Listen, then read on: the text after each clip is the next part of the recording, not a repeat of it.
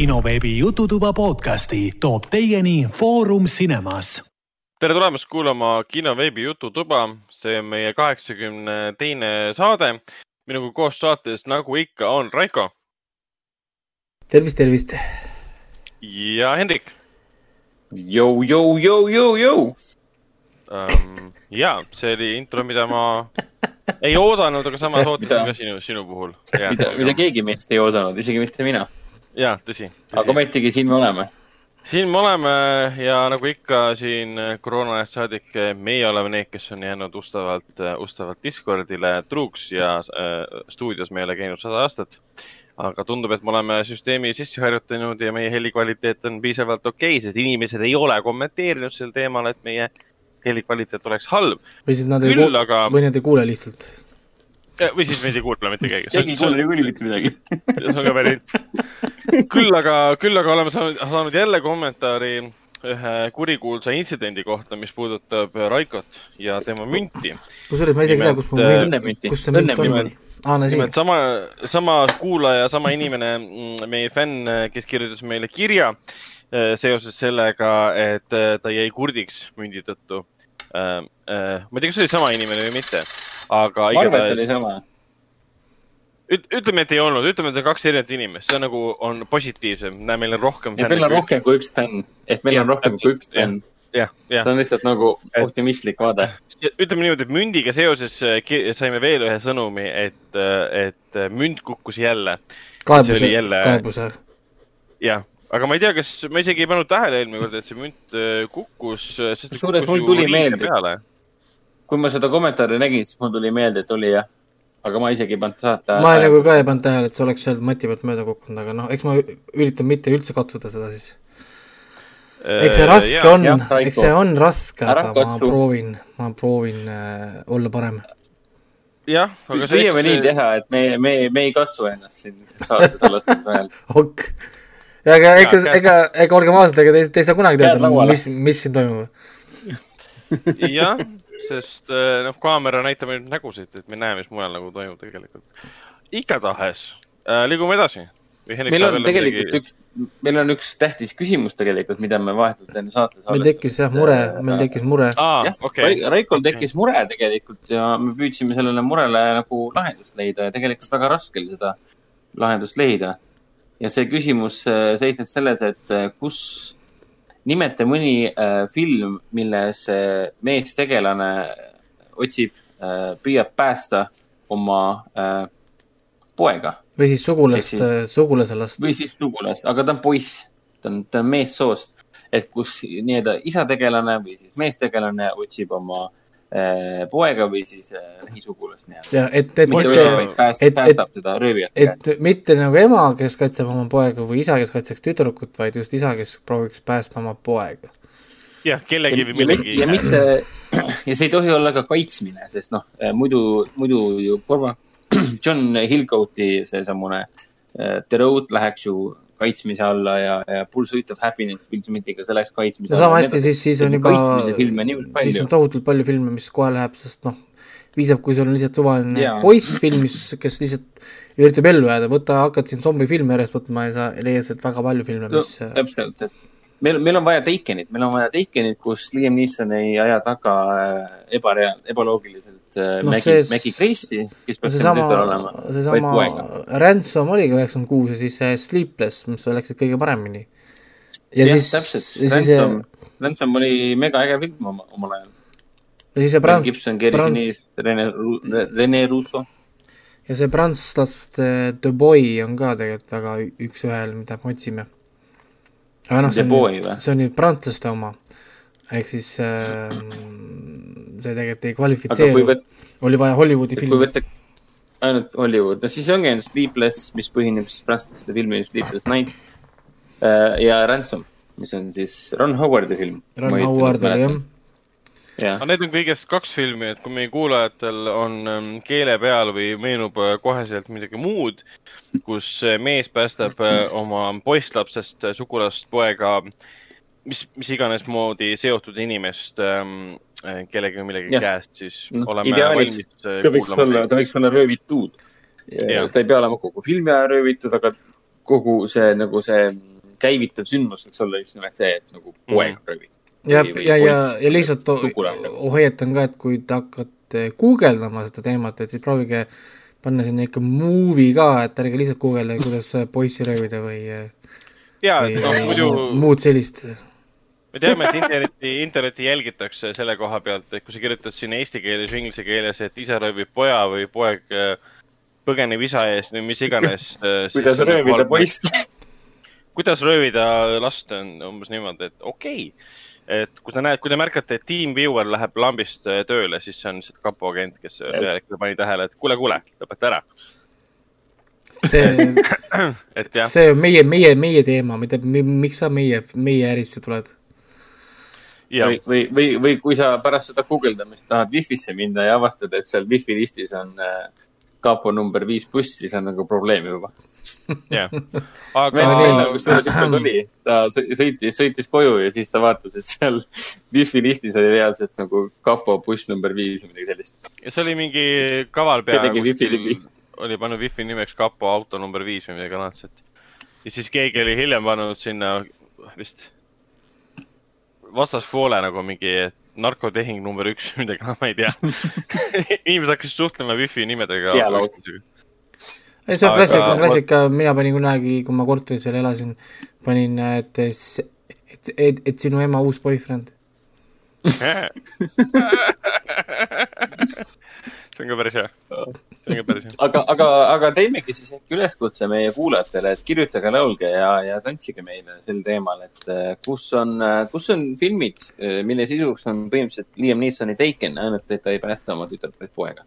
ja, ja, ja point oligi, et tegelikult ülesande point oli see, et näidata Hollywoodi niisugust äh, maailmavaadet, kuidas naisi on vaja päästa, samal ajal kui mehed päästavad ennast ise mm. -hmm ja, ja, ja me, me proovime võimekad. siis äh, leida nüüd nii-öelda vastu variante, et eksisteerib neid filme mm. -hmm. aga noh. aga mainime siis ära, et äh, me oleme ise juba ära maininud filmid nagu siis kahe tuhande seitsmeteistkümnenda aasta Sleepless ja mis see teine oli? üheksakümmend kuus aasta Ransom. Ransom, Ransom, ehk siis neid kahte ei pea enam nagu mainima ja siis äh, parim, parim vastaja, parimale vastajale mõtleme, mõtleme ka auhinna välja. et siin Hendrik saab anda näiteks mõne Foorum Cinemas pileti näiteks. mina võin anda, kui vend, Hendrik ei saa anda, siis mina saan anda näiteks Artis, Artise pileti um,. või, või, või, või midagi muud lahedat uh,. Sipsiku uh,, Sipsiku. video, selle suure Sipsiku. videomänge võite uh., võite saada. jaa. ma võin, ma, ma võin jagada igavest austust ja armastust et ma annan Hendriku Playstation nelja äh, äh, parooli ja kasuta jah, sest äh, ega palju Hendrik ikka seda ise kasutab. aga nii no,, hakkame nüüd okei okay,, aga äh, liigume, liigume edasi, enne kui edasi liigume, mainin ära, et kõik äh, kinoveebi Jututoa saated on leitavad siis Delfi taskus, SoundCloudis, Apple podcastis, Spotify's, Google podcastis ja kõikides teistes podcast'i rakendustes.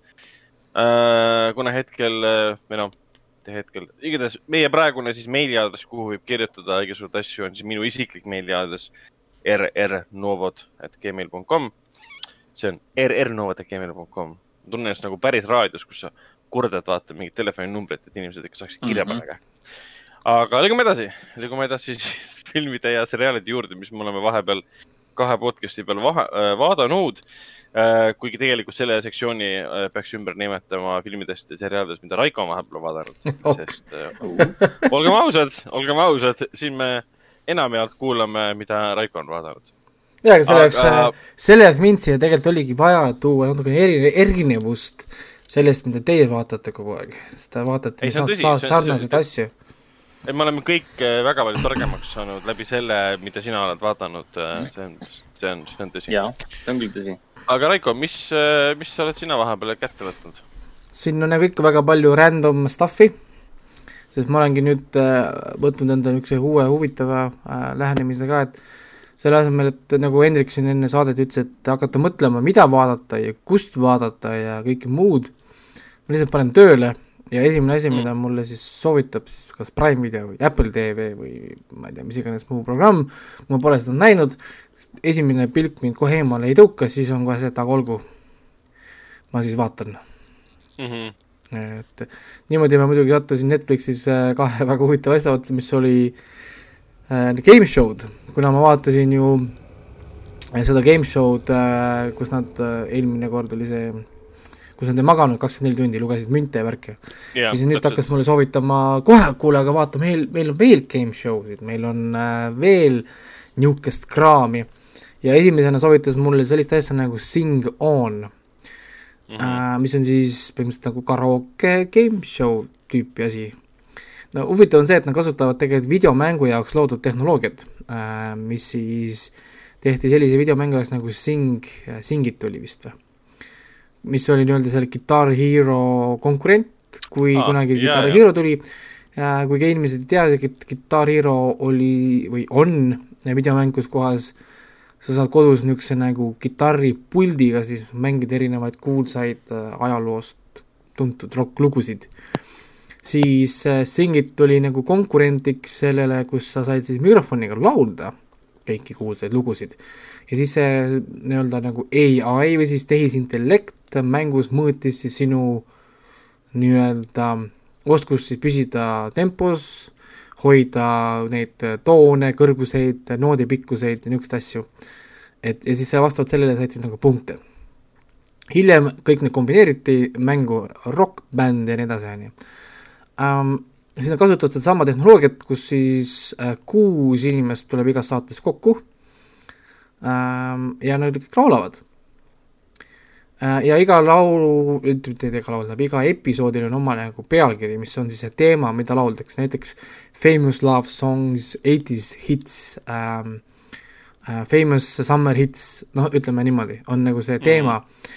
ja, ja nad kõik laulavad nagu ühte laulu samal ajal niimoodi, et eh, natukene enne seda, kui tema peab laulma hakkama, läheb tuli põlema tema peal nagu see projekt, prožektoriga, siis laulab tema, laulab võib-olla mingi kaks lauset, võib-olla ühe lause ainult ja siis nagu kõik nagu korraga peavad laulma. või noh, järjest tähendab äh,, siis see masin hindab, kui täpselt sa nagu oled ja vastavalt sellele, kui täpselt lauldakse, antakse nagu raha äh, siis nagu sellesse botti.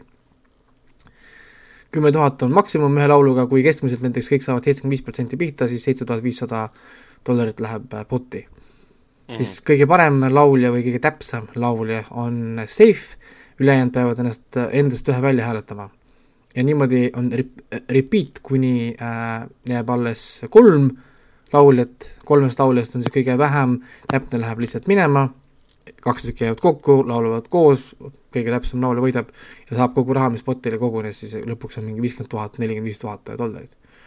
ja iga osa ongi niimoodi.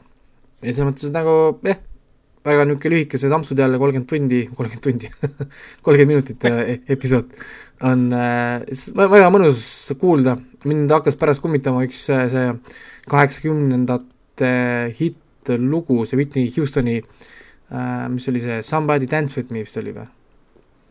või, või mis selle nimi oli? Dance With You või? Some, issand, ma nüüd ei mäletagi, see kummitas mind ikka päris mitu, mitu päeva. beebi oli süles, käisin ja laulsin mööda seda maja. I wanna dance with somebody oli see, aa ah, jaa, okei okay.. Who loved me. ja, ja Whitney Houston nagu, see hakkas mind päris, päris kummi, nagu hästi kummitama ja kusjuures see saade taaskord näitas mulle nagu seda, et kui keegi teeb midagi hästi, siis see näeb välja nii lihtne. see näeb välja nii lihtne nagu, ja me vahepeal unustame nagu ära vaata, noh, kui me näeme neid lauljaid nagu nii palju, noh, igal pool ümberringi, et, et see ei ole tegelikult lihtsalt ainult laulu hääl, vaid see on väga palju muid asju, siis põhimõtteliselt kõike seal saates on, kõikidel on väga hea lauluhääl. aga, see ongi suur aga, nad tegelikult ei oska laulda ja me nägime, noh, see masin on päris halastamatu, sest on ju nagu masin.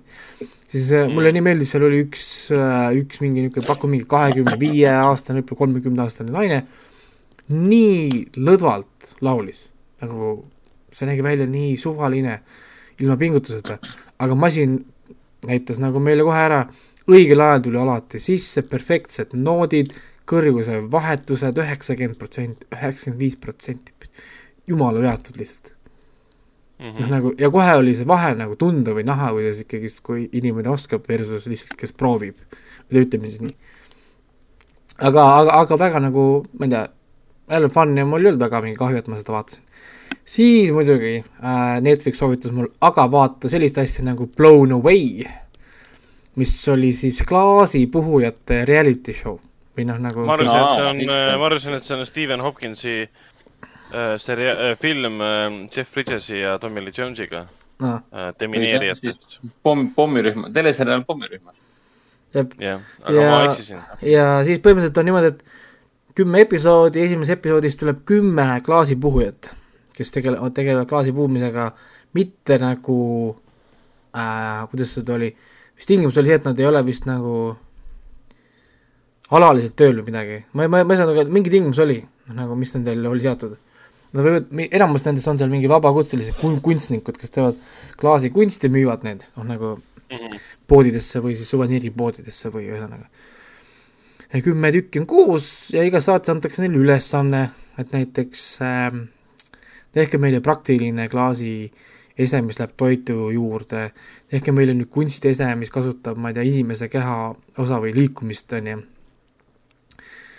ja mine, mine tea, väga fun oli, aga, aga mis ma hakkasin tegema peale kolmandat episoodi vist, oli see, et kuna see klaas, see klaasi tegemise osa oli alati üks ja seesama see klaasi puhumine ja see, seal ei ole mitte mingit erilist nagu muud tehnikat, kui veel puhuvad ja rullivad, puhuvad ja rullivad ja mingi sätivad, siis ma tegin nii, et ma vaatasin ära esimesed kümme minutit, kui oli see, et noh äh,, mis, mida peaks tegema, kõik rääkisid oma kontseptsioonidest, kuidas nad seda tegema hakkavad, siis ma skip isin terve selle osa, kuidas nad, kuidas nad seda teevad, kümme minutit, ja siis vaatasin viimased kümme minutit.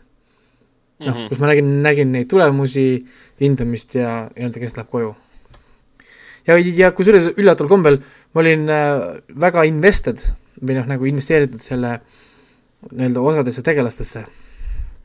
eriti üks naine, see Deborah, kes ka oli sarja võitis, spoiler, et äh, ja, ja mul hullult nagu kuidagi sümpatiseeris see nagu see naine, ta oli viiekümnendates, naine on kolmkümmend viis aastat vist olnud klaasipuhuja, siiamaani mm. nagu nii-öelda proovib, otsib oma võimalust ja, ja mulle nii meeldis see, kuidas ta nagu asjadele lähenes ja võttis kogu aeg riske, näiteks neile öeldi, et tehke lilli ja, ja näidake loodusillu, ta võttis kartulid, mis on läinud, tegi kartulid, mis on läinud külmkapis seismisest õitsema või noh, mhm. kasvama mm -hmm. vaata ja ja siis, et oo, tehke inimeste ilu ja värki, siis ta tegi jala, mis on astunud nätsu sisse näiteks. okei et mulle, mulle, mulle nii meeldis, kuidas, kuidas tema, nagu mõtles. aga jah, niisugust äh, reality show'd, et mina ei tea, täitsa nagu fun vahepeal vaadata ka, et vahepeal on mõnus ennast natuke puhata võib-olla, et kusjuures ma nimetaks just seda puhkamiseks, sest ma tundsin küll, et ma veitsa puhkan võib-olla filmidest ja sarjadest ja natukene niisugune eks ta nagu tegelikult ongi seda, kogu aeg ei saa ju mingeid tõsiseid õudusseriaale, trillereid, mingeid Ameerika mördereid vaadata ja pärast mõelda, et miks mul enesetunne halb on. On ju küll, et väga mõnus tegelikult niisugune puhkamine ja ütleme nagu väga vähe nõuab minult kui vaatajalt, ütleme, ma lihtsalt mm. naudin ja vaatan ja igapäevased inimesed teevad niisuguseid asju ja tegelikult olgem ausad, kellele ei meeldiks vaadata inimesi, kes oskavad teha midagi hästi. nojah, ma tahtsin öelda, et Rannamaja oleks ilmselt ka siis äh, äh, seriaal, kus ei peaks nojah, seal, seal no. ei ole, see pole, see pole sama seal, seal ei ole inimesi, kes oskaks midagi teha ja seal ei ole ühtegi, ma saan aru, meeldivat inimest. ja, ja ma, ma vaatasin ühte osa Rannamaja, kui äh, mul naine vaatas seda mm. -hmm. ja esiteks peale selle, et need inimesed ei oska mitte midagi teha, nad ei oma mitte mingit väärtust peale selle, et nad on lihtsalt naeruväärselt nagu mõttetud mm, -hmm. siis see sari on halvasti tehtud ka mm. -hmm see pilt on nagu kole, mingid vah, kahtlased nurgad, heli on alati paigast ära, ehk siis minu arust on nagu produktsioon on ka nagu nõrk. ehk siis nagu mitte ainult nagu see, et, et noh, nagu see osa nagu noh, see tegelased või, või need inimesed, kes on valitud, on veidrad. Ei tea mm, -hmm. jättis väga-väga halva mulje mulle see Rannamaja, nii et äh, ma rohkem ei kavatse seda isegi vaadata ega mõelda. ei, ma ise ei oska ka kommenteerida, ilmselt Hendrik ka mitte, sest me ei ole seda äh, vaadanud kordagi. mul on, mul on sii-, mul on siiski mingisugunegi, no ütleme nii, et elementaarne austus iseenda vastu. see oli see. see oli ka argument, kui paljud tuttavad on öelnud, et vaata, vaata seda meelelahutuse pärast. Ei, ei, see ei ole meelelahutus, see, see on maailm on täis suurepärast kui see on sinu arvamus meelelahutusest, siis nagu sa, sa nagu aitab. inimesena kaotad minu silmis oma väärtuse, kui sa ütled, et ma tuhandetes valikutes, mida meelelahutusena nautida, sa valid selle. et ja, see, see ei ole okei okay ei no meelelahutusel on ka ikka kvaliteeditasandid. ei no see on, ma arvan, et see on umbes sama nagu mul on see, et kui inimene ütleb, et ta on intelligentne, siis ta järgmiseks räägib, et ta on näiteks usklik või religioosne. Siis mul tuleb kohe loogika lööb mingisugune er errori sisse, et äh, oota, sa vist ütlesid, et oli intelligentne, siis sa ütled, et okei okay,, et piibel no, ja okei, whatever. see on nagu see, see on see, siis ta ütleb, et ta, sa või siis ta ütleb, või siis ta ütleb, et talle meeldivad näiteks äh, ulmefilmid ja siis küsin, et mis su lemmik ulmefilm on, siis mingi Transformers viis, siis mingi okei okay. Ah, või siis, äh, või, noh. või siis ongi, et sa küsid, et äh,, et, et mul on suur ulme, ulmefilmide, filmide fänn, et, et talle, talle meeldib kosmosefilmid ja kõige parem suur kosmosefilmide fänn ja siis ta hakkab rääkima, et Star Wars on hea kosmosefilm näiteks aa ah, jaa, jaa, jaa. kosmosefilm ah,. nojah, Star Wars on seiklusfilm, et see ei ole ulme. Äh, ta on ulme küll, aga ta ei ole nagu teadusulme. ja igatahes see pole tähtis praegu. siis äh, siit on tegelikult väga hea, kusjuures hakata rääkima Star trackist äh,, mida ma ise, ise ootasin äh, täna. tuli mm -hmm. äh, Star track Discovery kolmas hooaeg. ja esimene ja. epi-, episood on väga kõva, väga kõva mm. -hmm. ja, ja, ja ma pole tegelikult võib-olla varem väga palju rääkinud sellest Star Trek Discovery'st üldse äh,. esimene hooaeg oli jube, jube halb. Ja ma olin põhimõtteliselt selle maha kirjutanud, mitte ainult mina, vaid tegelikult äh, kõik trekid äh, ja Star tracki ütleme erinevates foorumites, ärge küsige, miks ma seal käin äh, aga esimene hooaeg tegelikult sai päris palju peksa. ja põhiline põhjus, mis oli ka minu jaoks väga nagu niisugune oluline, oli see, et millegipärast tohutult aega keskenduti selle Michael, kes on siis see peategelase naine, tema nii-öelda nagu äh, rassile mm. -hmm. rassile jaa, mis oli täiesti nagu nonsense. see esimene hooaeg püüdis meid veenda, et äh, et, et tema nagu mured Star tracki universumis on seotud sellega, et ta on mustanahaline samal ajal äh, ta on ümbritsetud tulnukatest, kes on kolme peaga ja silmad paistavad läbi ja mida iganes kõi-, viisi nagu veel, aga mingil põhjusel ometigi oli see rass ja rass, aga samal ajal see ei tulnud mujal viisil välja kui ainult oma enda käitumises ja niisugune, niisugune väga veider oli see, ta oli mingi, ta oli niisugune emotsionaalne, mingi, ühesõnaga see oli jube. on ju, esimene hooaeg on täiesti halb, kui ei vaata esimest hooaega, ja mõtleb, iskub, miks inimesed sellest räägivad, siis vaadake edasi, sest teine hooaeg teeb sada kaheksa, teeb sada kaheksakümmend. Mhm. Äh, see Michael Burnham, siis see pea, peategelane, unustab ära, et tal olid rassiga tegelikult nagu mured ja nüüd, ohoo, maailm avaneb, karakterid tulevad, story läheb äh, käima, teine hooaeg oli vapustavalt hea. nagu päris Star track, nagu me oleme harjunud vaatama ja teise hooaega ta tõusis kohe minu, ütleme, teiseks lemmikuks Star trackiks ever, peale siis Next Generationit. natukene varem võib-olla isegi kui esimene see viiekümnendates, viiekümnendatel tehtud esimene Star track. ja väga kihvt, on ju. ja teine hooaeg oli nagu tõsine, tõsine sci-fi kosmose, ikka mõnus, nagu ikka niisugune hardcore kosmos äh, seiklus. sul on seal uued dimensioonid, mitte ainult nagu klassikalises mõttes, vaid täiesti uus äh, tüüpi dimensioonid, mingid, oh jumal, lihtsalt hakake vaatama seda. aga mis tõstab ta erinevaks teistest Star trackidest, on see, et on üks story. kui muidu Star track on niimoodi, et äh, iga episood on ju uus story, umbes nagu Stargate SG-1 või whatever mm. -hmm. sul on samad nagu karakterid, aga nad on uuel planeedil, kohtavad uut kultuuri, mingit takistust ja see üks episood algab ja lõpeb ja meie, kui uued karakterid liiguvad siis või samad karakterid tähendab, liiguvad uude situatsiooni järgmises episoodis, siis Star track Discovery on nagu sama story, terve üks hooaeg. noh, nii-öelda, ehk siis ta on nagu selles mõttes nagu teistsuguse ülesehitusega kui äh, standard Star track. kolmas hooaeg algas siis päris hea niisuguse nagu hooga ja, ja pff, loodan, et see jätkub samamoodi, see oli ikka nagu, aeg, aeg läks nii kiiresti praegu kas Discovery on põhimõtteliselt Star track, äh, mida võib vaadata absoluutselt iga inimene? ja, ja, ja huvitav ongi, et mis nad on teinud selle Star trackiga, see on väga kihvt asi. Star track Discovery on kõige esimene ajajoonel olev Star track. ehk siis kui ütleme, sest Star tracki timeline on hästi palju räägitud teema Star tracki fännide hulgas. kus kõik erinevad Star trackid asuvad. kus oli Captain. Kirk, on ju, kus on Captain Picard, kus on kõik need tegelased nagu ajajoone peal. Kuidas nad saavad mm -hmm. kõik olla USS Enterprise kaptenid, on ju, noh nagu kõik see nende omavahelised kohtumised, kuidas see Star track Vo-, Voyager sinna mahub, kus on Star tracki filmid erinevad, kus nad kõik nagu asuvad, kus on Deep Space Nine, whatever, see, see timeline on hästi oluline teema. siis äh, Discovery on tohutult ennem oli ajajoones nagu, tohutust nagu pikalt ennem äh,. noh, ma ei saa öelda tohutult ennem, sest see Spock on tema poolvend. Kõik teavad ju mhm. Spocki, kes on ju yeah. äh, Spock, see Leave and Prosper, kõik õppisid lapsena ära selle äh, kätemärgi, on ju siis no, tema, siis, siis tema on äh, selle Michael Burnhami siis poolvend, aga ta on siis noor. siis nüüd nad tegid niimoodi, et teisel hooajal nad tegid midagi, noh, me ei saa äh,, ütleme, inimese mõtlesidki, oli see, et kuidas nad seda lahendavad, sest nad ei saa ajajoones väga kaua edasi minna, ja siis me hakkame jõudma sinna momenti, mida me oleme näinud juba Spocki elust. noh, ma saan aru, aga Spock mitte kunagi ei maini oma poolõde Michael Burnhami. noh, ehk siis noh, saad aru, mingisugune kirjutamisega noh, nagu niisugune kala tuli sisse ja siis muidugi teise hooaja lõpp, mis tegelikult lahendas selle mure nagu ära ja nüüd on Star track Discovery siis ajajoones kõige uuem Star track. ehk siis nüüd me näeme, mis juhtus peale Next Generation.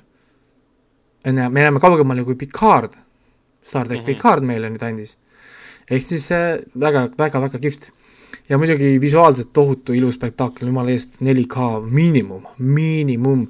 ärge hakake seda vaatama mingitest telefonidest või mingisugustest äh, tuhat kaheksakümmend B kuvarekraanidest mingi seitsesada kakskümmend B internetiga või mingi noh, milleks? noh, see peaks, võiks isegi vabalt olla mingi kinohinnade teema, mingi 4K IMAX mingi, sa võid sinna vabalt mingi Star, Star Warsi kõrvale panna uued ja, ja visuaalselt ikka alla ei jää. et väga kihvt ja, ja aga muidugi nüüd häirib see, et see on üks kord nädalas, üks kord nädalas.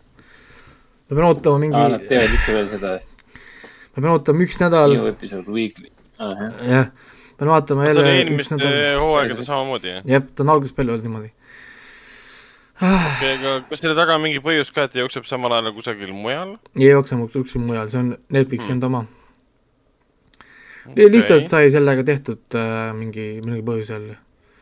nii. aga praegu ma vaatasin, et Netflix äh, andis sellele neljanda hooaja ka nüüd ma üldse ei imesta, teise hooaega ta, ta tõusiski väga teemasse.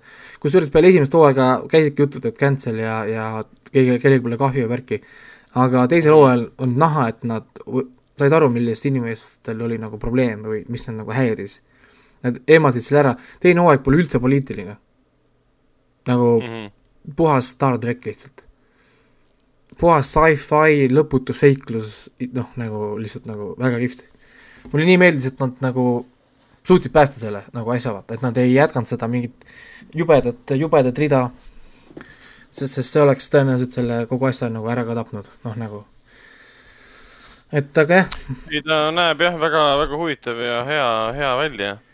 Ma korraks panin ta oma 4K kuvaril tööle ja on küll, väga ilus pilt ja ta, tahtsin siinkohal küsida selle kohta ka, ma panin praegu selle tööle korraks, täiesti puhas ilus pilt. Kui ma vaatan praegu Hunting on, äh, on Bly Manorit näiteks, uus seriaal, pilt on kole. sest sõna otseses mõttes kõik asjad, mis on varjus ja, ja pimedas ja natukenegi äh, tumedat tooni, on mingit, mingit jama täis ja see häirib mind. sügavalt no häirib ja teistel asjadel seda pole. kui, kui tumedad toonid on jura täis, siis HDR ei fungu-, ei funktsioneeri Ah, aga teistel asjadel pole, ainult sellel seriaalil on see? siis, siis tõenäoliselt seda sarja ei tehtud äh, high definition rendering. aa, et ma pea-, et ma peaksin selle, puhtalt sellepärast võtma siis HDR-i maha, et teda vaadata? jah, ja siis võtta see maha, et, äh, et, et siis peaks, peaks olema parem. okei okay,, okei okay.. et, et see on jah niimoodi, mul on telekal niimoodi, see HDR telekaga on, et vahepeal noh, neli, pilt on 4K, ta näitab, et 4K pilt, siis mustad on niisugused, näed, et mingi pikslid või niisugused veidrad mustad on. Yeah.. siis võtad maha HDR-i, vaatad lihtsalt niisama tavalise 4K-ga, siis on pilt okei. Okay.. okei okay,, selge, siis ma olen nüüd jälle targem, okei. Okay.. et jah, see on nüüd see asi, et peab vahetama, onju. aga jah, siis äh, tuli välja, et see Boys sai nüüd otsa. ma olin äh, tohutult pettunud, et Prime video The Boys oli kaheksa episoodiline teine hooaeg ainult. ja esimene oli palju? kümme. mulle ei meeldi selline trend tegelikult, et äh, nii vähe episoode on või tegelikult, kas esimene oli ka kahe, kaheksa või? eriti kui see niivõrd hea. oota, ma hakkasin korra mõtlema, kas esimene oli ikkagi ka kaheksa või? ma ei ole päris kindel, aga igal juhul mina ootasin tegelikult rohkem, mina mõtlesin, meil on kolm episoodi veel vaadata, tuli välja, et mul oli üks episood, ma vaatasin selle episoodi ära, et mõtlesin, oh issand, kui lahe episood, kas tuleb veel? Aa ei, see oli teise hooaja finaal. Oh.. aga see solimatu sari on ühe, kümme, kümme, easy. Äh, kuskilt midagi alla võtta ei ole, see on puhas nauding. Mulle tohutult hakkas meeldima nüüd see, et ma hakkasin vaatama nende näitlejate Instagramme, kus nad mm -hmm. panevad neid ähm, nagu äh, behind the scenes asju, vaata, nagu videosid, videoklippe ja asju. ma sain nii palju naerda lihtsalt sellepärast, et nad, nad näiteks sõidavad autoga või bussiga jõuavad uude võõde, võttekohta ja siis nad on nagu oma tavariietes, aga nad on kõik oma karakterites näiteks aa, okei okay. nagu, et nad on kõik oma nagu karakterites ja siis teevad nagu asju või nad lähevad lõunat sööma ja siis Karl Urban tuleb, kuulge, see supp on ju diabolical, täpselt samamoodi nagu filmis ütleb.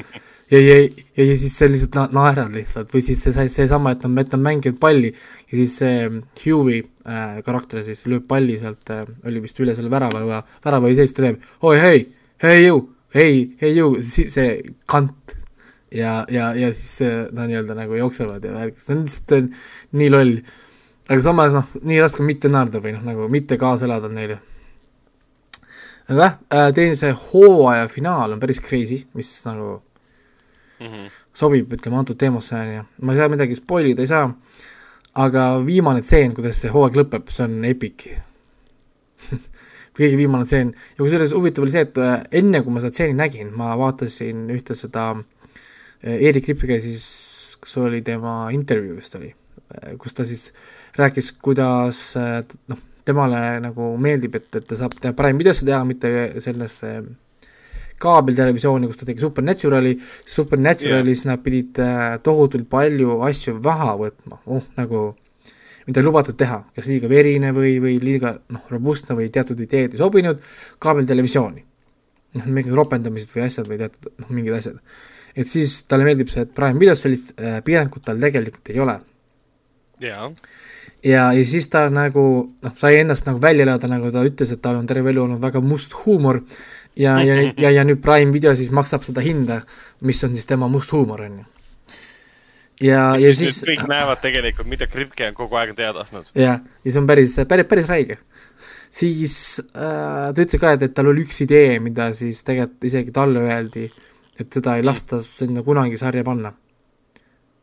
on ju, ja ta kirjeldas seda nagu tseeni.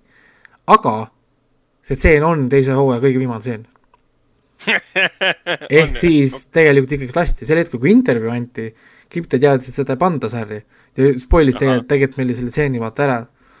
aga kui sa vaatasid okay. seda viimast osa, siis tuligi see tseen, mul oli vau wow,, nice. okei okay,, nüüd ma tean, mida oodata.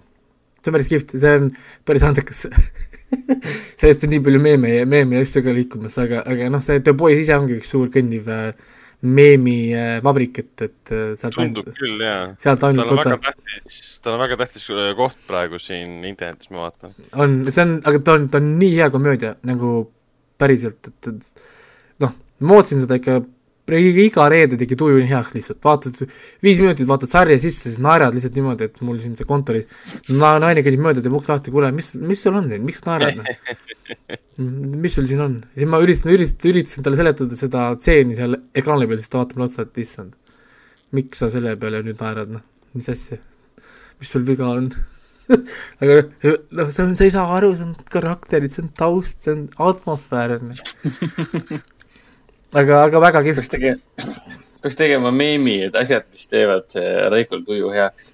see on see uus beebi, The Boys'i uus episood. The Boys ja siis see Te- ja see Ted Lasso tegi ka mul tuju heaks alati. see Ted Lasso Aa, oli, kusjuures ah,, Ted Lasso kohta ma leidsin ühe nii hea review minu arust, mulle nii meeldis, kuidas see reviewer või see ähm, arvustaja siis kirjutas sellest.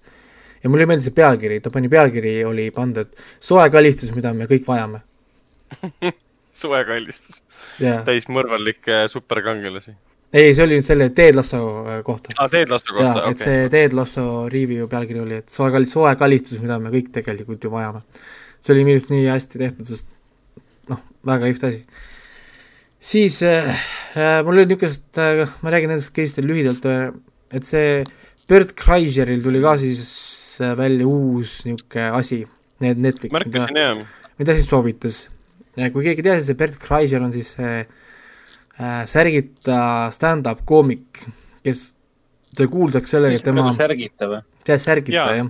ta on see massiivse ah, okay. õllekõhuga värske isa, ma saan aru. massiivse õllekõhuga, ta on keskmise õllekõhuga mees, tal okay, on seal areng, arenguruumi veel küll.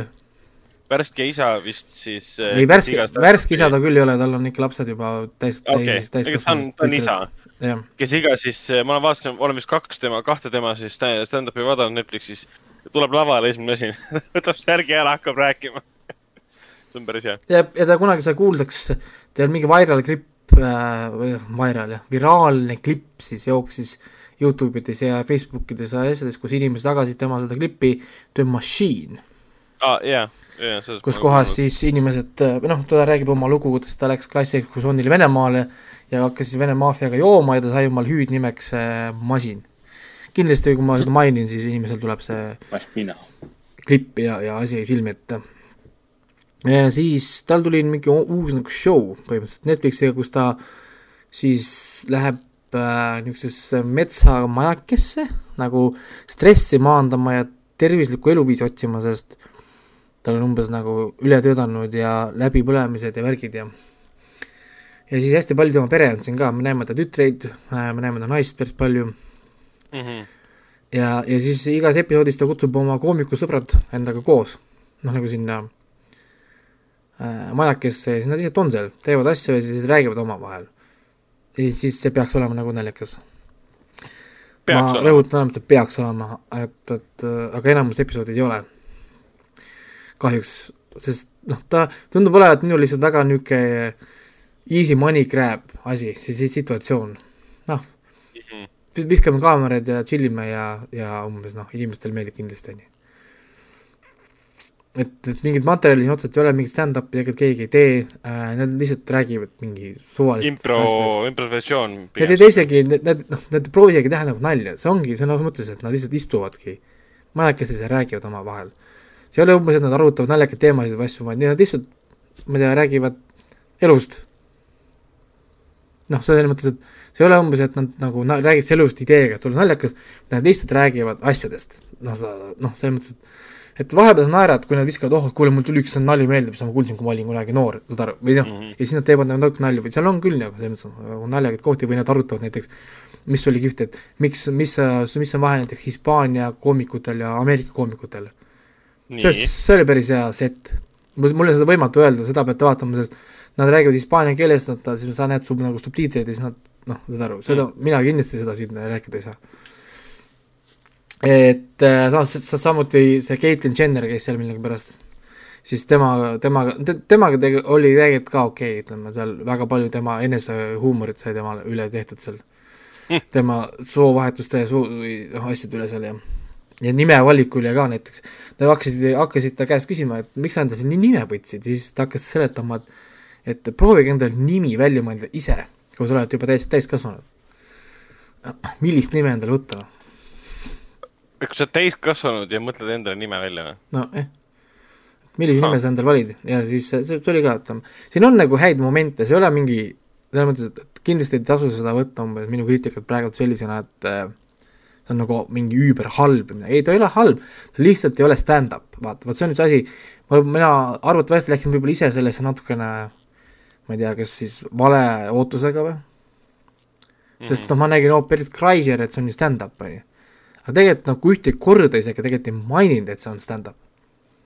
või et see peaks olema stand-up, ehk siis noh, ta pigem võta seda umbes nagu podcast'i või, ongi, et kus sõbrad lihtsalt äh, räägivad ja arutavad ja, ja annavad sulle erinevatest teemadest niisuguseid asju ja, ja seal, noh, seal saab naerda küll, kindlasti seal saab naerda seal on momente, kus nad kõikidel on oma mingi ränd, kus nad rändivad mingi asju, nad vendivad välja ennast ja, ja siis sa tegelikult naerad ka, sest noh, nad on ikkagist elukutselised stand-up koomikud kõik seal ja, ja neil on ikka ajastamised ja ühesõnaga asjad on, on ikka olemas, aga lihtsalt see ei ole nagu full on asi mm. -hmm. ehk siis sa tahad öelda, et ta pigem jätabki mulje, et äh, võeti kaameramehed kaasa ja filmiti sõpru omavahel juttu ajamas yeah,. jah yeah., ja lihtsalt sõbrad, kes ongi yeah. nagu naljakad, aga, aga, aga ilma nagu materjalita need ei ole naljakad kakskümmend neli seitse, noh, lihtsalt selles mõttes. ei no muidugi, noh, selles mõttes ma arvan, et Dave Chappelle ei pruugi oma eraelus olla kakskümmend neli seitse kogu no, eh, naljakas. sest ongi, kui sa, seal räägite ka autodest ja muredest ja asjadest, siis räägibki, et auto on jama, mootor ei tööta, noh, ma ei tea, korter on vaja pühkida, noh. see, kui palju sa nalja ikka saad teha iga asjale.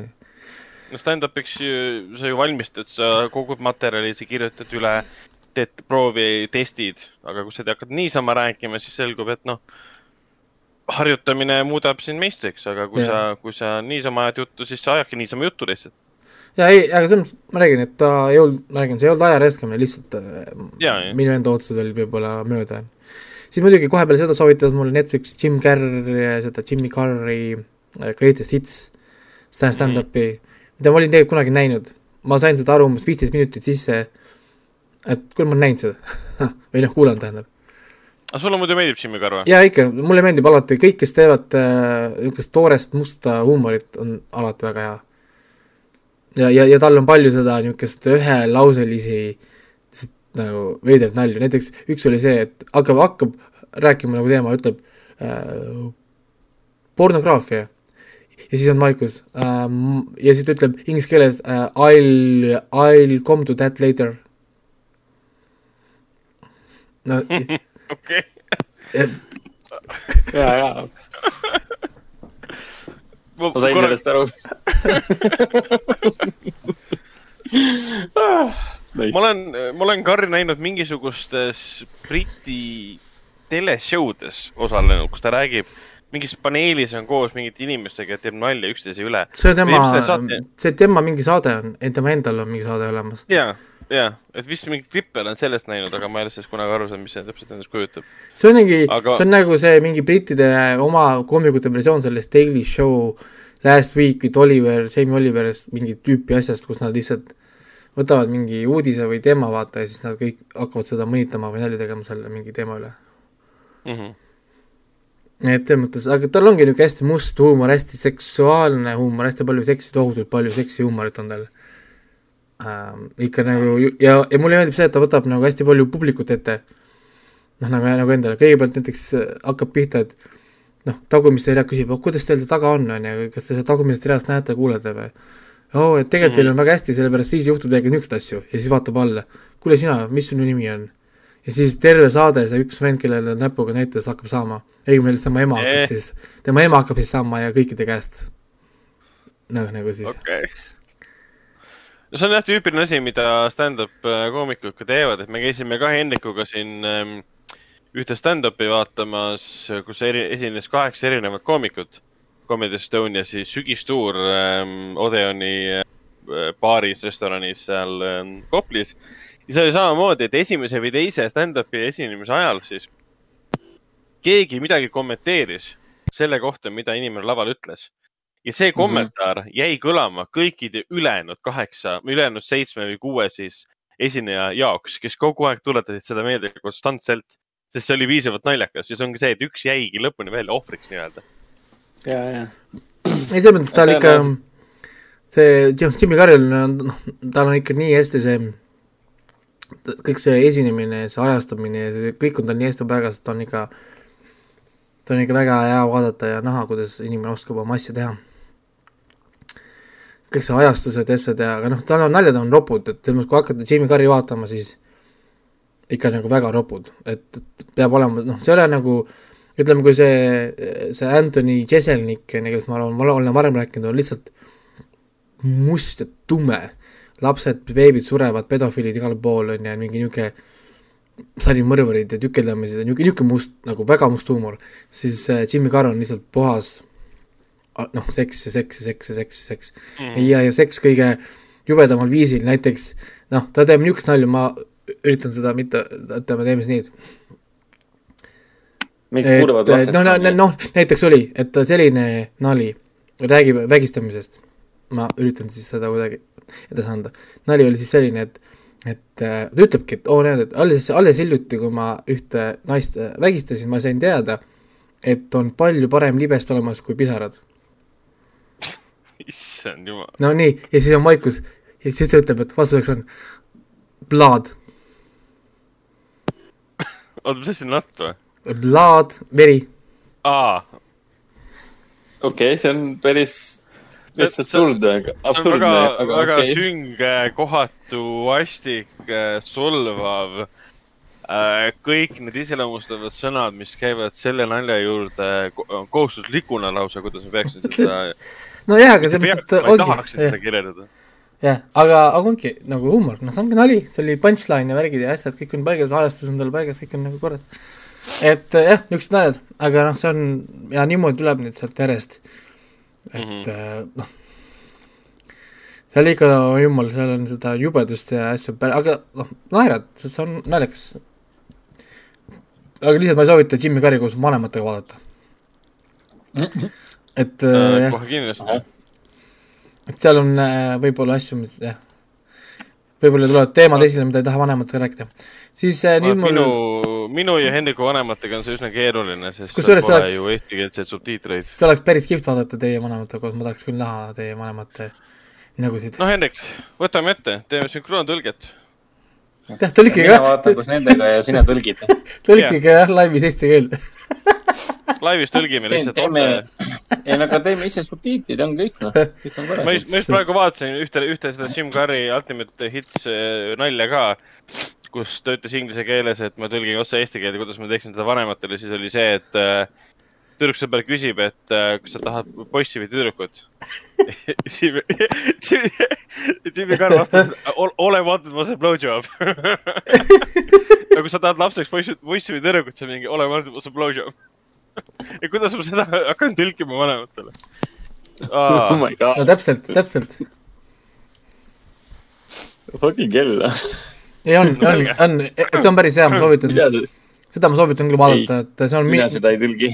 see on nii minu tüüpi huumor, et äh, mulle alati meeldib teha niisugust äh, musta ja niisugust jubedat, noh nagu nalja, sest äh, nagu see Anthony Jeselnik ütles intervjuus, et, et kui meie nende üle ei naera, siis nad võtavad meie üle kontrolli, need mustad inimesed mm. siis. siis äh, ma vaatasin ära kaks filmi ka, ma filmides olin väga niisugune tagasihoidlik äh, filmidega. kerge, kergekallane äh,. ma vaatasin äh, uuesti üle äh, filmi tuhat üheksasada seitsekümmend kuus aastal tehtud All the President's Men. ma kunagi või vaatasin seda esimest korda siis, kui ma nii-öelda läksin rohkem härra Dustin Hoffmanni karjääri mm., sest tema karjäär oli tohutult hea, seitsmekümnendatel, kaheksakümnendatel eriti. rõhutades sõnale oli jah, jah, sest pärast ega peale kahe tuhandendat väga ei ole enam midagi sealt suurt tulnud, et mm. noh, ma vana, vana mees ka tegelikult, mis sa enam tahad.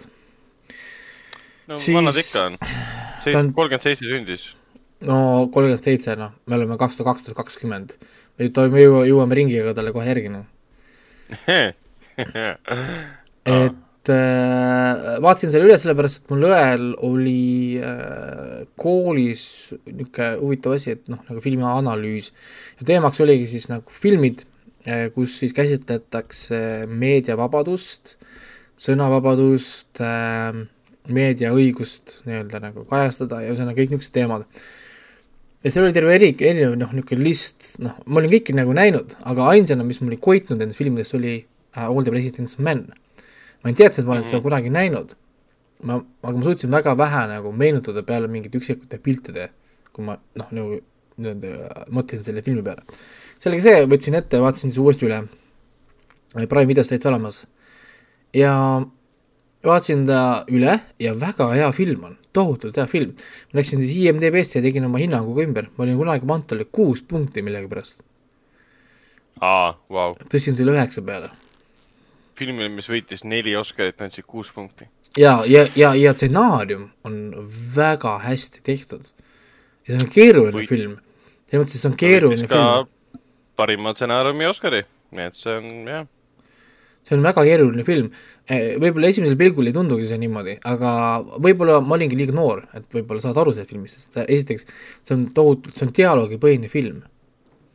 ja kui, kui ütleme, inimestele ei meeldi vaadata filmi, kus inimesed ainult räägivad ja võib-olla ei räägi üldse mitte midagi, sest tohutult palju siin meeldis ähm, äh, nii-öelda nagu noh, nagu see ütleme tal nagu lavastada siis nagu selliselt, et nagu vaikus ja lasti näitlejatel lihtsalt ainult nagu nii-öelda kehakeeles nagu rääkida, see oli tohutult suur osa siin filmis, sellepärast et et noh, ütleme, noh, siin peab tegelikult noh, nii palju tagasi võtma, et see on Watergate skandaalis siis film ja see räägib siis Woodward ja Bernstein nimelistest kahest ajakirjanikest, kes siis selle äh, Watergate skandaali äh, yeah. toovad siis nii-öelda avalikkuse ette ja, ja kindlasti täna me oleme ju kuulnud enamus inimesi tegelikult, kui olete filmi vaadanud, siis on kuuldud näiteks sedasama väljendit, et kuule, kas sa proovid olla nagu Woodward ja Bö-, see Bernstein mm viidates siis sellele, et keegi proovib kopeerida kuulsaid uurivaid aja, ajakirjanikke, kes said Pulitzeri selle loo eest siis. ja, ja see põhinebki siis sel samal raamatul, mille nemad ka kirjutasid oma seik-, seiklustes siis või noh, nagu kuidas nemad siis seda lahendasid. Siin on paranoia näiteks, on ju, kusjuures see paranoiat tuuakse ekraani peale väga sarnaselt sellele, mida tegi siis see nähtamatu mees siin alles mm., alles, alles hiljuti, et nagu sa mõtled need... seda äh, õudusfilmi nähtamatu ja, ja, ja kus okay., kus kohas kaamera liigub nii-öelda ja jääb kuskil nurgas seisma, kus on mingi vari võib-olla, või mm. liigub kuskil tänava lõppu ja nagu kas seal on midagi äh,. kaamera liikumine siin mängib üldse hästi palju rolli, sest äh, kaamera on tegelikult see, mis näitab meile meeste tuju näiteks kui meestel on kiire, nad rapsivad, neil on niisugune ärevus on kallal, siis kaamera käitub ka täpselt selliselt. Kiired liikumised, järsku jääb seisma, on ju, äh, noh, suunamuutused, niisugune värelev, niisugune vastik, vaata, nagu näha, et noh, nagu ja, ja kaamera on kogu aeg see, mis annab meile nagu meeste seda nagu emotsiooni.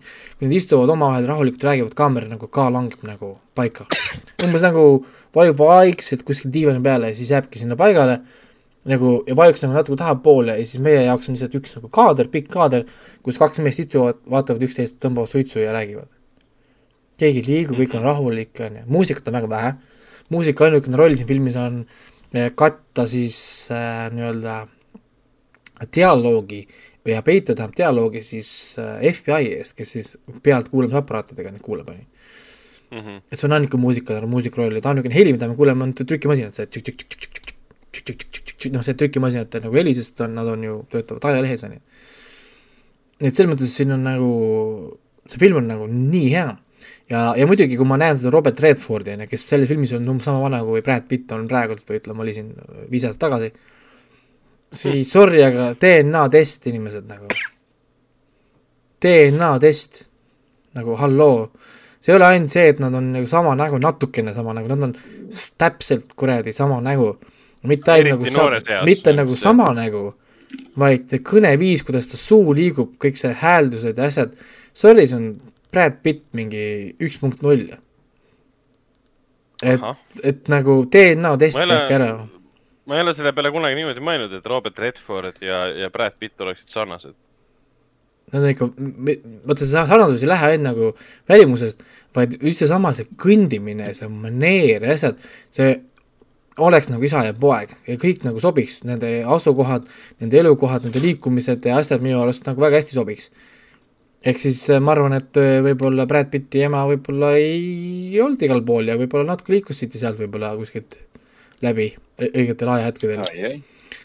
sest Robert Redford oleks, oleks pidanud olema kakskümmend kaheksa vist oli või, sel ajal, kui sündis Brad Pitt oli vist, nii et äh, nojah ehk kui vaadata nende nooruspõlve pilte kõrvuti, siis on täiesti äravahetamisi sarnased tõesti. on. Ja, ja, ja ma räägin, kui ma vaatan nüüd ja seal, seal filmis ma märkasin seda just sellepärast, et see viis, kuidas ta räägib, kuidas Robert Redford räägib, saad aru, see inimesed, vaata, kuidas inimesed räägivad, noh, nagu igal on oma mingi suuliikumised, mingid häällikud, väsigid, ta on täpselt Brad Pitt, noh sorry mm., paned silmad kinni, issand, ma vaatan Brad Pitti filmi või et see ei ole nagu, see ei lähe ainult nagu välimustesse, see on isegi kõndimine, kuidas ta kõnnib.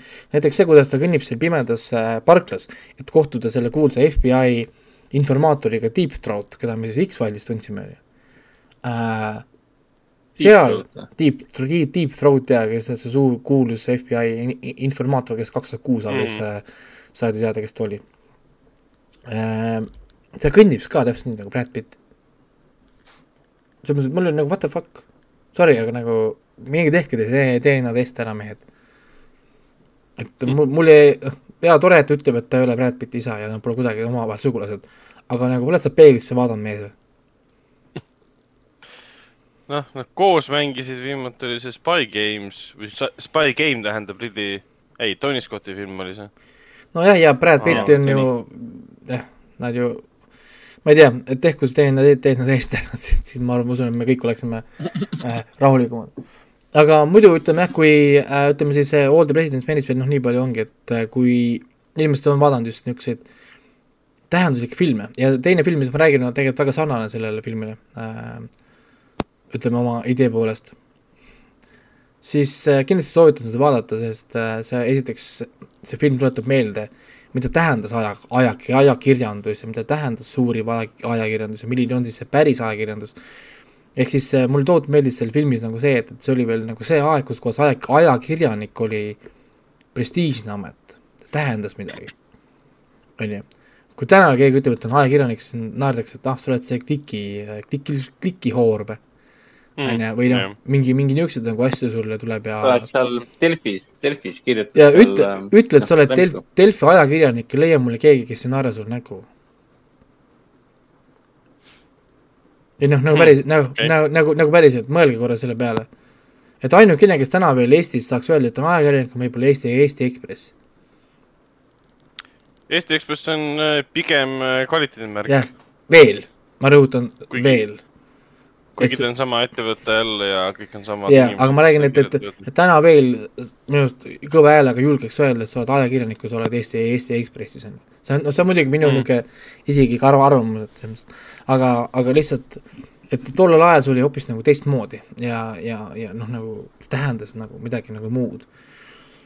aga muidugi noh äh,, ajad on muutunud, on ju, ja tõepoolest, ega on, suund on muutunud. Äh, äh tõelt ja kajastamiselt Äh, muutunud lihtsalt ulatuseni ja, ja klikkideni. Mm.. ehk siis tõde on võtnud teise koha ja kohe, kui tõde võttis teise koha, me saime seda, mida me ise, ise, ise, ise, ise, ise tahtsime, me keegi ei tea enam, mis tõde on ja mitte üks inimene, mitte üks masin ei jõua fact check ida absoluutselt kõike, mida me näeme, on ju aga, aga see oli väga hea meeldetuletus ja, ja ma räägin, et, et äh, kuidas ja samuti see oli kusjuures hea näide sellest, kuidas meie ise nagu ajas nagu hakkame asju ümber hindama. ma olin kunagi andnud sellele filmile kuus punkti, nüüd on üheksa. ja, ja nüüd võiks mõelda, kui ma vaataks seda uuesti kahekümne aasta pärast, kas ma annan siis kümme, huvitav? Kas selle filmiga mitte ei olnudki sama teemat, et kui ta omal ajal välja tuli, siis kohe võib-olla teda nii hullud kriitikud ikka olid, ma vaatan, et olid ikka sillas. ikka Robert, Roger Ebert andis kolm koma viis neljast. enamus olid suhteliselt sillas, jah. aga teda on hakatud alles hiljem äh, oluliselt suuremaks ähm.... sest see film oli väga prohvetlik. jah, et hiljem nagu uute asjade valgus sees on hakatud uuesti ümber hindama. jaa, sest äh, väga palju asju, mis nad seal nagu ette ennustasid, tegelikult oli väga nagu täpne ja mm., ja, ja kusjuures äh, selle filmi film tuleb, tuletas mulle meelde, kui ma vaatasin seda filmi, mul tuli üks teine film meelde, mis ma vaatasin kunagi, oli Network. ka seitsekümmend kuus aastat ah. tehtud. ka klassikaline film, jah. ja, ja, ja, ja tuletas mulle meelde selle koha pealt, Network oli ka tegelikult ette, ettekuulutus ju äh, influencer'id või siis suunamudijatest.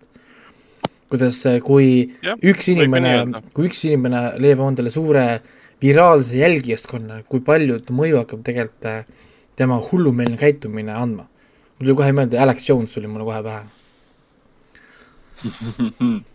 ei nagu, ei nagu päriselt, et kui sa vaatad Alex Jonesi näiteks käitumist või rääkimist ja, ja võtad ette selle filmi, see teed, noh, selle, see network, siis leiab mulle sealt väga palju vahesid. Network oli ju see, see film, kus Peter Finch tegi selle legendaarse äh, kõne, kui ma ei eksi Äh, kus ta röökis, vaata seal televisiooniruumis. ja, ja, ja see pikk kõne ja, oli küll. ja, ja, ja, ja. ta oli oh, hommik, hommikumantlis oli vist või? kas oli mingi oh, hommikumantlis või midagi, midagi sellist tal oli. ta, ta ei olnud päris mingi, ühesõnaga ta mingi asi oli seljas, kui ma praegu mõtlen. ja põhimõtteliselt, kui inimesed ei tea, siis on see film, kus kohas äh, eluaeg siis tööl olnud äh, äh, uudiste korrespondent vist oli või reporter, ütleb äkki otse-eetris, et kahe nädala pärast samal ajal siin on minu viimane tööpäev, siis ma taban ennast ära otse, otse-eetris mm. Mm -hmm. ja siis mul on väsinud, mul on kõik skopees, teeb niisuguse kõne ja siis kõik talle ameeriklastel on jess, keegi räägib lõpuks tõtt, vau, ja see, sealt tuleb mega crazy kahenädalane seiklus ja kuidas siis äh, niisugune dilemma siis on seal, kas me peaksime takistama teda või me laseme tal eda-, edasi teha, sest meie reitingud ainult tõusevad.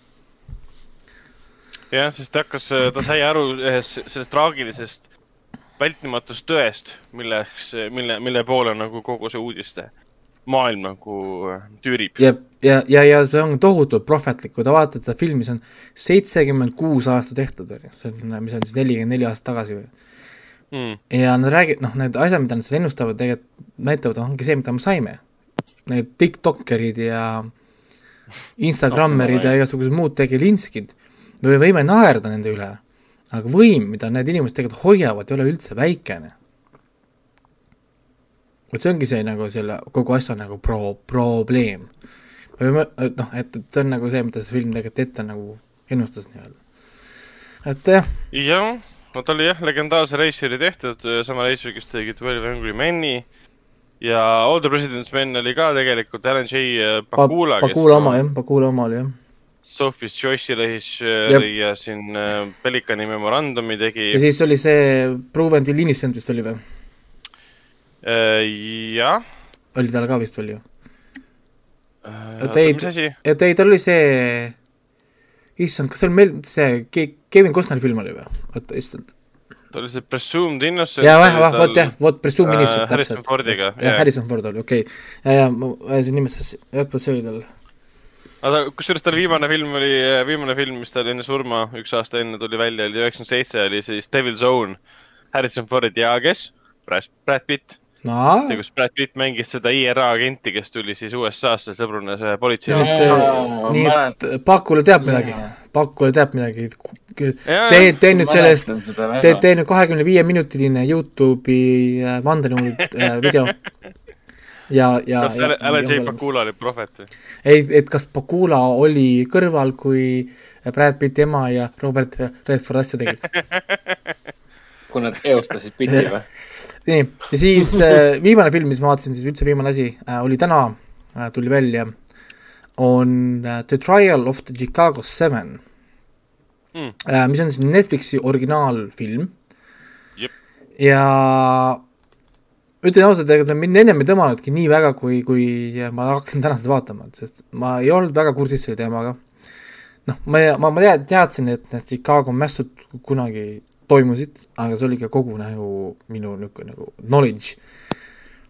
Noh, aeg-ajalt on filmidest läbi käinud, et see oli see mingi Vietnami vastane protest, et umbes mm. ähm, noh, miks, miks see Vietnami sõda toimub, keegi ei saanud sellest aru, et miks tapetakse mingi, miks Ameerika sõdurid põletavad Vietnami külades äh, lapsi ja naisi, miks saadetakse sinna üldse sõdureid, riiki, mida ükski poliitik ei oska isegi, isegi kaardi pealt äh, leida mm ja ühesõnaga suured protestid selle vastu. Siis äh, film on väga huvitava ülesehitusega, see on üldse hästi suur kvaliteetfilm, ma ütlen kohe ära, et, et äh, ma olen väga suur fänn äh,, pole ammu nagu nii head filmi nagu näinud. Ja, ja, ja algas selle, nagu ma olin kohe, kohe filmis sees. film alustab väga kiiresti, tutvustab meile, kes on need Chicago siis Seven, ehk siis meil on seitse inimest siis, see on see nagu noh, nagu see nimi ka viitab, siis need on need seitse inimest, kes on siis kohtu all film algab sellega, et me saame kiire tutvustuse, kõik karakterid saavad mingi oma mingi niisuguse kakskümmend sekundit kiiresti niisugune pämm-pämm-pämm, kes nad nagu on, niisuguse nagu väga hea ülevaate kahekümne niisugune hästi kiiresti, nende iseloomud, niisugused nagu olekud, kes on see hipi, see Sasha äh,, ütleme siis Borati äh, näitleja siis äh,, karakter on hipi, niisugune nagu käsitkeline hipi, nagu pikad juuksed ja kogu aeg on pilves ja äh, ja tööd kunagi teha ei taha ja, ja ühesõnaga on äh, anti-establishment nii-öelda.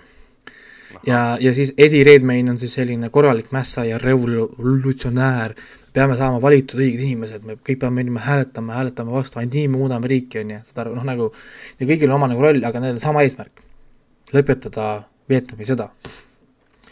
ja ainuke viis, kuidas seda teha, on, kui toimub see suur demokraatide konverents Chicagos, mis on kõik, kõik vaatavad seda, kõik kaamerad jälgivad seda. ja ainuke viis on siis protestida seal, tuua tähelepanu sellele teemale, et minna siis sinna nii-öelda nagu protestima. ja, ja siis äh, film nii-öelda algab sellega, kõik tahavad minna protestima, siis on alguse tiitrid ja siis hakkab juba kohtu case. me ei tea, mis vahepeal juhtus, noh, kui sa aja, aja, ajaloost tead, siis on muidugi sa saad, sa tead, et Chicagos toimusid verised mässud. Politseiüksused läksid kokku inimestega, pead löödi lõhki ja ühesõnaga linnas toimusid põletamised ja ühesõnaga suur Chicago mäss siis algas sellest.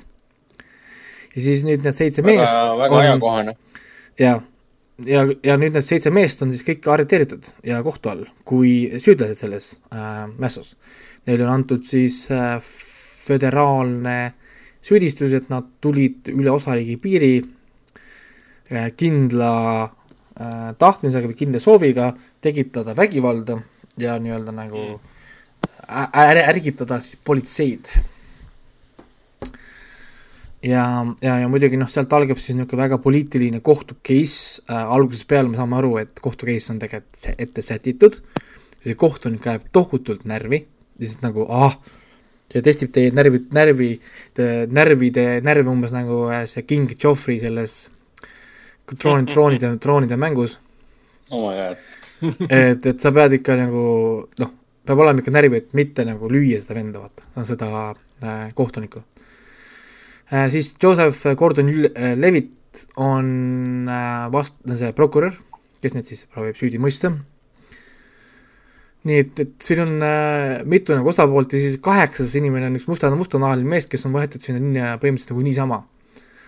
ta üt-, terve kohtu case ta proovib öelda, et ma olin neli tundi Chicagos, miks mina siin olen, aga ta on pandud sinna ainult selle jaoks, et, et, et, et jätta mulje, et see punt on ohtlikum, kui nad tegelikult olid, sest see oli mingi Musta Pantri liige ja siis kõik vaatasid, oo ah,, et nad on nii ohtlikud yeah., nüüd, nüüd nad on ah, kohe nii oht-, nii ohtlikud. ja. tema tuleb sinna kamba panna, et oleks legitiimsust, jah. ja, ja kusjuures minu arust äh, see aitas kaasa, et ma ei teadnud sellest suurt midagi, sellest protsessist. Ma olin nagu väga vähe kuulnud, ma ainsana teadsin selle äh, Hoffmanni nime, see Abby Hoffmann, kes on siis selle äh, Shasha Baran Kohani karakter ainsana ma olin kuulnud teda ja ma olin kuulnud teda ainult sellepärast, et ta kirjutas hiljem raamatu Steal this book. vara, varasta see raamat, mis siis oli suur bestseller, aga oligi see, et inimesed varastasid seda poest. seda hmm. raamatut nii-öelda ma, noh, ma olin nagu ainult sellepärast kuulnud, noh, nagu seda nime, nime nagu kuulnud, see oli käinud nagu läbi. ja muidugi ka seda, kuidas ta lõpe, lõpetas oma elu hiljem, on ju, seda ma tean ka aga, aga, aga muid tegelasi ma polnud väga kuulnud, ma ei teadnud mitte midagi ja see tegelikult mängis võib-olla isegi kasuks, sest see oli noh, vaatasid nagu põnevamalt võib-olla.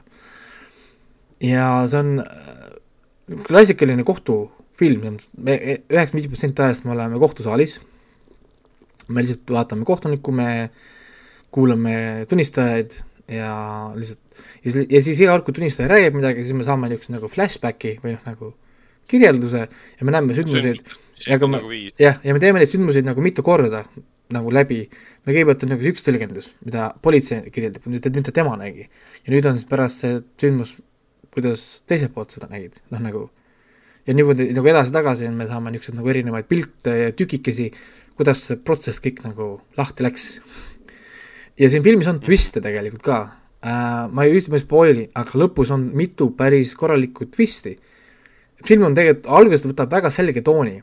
Ja sa tegelikult tundub, et oh, sa tead aeg, kuidas see film nagu läheb, sa tead, noh, ahah, et ahah, selge, kes mida tegelikult nagu tegi, ja siis niisugune viimases, mingi niisugune viimane viiendik hakkab tulema välja järjest infot erinevate asjade kohta, mis tegelikult keeravad päris palju asju nagu ümber, twistib. Ja siis film tegelikult ütleb sulle ka, et noh, et pole olemas sellist asja nagu süü-, süütu inimene põhimõtteliselt nagu äh, ütleb siin nagu, annab niisuguse väga huvitava sõnumi sulle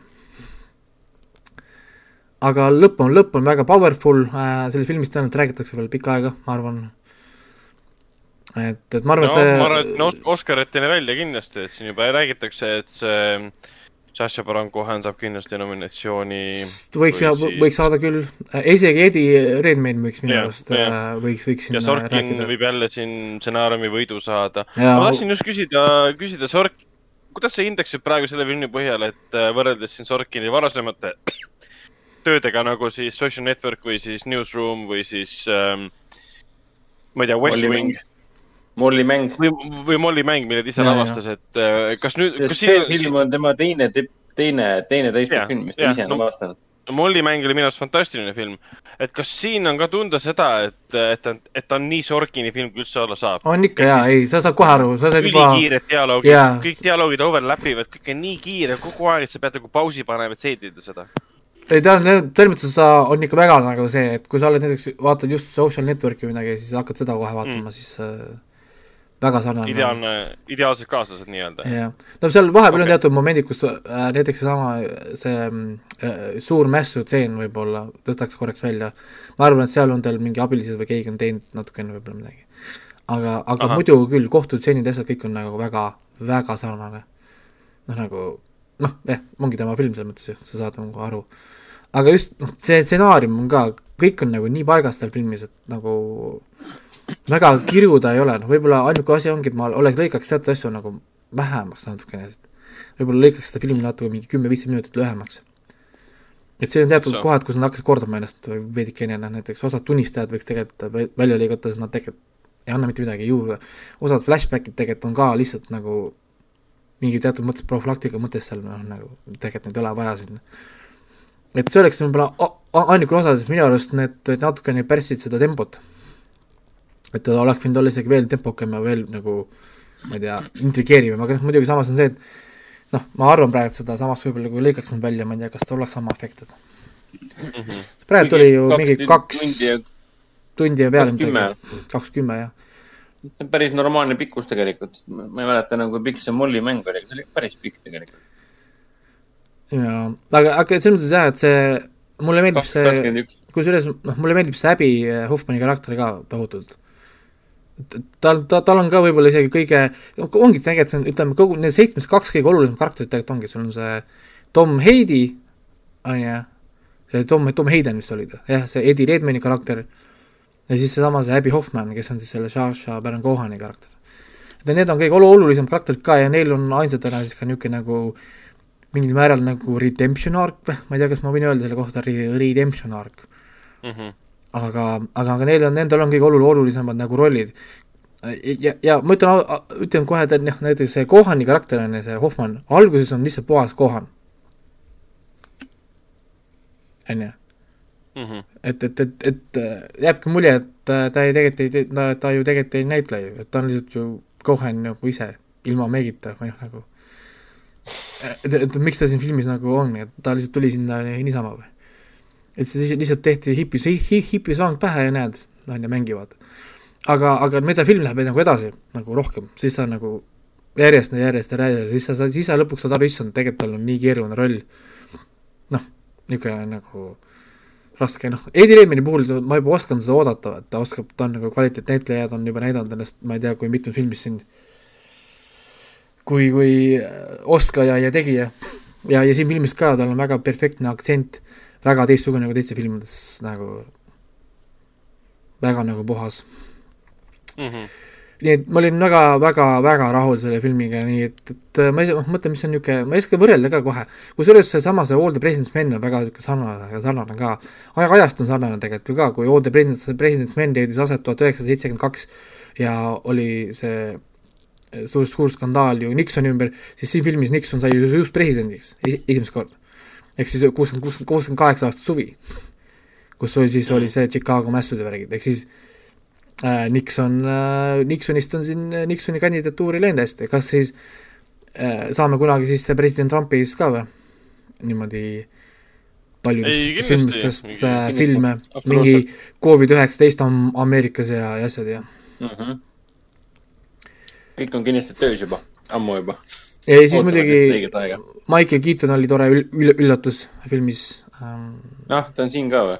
on, ta on siin, oota, ega see on spoiler või, kurat, kas ma tegin spoileri praegu või ei tea. ei noh, näitleja osalus filmis. okei okay,, jaa, näitleja jaa, tal on väga huvitav roll, väga vajalik roll ja samuti noh, ma ei, ma ei, ma ei spoili rohkem midagi, ärge guugeldage ka seda, siis kui te panete Vikipeediasse ükskõik kelle tegelase nime, seda rikute ära selle filmi enda mhm. jaoks mm. -hmm. ja, ja et ärge ühtegi, ärge neid, ärge neid pange selles mõttes jah, praegu sinna Google'isse, Vikipeediasse, sest see noh, kui ise, kui teate, et see mäss tuleb, on ju, see pole nagu noh, see ongi filmi point, see ongi treileris, igal pool kogu see filmi point on see, et mäss toimus. siis, siis ärge neid nimesid jah guugeldage, et on nagu parem. pärast filmi ma panin kohe sisse ja tegelikult kui esimestena sa kohe leiadki kogu selle info ja seal on teatud asju küll, mis tegelikult, kui sa tead ette, siis võib-olla vähe, vähendab seda lööki, mis sealt tuleb. no selge, aga meie, me eelmiseks korraks vaatame ka kindlasti ära. Äh, ma olen suur, no venda ka, äh, suur äh, Sorkini fänn, eriti mis puudutab tema kirjutatud ähm, stsenaariumeid ja, ja dialoogi. et omal ajal, kui see Newsroom välja tuli, HBO seriaal, tehti kõvasti maha osaliselt tehti kõvasti, osaliselt tehti kõvasti maha ja kritiseeriti yeah. just seda, kuidas ta on kirjutanud ja kui kiiresti ta on kirjutanud ja kui niisuguseid no, mis need tema vaated on ja on kirjutanud ja kõik see. aga tundub, et noh, ta valis jälle ajaloolise, ajaloolise teema, mis on, kui Oscarid lubavad Netflixi filme, mis neil muud üle jääb, neil pole muud filmi võtta. selles mõttes noh, kinofilmide vahel eriti valida pole, need kõik filmid on nii-öelda olnud nii-öelda VOD-s või siis kuskil voogedastuses. et ma arvan, et sellel aastal see film jõuab päris kõrgele seal, kindlasti. vot. no loodame. aga Hendrik, mis sa oled sina vahepeal vaadanud? sama, mida sina mingis mõttes, ehk siis uh, Haunting of Bly Manorit. jah, siin möödunud aga... nädala reedel. kas, kas Alustad. sina vaatasid kõik ära juba või? mina vaatasin neli episoodi ära.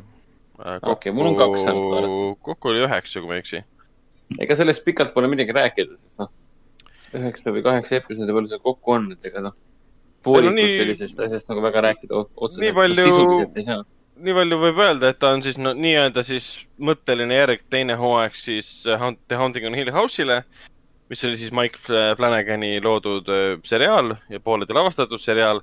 Flanagan on sama mees, kes tegi siis Doctor Sleepi vahepeal, ta tegi siin selle Hushi vahepeal, ta tegi selle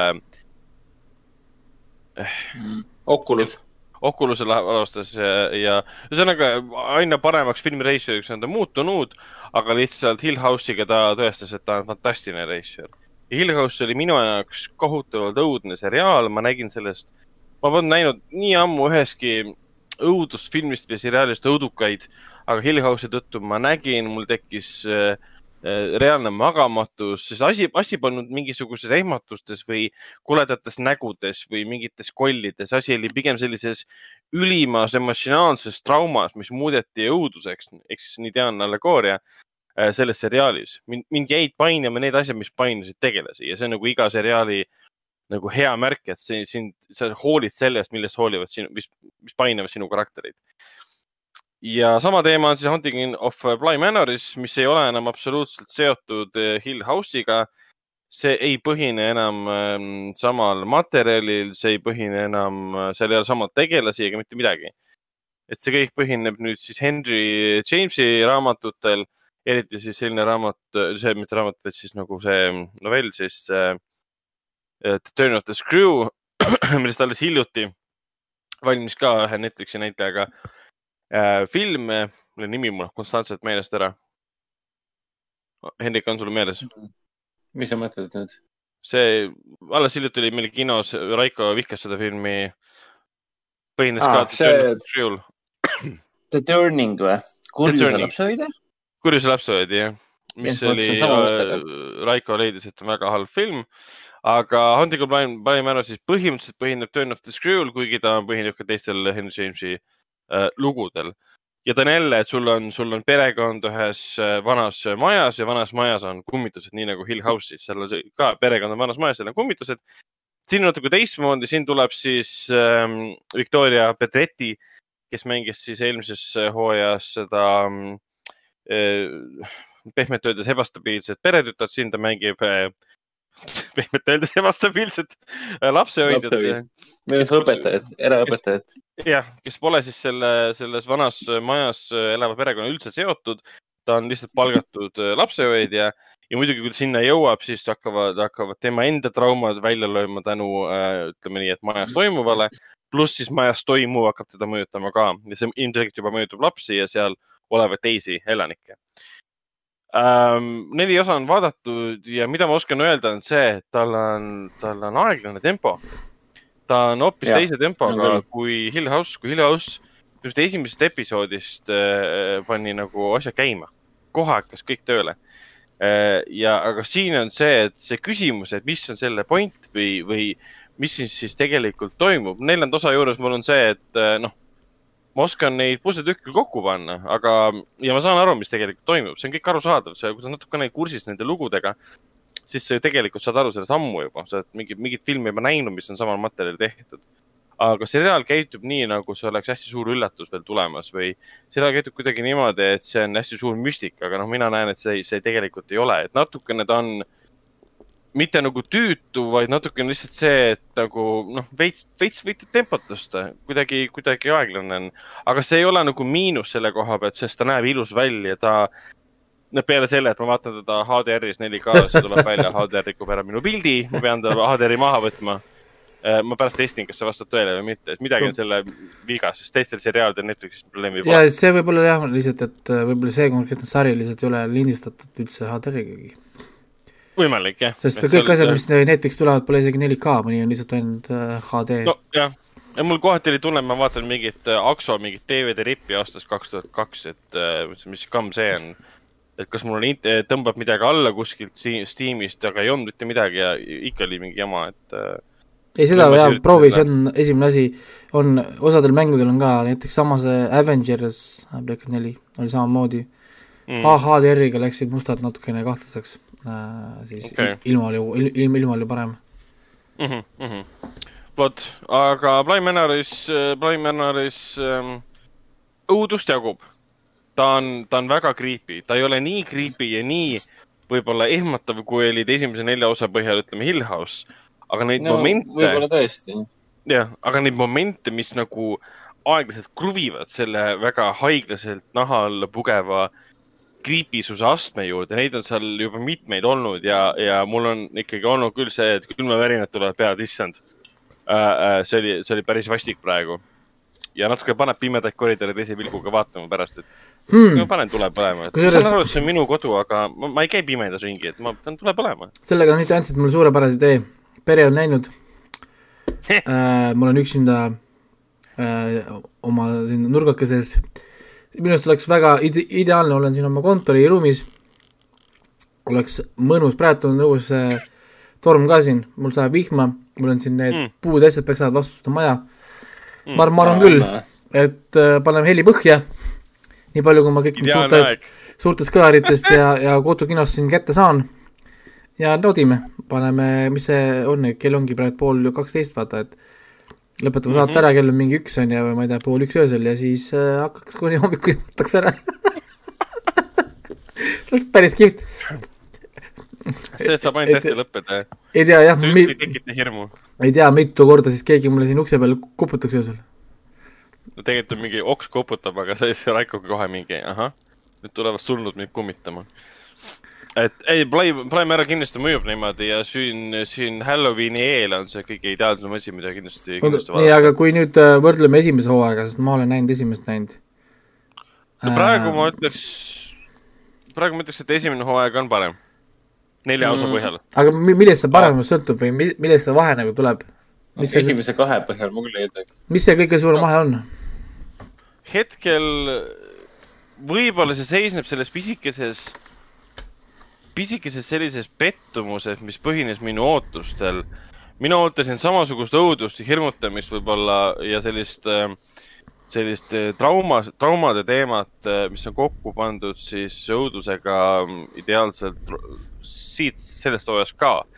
aga selles hooajas on tegelikult rohkem reaalseid traumasid, mille tõttu karakterid kannatavad ja neid ei ole, neid ei ole omakorda muudetud koheselt, vähemalt isegi esimeses neljas episoodis õudu, õuduse allegooriaks, need on lihtsalt eksisteerivad asjad, mille tõttu inimesed kannatavad ja need ei ole jubedad ega õudsed, need on lihtsalt need põhjused, miks sa peaksid tegelasele kaasa tundma. võib-olla see tekitab mul pisikese pettumuse, et, et ma tulin vaatama õudusseriaali, aga ma saan äh, draama sellest, kuidas inimene üritab üle saada mingitest probleemidest tema elust.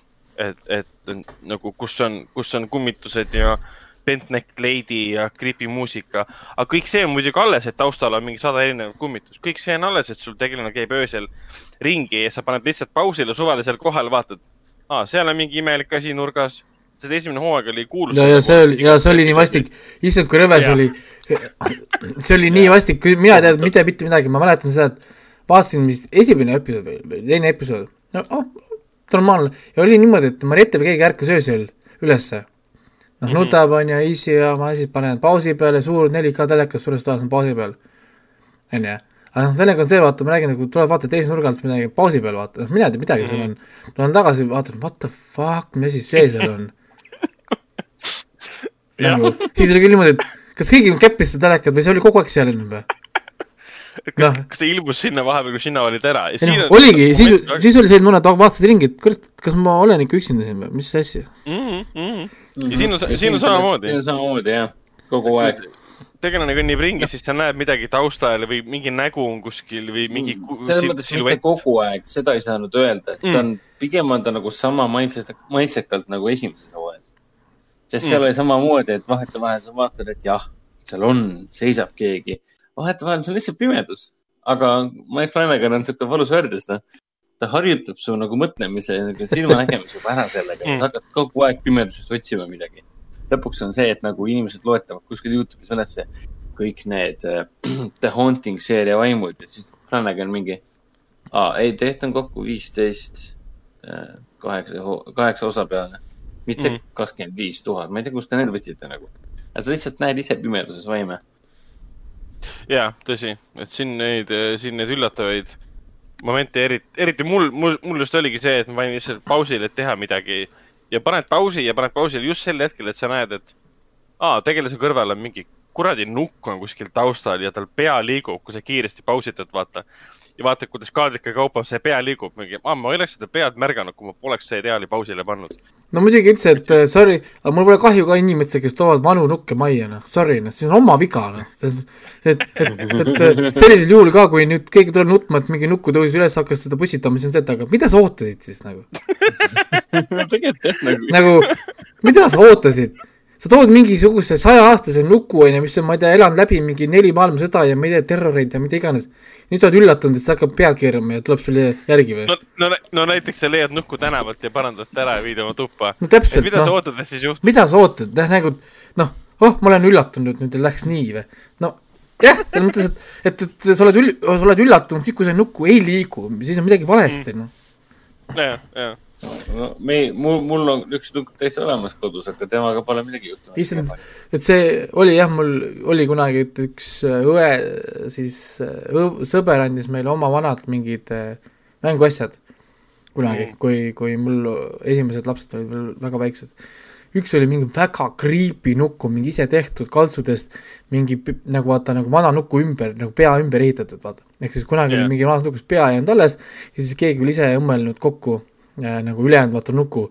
see oli läinud siis mustaks mingi aja-aastatega ja kaltsutatud ja siis see nägu oli vaata mitu korda soditud laste poolt ja, ja räsitud ja siis puhastatud ja tehtud, see oli nagu konkreetselt kuskilt välja kistud äh, äh, nagu suht jubedik, ma panin vist pildi Insta Instagrami ka, sõimisin seda nukku ja siis äh, tuli palju poleemikat, et okei, tema näeb ära oma kalli lapsepõlve mänguasja ja mina ütlen nii halvasti selle kohta.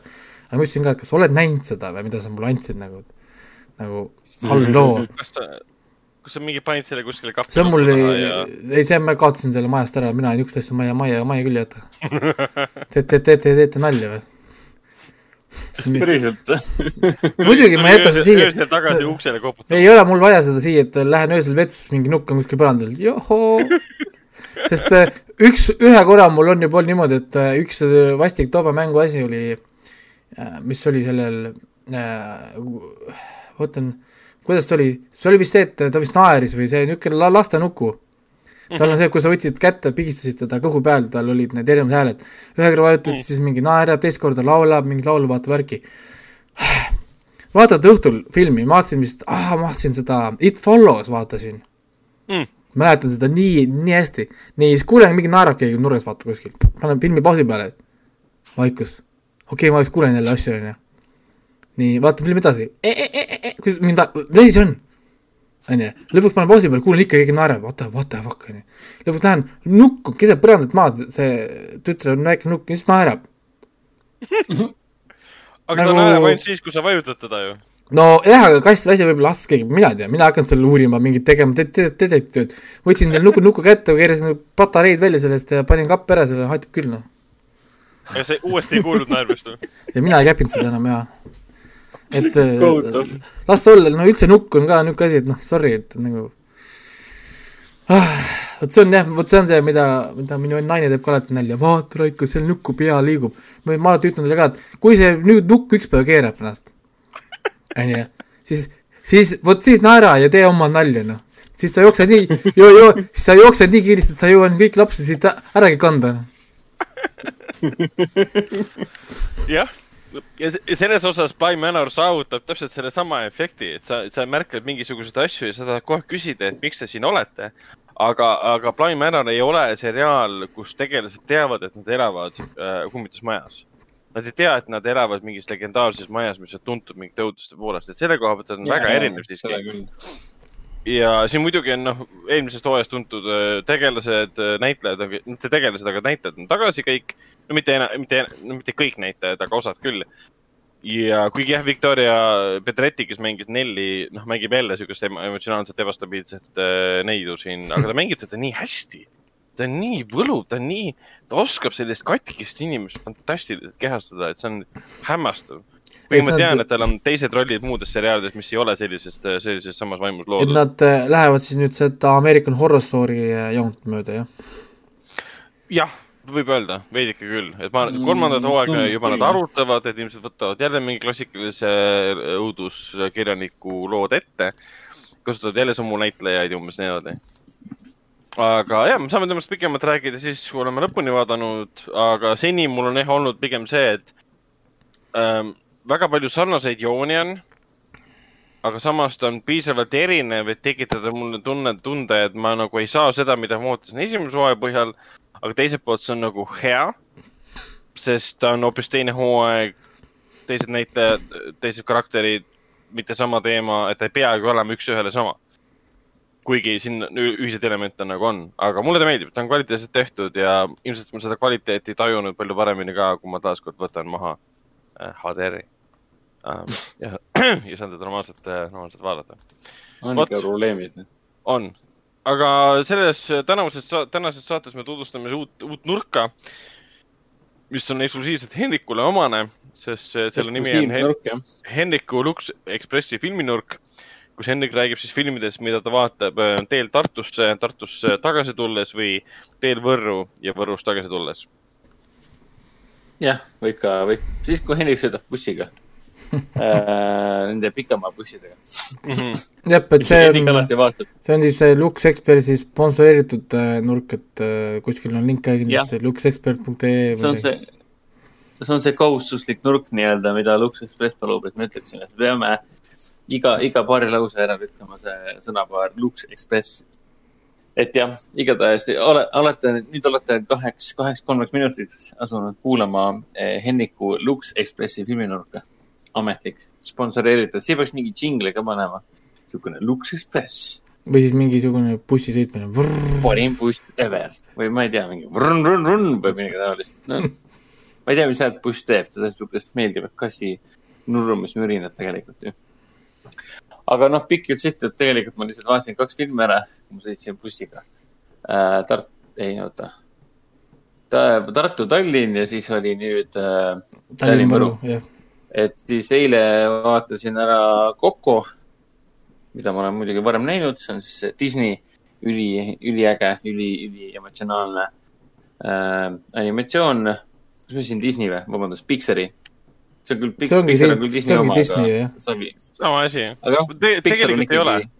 Pixar on kvaliteedimärk, et Disney ei, ei, ei tee kunagi midagi nii head. jah, neid, neid ei saa tegelikult samasse auku panna, sest Disney animatsioon teeb näiteks Frozenit, Pixar teeb näiteks Soul'i ja siis Cocot. ja, ja teine asi, mis ma vaatasin siis täna ära oli, ma mõtlesin, et äkki peaks uue võimaluse andma, et ma vaatasin ära selle eh, Peter Jacksoni produtseeritud eh, Mortal Engines ehk siis surelikud masinad. see on siis selle kuulsa romaaniseeria esimene, esimene, esimene peatükk. film kukkus kinodes läbi ja, ja loomulikult, jah, kriitiliselt ka muidugi ja talle tõenäoliselt, mitte tõenäoliselt, vaid kohe kindlasti mitte kunagi mingit järge ei tee. ta praegult ju. äkki mingi teleseriaal. see film tuli Netflix just ju, ta soovitab mulle ja. mingit see tuleb tuli nüüd, laupäeval Netflixi. aa, ah, okei okay,, ehk siis. ma vaatasin, et ta tuleb laupäeval Netflixi okay., jah. ma olin reaalselt seal bussis ja mõtlesin, et kuule, aga miks ma seda siis väikselt ekraanilt vaatan, et vaatasin, et mul on ju läpakas kaasas, no vaatan seda läpakast. jah, su läpak ekraan on kindlasti väga palju suurem kui no tegelikult on. või luksuspressi ekraan või? sa oled ju väga ammu sõitnud vist uksiga või? või? ei ole jaa, ma ei julge sõita, seal on, seal on koroona ja muud asjad. ma võin pärast luksilt saada nagu telefonikõne, nad kommenteerivad, et miks ma seda, seda nurka nagu korrektselt ei tee, nii nagu me kokku leppisime mm,. Mm. luksekspress.ee ainult, ainult sinu kinodes või noh, jah, okei okay,, mul on kõik sassis juba ainult sinu istmel. ainult sinu istmel. aga siis mõtlesingi, et okei okay,, ma vaatan seda hoopis Netflixist ära miks mitte, suurem ekraan ju hmm.. ja siis ma vaatasin, et oh, loomulikult seda ei ole seal, aga siis ma vaatasin, et ohoh, näed, laupäeval tuleb, aga mina laupäeval ei hakka ootama, ma juba praegu olin bussis, mul on vaja midagi vaadata. aga siis ma hakkasin mõtlema, miks ma peaksin äh, kokku, kokku peal ma nagu otseselt ei peatugi, sest noh, come on, kõik teavad, et see on suurepärane film, see on suurepärane muusika, suurepärane fantaasiaseiklus, suurepärane fantaasia äh,, suurepärane lugu. lõpp on nii, nii, nii, nii kurb äh, nii nukker, et niimoodi teist korda vaadates, see oli alles teine kord, kui ma vaatasin seda. oli ka sihuke tunne, et nagu issand jumal, et kui iga kord, kui see Miguel ütleb, et mamma Coco, siis ma mingi, oh my fucking god, see on nii fucking kurb, lõpetage ära. ära ütle seda mamma Coco. et see Coco on lihtsalt nagu, ta on, ta läheb nii südamesse eriti just, eriti mulle selle filmi juures meeldib see, et tal on see ta algab tegelikult siukse lapsiku fantaasiaga, nii-öelda soovunelmaga. ja ta lõpeb ju täiesti realistliku nii-öelda sisulise pöördega.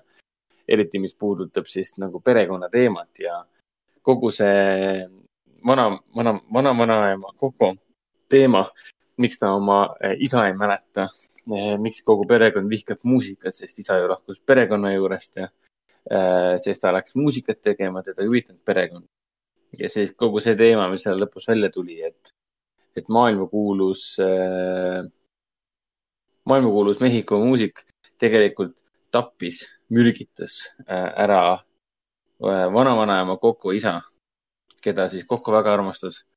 ja siis kogu perekond arvas, et, äh, et seesamune vana et see isa muud ei teinudki, et ta läks ja pidutses ja ajas naisi taga ja, ja mängis kogu aeg muusikat ja unustas nad ära ja suri lõpuks ära, et kedagi ei huvitanud rohkem. tegelikult mm. oli see, et ta tahtis koju tulla oma tütrekese juurde, aga see, kuna teemal oli laulude kirjutaja, siis see, kes maailma kuulsaks sai, ütles, et sa ei saa ära minna, sa ei saa minust lahkuda, mul on sinu lugusid vaja. mürgitas ta ära, tappis ta ära ja võttis kogu tema aukuulsuse. samal ajal kui kogu tema perekond arvas, et ta on liiderlik värdjas ja klassikaline Pixar ikka. jah, seda ei küll. ole midagi öelda, et äh, teevad hästi nunnu toreda filmi, kuhu on peidetud, okei okay,, see pole isegi peidetud, see on lihtsalt olemas seal. Äh, üsna, üsna sünged, sünged teemad. ja aga Mortal Engines, siis ma nagu istusin üsna nõutult selle Luxuspressi ekraanike sees ja mõtlesin, et miks ma peaksin, miks ma peaksin seda uuesti üldse vaatama hmm et, et, ma mäletan, et kui ma seda, mis ta oli, kaks tuhat kaheksateist detsember äkki või? jah, kaks tuhat kaheksateist detsember. kui ma seda vaatasin, siis, siis noh, ma ootasin väga seda, ma olin nagu, ma olin fänn. enne kui see, ma pole lugenud siiamaani ühtegi raamatut äh,. lihtsalt pole jõudnud. aga enne kui film kinodesse jõudis, ma olin nagu väga suur fänn, sest noh, põhjuseid fännluseks on nagu väga palju, sest kogu Sõrmustisanda mm, loominguline tiim, mis puudutab siis äh, produtseerimist, lavastust ja, ja stsenaariumi kirjutamist olid selle filmi taga. filmi lavast-, lavastajaks oli see Christian Rivers, kes siis koos selle Peter Sectioniga on siis eriefekte teinud tema sõnumstisanda ja käepiku filmidele. aga kuna see Philippe Boyens ja Fran Valls ja, ja see Peter Saxon olid projekti taga, siis ma olin nagu täiesti kindel, et sellest tuleb midagi väga-väga väga ägedat, väga erilist. Aga noh, tulemus oli muidugi see, et mida ma mäletasin, et noh, ta oli küllaltki pettumust valmistav, sest noh, ta oli kas siis äh, liiga labane, liiga lihtlabane, isegi võib nii öelda tal olid kas siis liiga suured tunded, mis muutusid liigaks äh, roosamannaks ja klišeeks ja täielikuks juustuks või siis äh, tugineti liiga palju mingisugusel täielikul, äh, täielikul, täielikul sellisel suurtel sisulistel pööretel, mis publiku jaoks on umbes niimoodi, et mingi. Et Pöörd... okei okay,, see on, see on Pöörd... klišee pudel, et mis ma, kuidas ma peaksin sellele nagu reageerima? Pöörded töötavad, kui sa hoolid tegelastest, aga sa polnud ühtegi tegelast, kes hoolib. ja, ja siin klassikaline on see ka, et kui lõpus on suur sõda ja siis äh, ma ei tea, ütleme niimoodi, et kaks minutit tagasi kohtud, tegelased, kellega sa kohtusid kaks minutit tagasi, teevad vap, vapra näo, et me nüüd ohverdame suure eesmärgi mm. nimel ja mm. kõik tegelased on hästi kurvad nende tegelaste pärast, kes just ohverdasid ennast ja siis publik on julm, jumala nõutu mingi oota, kas film praegu ütles mulle, et ma peaksin olema kurb nende tegelaste pärast, kellega ma kohtusin kaks minutit mm. tagasi? ja ma saan aru, et nad näitlevad meeletult kõvasti selle nimel, et mul oleks kurb, aga mul on pigem nagu imelik olla, sest ma üldse ei huvita, üldse ei huvita, ma saan aru, mis toimub, aga mind üldse ei huvita. emotsionaalselt sa ei ole üldse kaasa läinud mm,. Seda ma siis nagu mäletasin, siis ma vaatasin uuesti ja peab tõdema, et mis ta nüüd kestis, kaks tundi üheksa minutit põhimõtteliselt vist või? jah. Äh, seda peab küll tõdema, et esimesed tund viisteist filmist, äh, kõik, kõik filmist enne seda, kui, kui, kui see film töötab minu meelest jumala hästi enne seda, kui äh, Esther Shaw, peategelane, koos selle õnnetu britiga, kes sellest Londoni suurest mm, kiskja linn, linnast välja kukub, lõpuks jõuavad sinna lendavasse linna, mida, mille üks juhtidest on siis see anti-tractionist liiga juht, see Anne Fang. enne seda film toimis, toimib väga hästi. pärast seda äh, on nagu vaataks täiesti teistsugust filmi, kus sul pannakse uued sisuliinid, äh, uued suhted, kõik värgid, särgid pannakse sisse ja sunnitakse hästi kiiresti, ma pean sellest kõigest hästi, hästi kiiresti hakkama hoolima ja see mhm. lihtsalt mm. ei toimi see on lihtsalt ja nad, ja nad tundub, et nad, nad on sellest filmi tegemisel ise aru saanud ja nad püüavad seda päästa suurte tunnetega, et siis kergemini konksu otsa saada publikut. aga see ei toimi, sest see lihtsalt on totter kohati. kuigi visuaalsed eriefektid äh,, kõik arvutigraafika, kõik see nagu on vägev selles mõttes, selle koha pealt nagu allahindlust ei ole. kohati ta näeb natuke wonky välja kogu film siis aga no,. tal on, tal on õigus natukene wonky välja näha, sest ju tegelikult, mida sa nagu näitad, on ju tohutud no, liikuvad linnad, mis neelavad alla teisi linnu, kus on oma majandus, ökosüsteem, elu peal põhimõtteliselt, inimesed ei lahku nendelt liikuvatelt linnadelt, nad elavad seal. see, kuidas no, see et, nagu et... visuaalsete detailide abil oli loodud, see oli väga-väga võimas ja see oli filmi parim osa tegelikult, et näha, kuidas asi töötab, sest see nägi, see oli erakordne, see oli huvitav ja teistsugune et ma võin kihla vedada, et nii mõne, mõnigi meie, meie kuulaja tegelikult äh, võib isegi hetkel mõelda, et aga mis pagana filmist te üldse räägite, et, et ma nagu ähmaselt nagu mäletan, et mingi asi tuli kinni, aga kuna ta põrus, siis tõenäoliselt põrus ka igasugune mm, turundus, mis puudutas filmi elu enne kino ja pärast kino mm.. et noh, mõni ime, et see on nüüd unustuse hõlma, hõlma nagu vajunud aga kas ta väärib unustuse hõlma vajumist, selle kohta ma ütleksin kindlasti, et kindlasti ei vääri. ta on tegelikult küllaltki unikaalne film.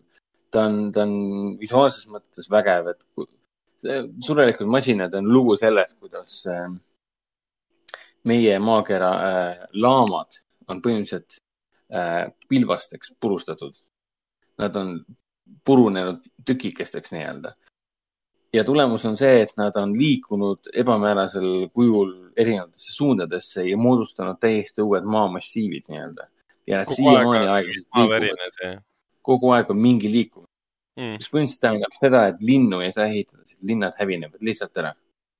mis tähendab seda, et need, kes vähegi said, need eh, suurlinnad kolisid ratastele, sõna otseses mõttes ratastele. ja London eh, antud juhul siis sarja esimeses osas on London on nendest siis kõige suurem. ja see on see hästi äge, äge lause ka, mida siis filmi alguses, see klassikaline, kui tulevad algustiitrid. ja, ja siis samal ajal on see narrator, jutustaja, jutustab peale, mis juhtub. minu meelest on see ühe tegelase Shrieky hääl, kes seda peale loeb ka. Ma ei tea hmm., miks ta just tema hääl sinna valitud on. siis see lause ka, et the age of great predator cities of the west. et noh, mulle selline ambitsioonikas nagu äh, julgemat sorti äh, kontseptsioonidega ulmelised lood väga meeldivad. et kui sa ütled mulle, et sul on lugu sellest, kuidas suurlinnad kolisid roomikutele, kasvasid aina suuremaks ja hakkasid väiksemaid, väiksemaid roomikutel sõitvaid linnu kinni püüdma ja hävitama ja nende rahvast anastama. ja nad niimoodi siis nii-öelda linnad saavadki eh, areneda ja kütust üldse. ehk siis see on umbes sama, mis nagu piraadid sõidaksid mööda merd ringi ja hävitavad ja loot ivad teisi, teisi piraadilaevu. kui sa räägid mulle sellisest ideest ja ma kuulen sellest esimest korda, siis ma ütleksin ainult ühte sõna nagu vau wow,, see on fucking äge. Jah, jah. selle, selle filmi puhul on samamoodi, et esimesed tund viisteist nagu täiesti toimib. ja siin toimib ka see asi, et siin mõned asjad on tegelikult väga lihtsad, ehm, väga lihtsad lõpplahendused aga, aga see film teeb sulle selgeks, et miks, miks tegelaste jaoks on need lihtsad lõpplahendused, noh, sinu jaoks tunduvad väga lihtsad lõpplahendused, aga tegelaste jaoks on väga raske jõuda nende äh, lihtsate lõpplahendusteni. sest nemad elavad maailmas pärast meie ajaarvamist nii-öelda. Neil pole õrna aimugi, mis asjad on meie jaoks väga lihtsasti mõistetavad asjad.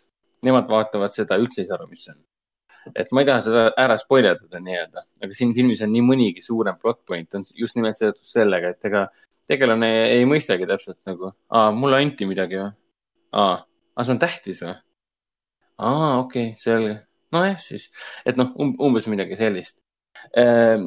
siin muidugi mängib ka Hugo Weaving äh,, sõnumit Äh,, Käebikust äh,, mängib seda Darius, Darius Valentine'i äh,. Hugo Weaving, see, mitte Ester Show, vaid see, mis ta nimi oli, Hera Hilmar kes mängib siis filmi peategelast Hester Shaw'd Hera Hilmar, Hugo Weaving ja isegi see Steven Lang, kes mängib Shrieky, Shrike'i, vabandust, Shrike'i, teevad ülihead rollid mm. ja mulle see, olgugi, et Ester Shaw ja Shrike'i suht, või noh, karakterite omavahelise suhte lõpplahendus oli väga, väga wonky ja väga veidralt kokku kirjutatud ja väga imelik.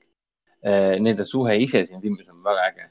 et see on lugu sellest, et mis saab siis, kui sa oled kuskil äh, tühermaal üksiku väikse, väikese lapsena ja sul on just nägu puruks kistud. ja, ja, ja sa oled põhimõtteliselt nagu suremusega, mis siis oleks, kui äh, tapjaks loodud mm, küborg äh, korjab su ülesse ja kasvatab su ülesse. ja aga sel küborgil on see teema, et ta mäletab ikka veel, kes ta kunagi oli ja ta on konfliktne nii-öelda.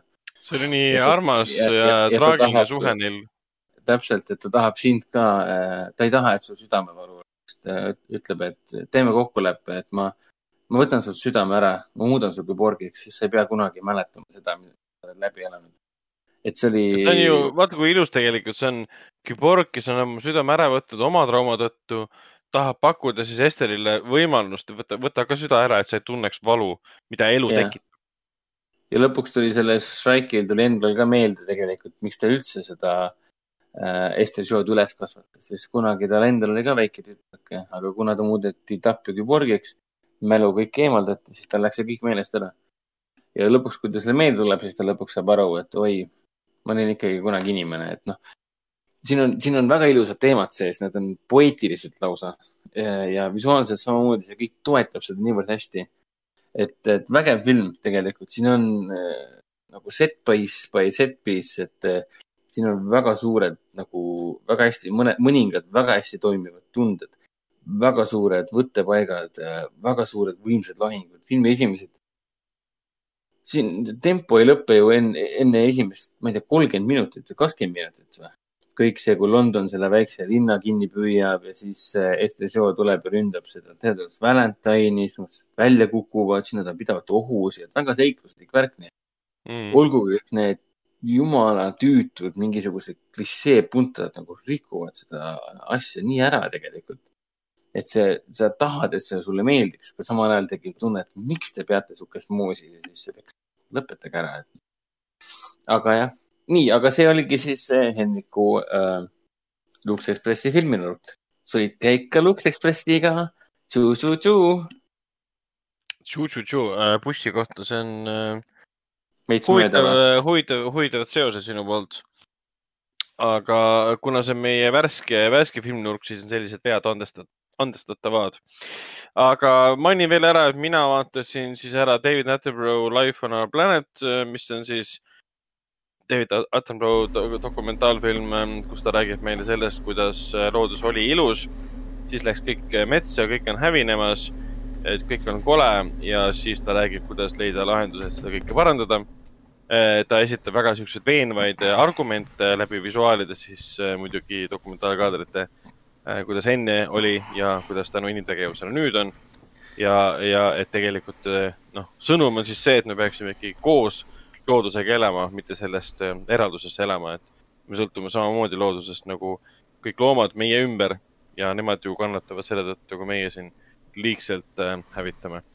et see oli, see oli mõtlemapanev tore dokumentaal ma olen neid, mis see on, Eluplaneet Maa või mis need Netflixi kõik need ähm, David Attenborough dokumentaalseeriad on ähm, äh, läbi vaadanud, sest mulle me lihtsalt meeldis selle mehe hääl ja see, kuidas ta räägib ja tal on nii pikk ajalugu, ta teab, millest ta räägib selles mõttes.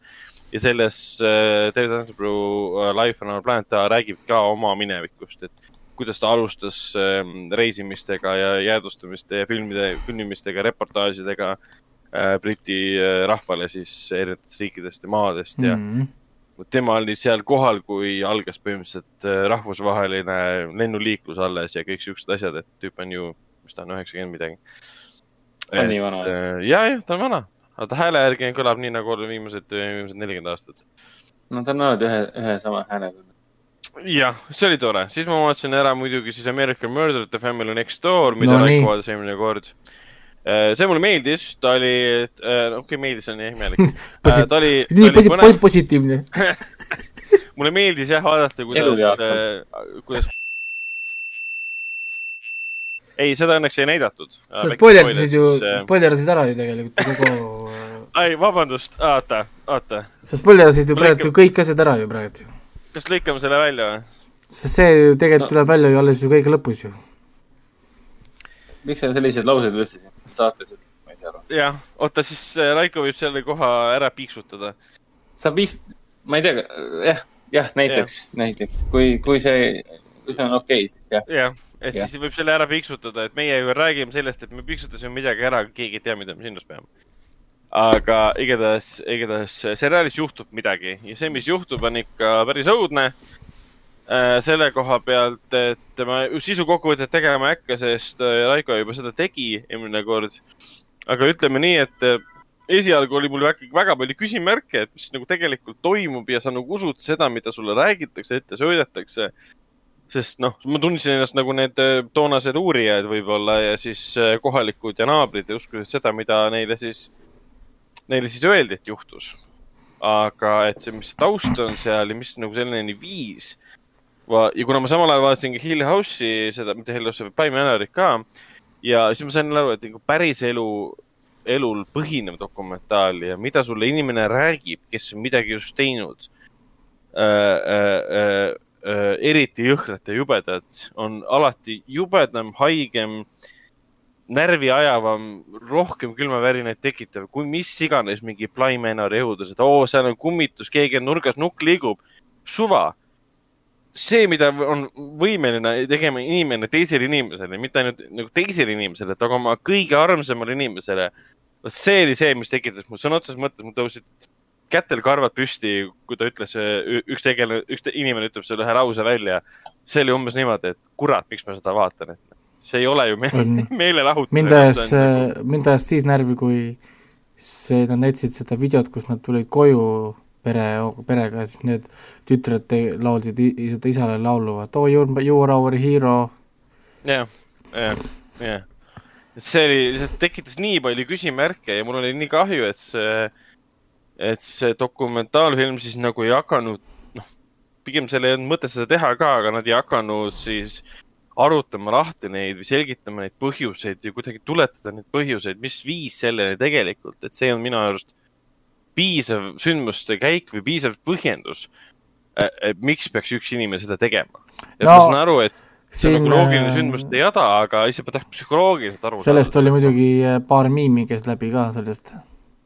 ahah et meemid tegid selle selgitustöö ära. jah, et, et American Murder The Family Next Door äh, demonstreerib selgelt, kuidas äh, fitness ja enese äh, musklisse ajamisel on äh, kurvad tagajärjed, nii et inimesed jääge ümmargusteks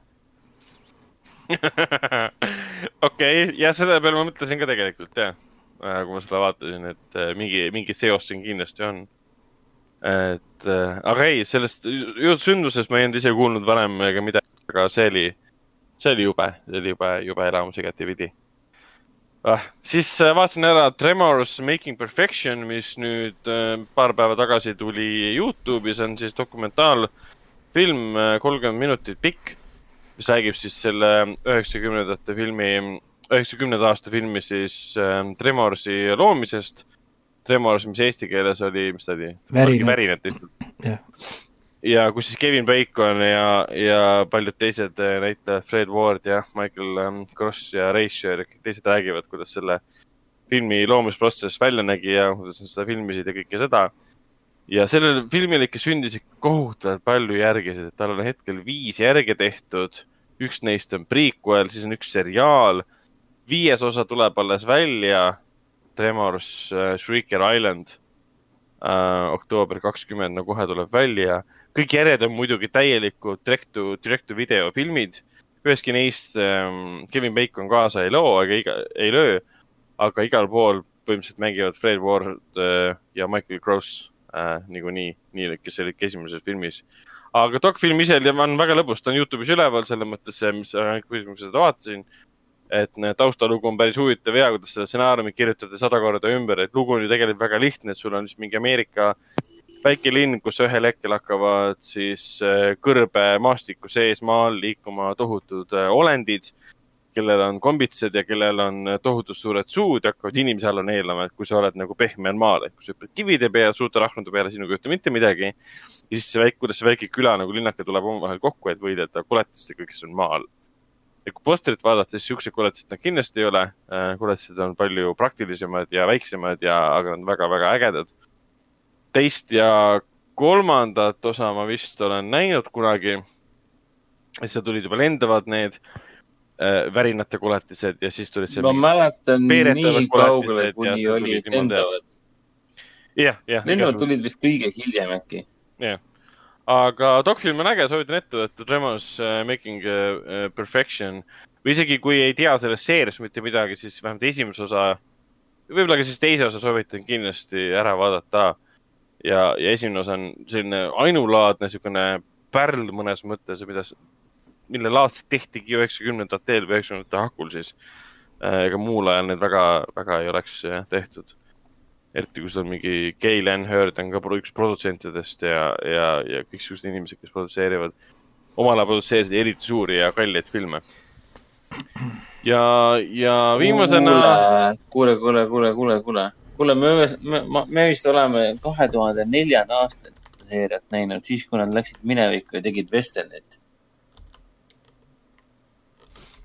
Ma arvan. ja okay., ja neljas osa oli see, et nad läksid minevikku ja see Michael Cross, kes seda relvahullu mängib, kes siiamaani mängib seal äh,. see oli seal siis see šerif või kes, kes iganes, tegi seal minevikus täpselt, täpselt neid. mineviku oma ma ei ole, prequelit ma ei ole näinud kindlasti aga esimest kolme olen. mäleta seda. aga ma saan aru, et esialgsest äh, filmist on Michael Cross vist ainukene, kes üldse alles jäänud on. jah, no ma ütlesin seda ka, aga jah, ta ongi algusest peale olnud äh, ainuke näitleja no,, kes on jah. kõikides filmides. ammu aeg seda uuesti vaadata tegelikult. ei, ta on tore, esimene film eriti äh,. korralik yeah. creature feature äh, komöödia, draama, thriller võiks selle kohta öelda. ja siis võtsin ette ka ühe mm, Jack Norrisi filmi Lone äh, McQuaid aastast kaheksakümmend kolm, mis on, äh, ütleme, naeruväärsus kuubis.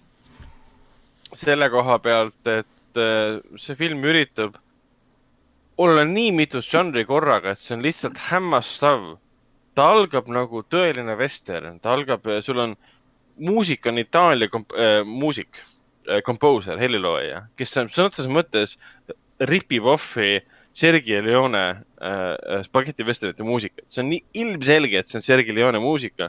et kui film algab nagu tõeliselt aeglaselt äh,, ägedalt, võimsa vesternina, huvitavad kaadrite paigutused ja just muusika käib, sa mõtled, ah, see tuleb huvitav film. ja sellele järgneb mingisugune täiesti suvaline äh, äh, lugu sellest, kuidas sul on üks mees, kelle elu on, elu on väga ühe, üheülbaline, joob õlut palju või kokat palju ja tal on koer, kes on tegelikult hunt ja ta ei taha endale partnerit, sest noh, ta on Texas Ranger, kõik kardavad teda, sest ta on kõige badass im. Äh, äh, ta ei käitu vastavalt reeglitele, ta ei käitu stiilselt nagu ülemus tahab ja ülemus kiidab seal hoopis neid, kes alati näevad head välja, tema on alati räpane ja tuleb kuskilt võitluselt alati. tal on alati väga suur jalahaak, ehk siis ta annab kõigile peksa, kes tahavad temaga õiendada ja siis ta läheb nagu muutub selleks filmiks ja siis ta muutub nagu mingiks imelikuks romantiliseks draamaks see on kõik filmi ajal, filmi ajal on, filmi ajal kõige veidram suhe peategelase ja siis naiskarakteri vahel. suhe algab sellega, et nad kohtuvad äh,, tantsivad, sõidavad autoga ja siis põhimõtteliselt järgmine tseen on see, et naine on tema juures kodus ja koristab ja on tema peale vihane, kui talle ei meeldi, et ta koristab seal. ja siis hakkad mõtlema, oota, see suhe on ja, et see suhe jõudis vahepeal etappi, mis on kuus kuud, aasta või kolm aastat hiljem. et mis juhtus ja siis nad lõpetavad kuskil, hakkavad koristama tema kodu, sest peategelane Chuck Norris on nüüd siis muutunud mees.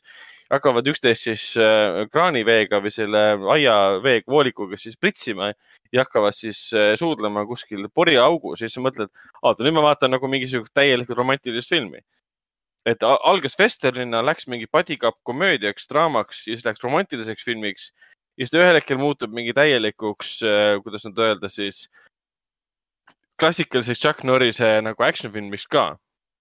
selle koha pealt, et nad võitlevad selle ühe pahaga, keda mängib David Carradine, kes siis äh, põhimõtteliselt varastab äh, sõjaväelt relvi ja müüb neid inimestele, kes tahavad siis äh, Äh, erinevates Lõuna-Ameerika osariikides või siis Ladin, Ladina-Ameerika riikides tähendab siis ähm, riikide kukutamisi korraldada.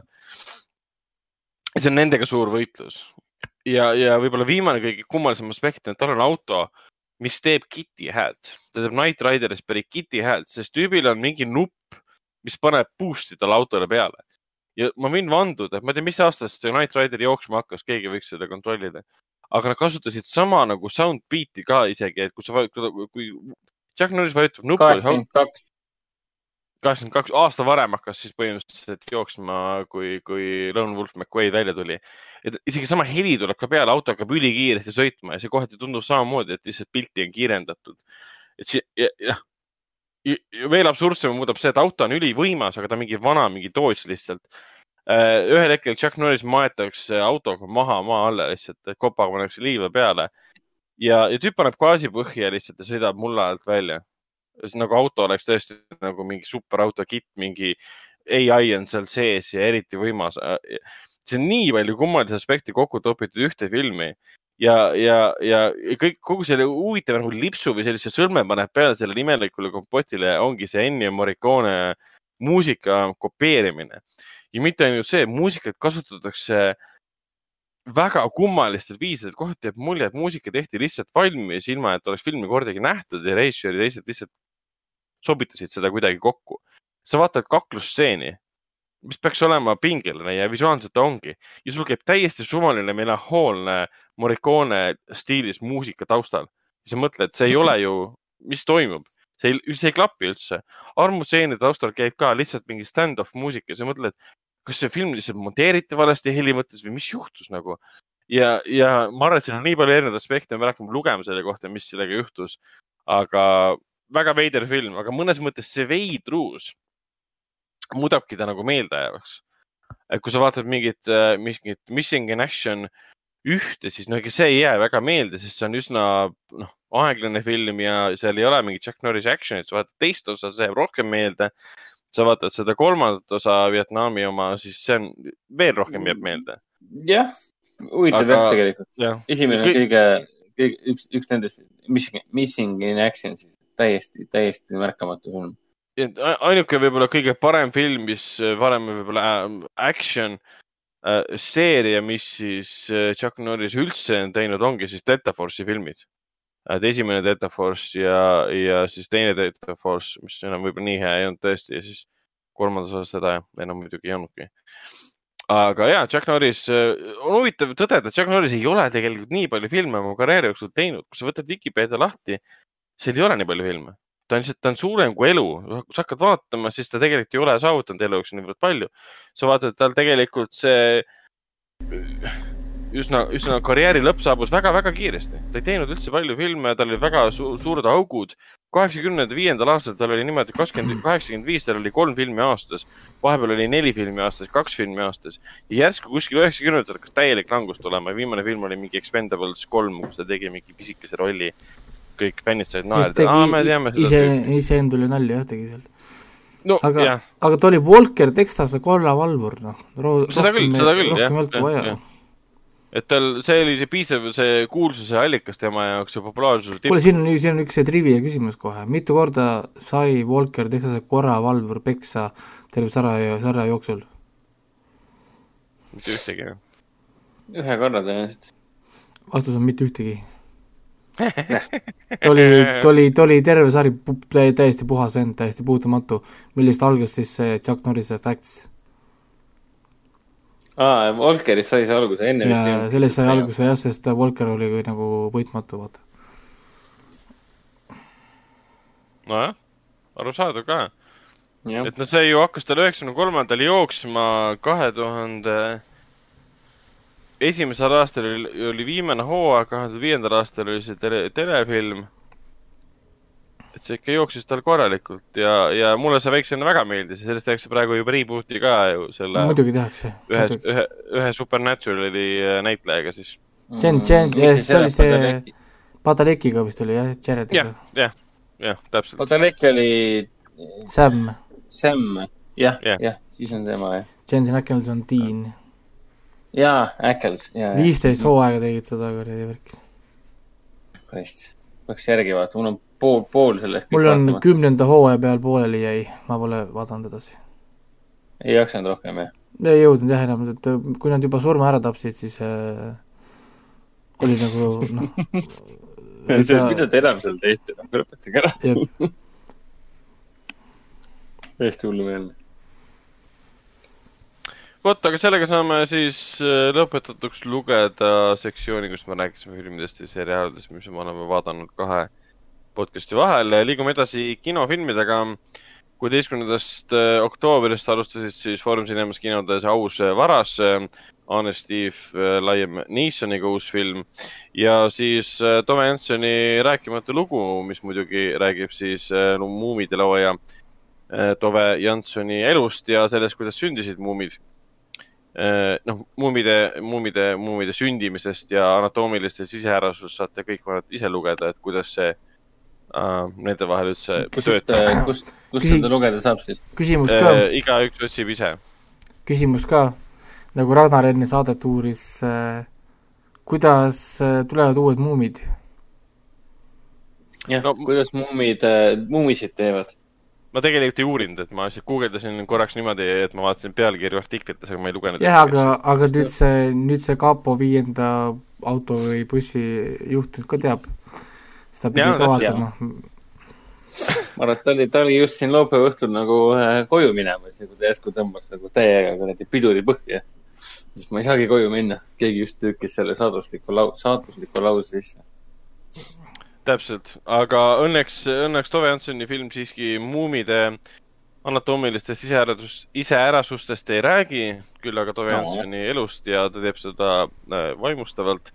Äh, Artises on siis samuti Tove Janssoni rääkimatu lugu, siis ka prantsuse draamakomöödia Parfüümid, siis ka prantsuse animatsioon Printsi merereis ja siis ka vastupidi, ehk siis Contora, mis oli Jaffi avafilm ja siis ka eelmise aasta PÖFFi üks äh, võidufilme, lisaks äh, jätkub meil ka Sest ta on naine ehk siis On the basis of sex ehk siis, mis on äh, hiljuti lahkunud ülemkohtuniku Ruth Bader Ginsburgi mitte eluloo film, aga esimeste, esimeste võidetud juhtumite film siis. see linastub meil veel siin kolm korda tuleva nädala jooksul. lisaks on meil veel Meie unistuste talu kinos kahekümne esimese mm, oktoobrini ja siin kaheksateistkümnenda oktoobrini kestab veel lastefilmide festival. millest me pikemalt räägime, ongi siis Tove ja Meie unistuste talu, et mina olen ainsana Tove näinud, aga Hendrik on minuga koos näinud ka Meie unistuste talu. et ma võib-olla alustakski siis äh, Tovest, vaata, kas ma saan selle ühe triki ära teha, kas see mikrisse ka koht, kohtub äh,, ma ütlen, niimoodi teen, kas see, kuulete? kuumimaal uksed ja süda ei muumi. katkeb, heli katkeb. et ei ole eriti. kaob ära kogu aeg. aga me saime mõttest aru.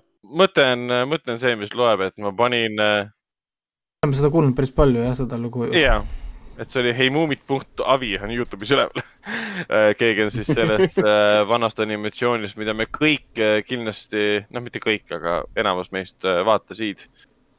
aga Tove Jansoni. Hatifnahtid ja Urr ja.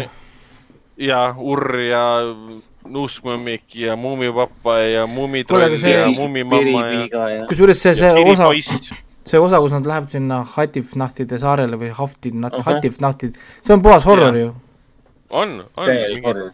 tüübid koguvad elektrit ja siis mingi pasundavad nendega ringi seal ja, ja. piiravad sisse. seisavad ühe koha peal ja siis näitavad mingi oh, pisikesi käpakesi ja siis valged silmad. ja Haisuli, Haisuli oli see, see väike veinike, see pruun junn, oh. oli alati paha peal väljas. Haisuli oli soome keeles see.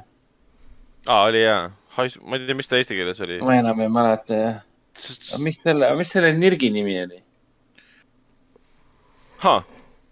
See on hea küsimus, mulle niimoodi ei meeldi, ei, ei meeldi. Läheb juba meelest ära või? sest mina, mina lapsepõlves lugesin, lugesin nii Tove Janssoni neid Muumitrolle lugusid, ma lugesin seda Muumipapa memuaare. Äh, teisi Tove Janssoni raamatuid ma ei ole lugenud ega kokku puutunud nendega, küll aga jah, Muumi äh,, Muumiala lugusid kindlasti, need olid mu lemmikasjad äh,. eriti mulle meeldis lugeda Tove Janssoni kirjeldusi äh, sellest, kuidas äh, trolli talves siis äh, muumiroll ärkab öösel keset talve üles oh,. muumid, muumid ju magavad, vaata, talveõnd nagu karud. aga miskipärast muumitroll ärkas üles ja kõik, ta üritas siis mammat üles äratada ja mamma ei tõusnud, sest sügav uni oli, siis ta oli üksi keset talve, kus mingi urr liikus ringi vaikselt ja urr on siis see külm olend, kes tekitab enda ümber hästi palju külma, hoiab sellega inimesi, mitte inimesi, aga noh, teisi olendeid eemal. ja, ja siis muumitroll nägi selle, kuidas seal külmal talveöös siis äh, mitmed tegelinskid siis tegid lõket ja tantsisid nende ümber, et see kirjeldus ja need, eriti need joonistused, mis on tegelikult filmis ka väga tähtsal kohal, on, äh, olid väga kaunid. ja film ise, noh, ta algab siin, algab siin sõja, sõja ajal äh, selle koha pealt, et Helsingit pommitatakse ja, ja kuidas see on, oma osa mängib tema elus ja me näeme teda siis kunstnikuna, et noh, mina, mina nagu Tove Janssoni elust tegelikult nii palju ei teadnud. mina teadsin, et ta oli, oli äh, Soome kunstnik äh,, Soome kirjanik, kes vahepeal joonistas. aga siis tuleb välja, et tal on nii palju nagu Rootsi sidemeid ja tal on, isa oli skulptor ja, ja tal oli, ta oli maalikunstnik, ta oli, ta oli kirjanik, ta oli stseenograaf, tal oli nii palju erinevaid ameteid.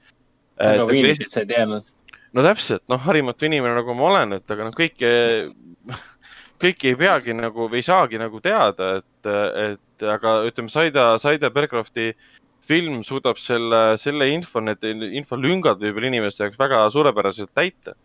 et film keskendub muidugi, ongi kahele suurimale aspektile, kuidas sündisid muumid, mis põhimõtteliselt näidatakse meil sel viisil, et Eh, mida rohkem tema elus toimub, seda rohkem eh, ta siis kritseldab neid muumide eh, joonistusi.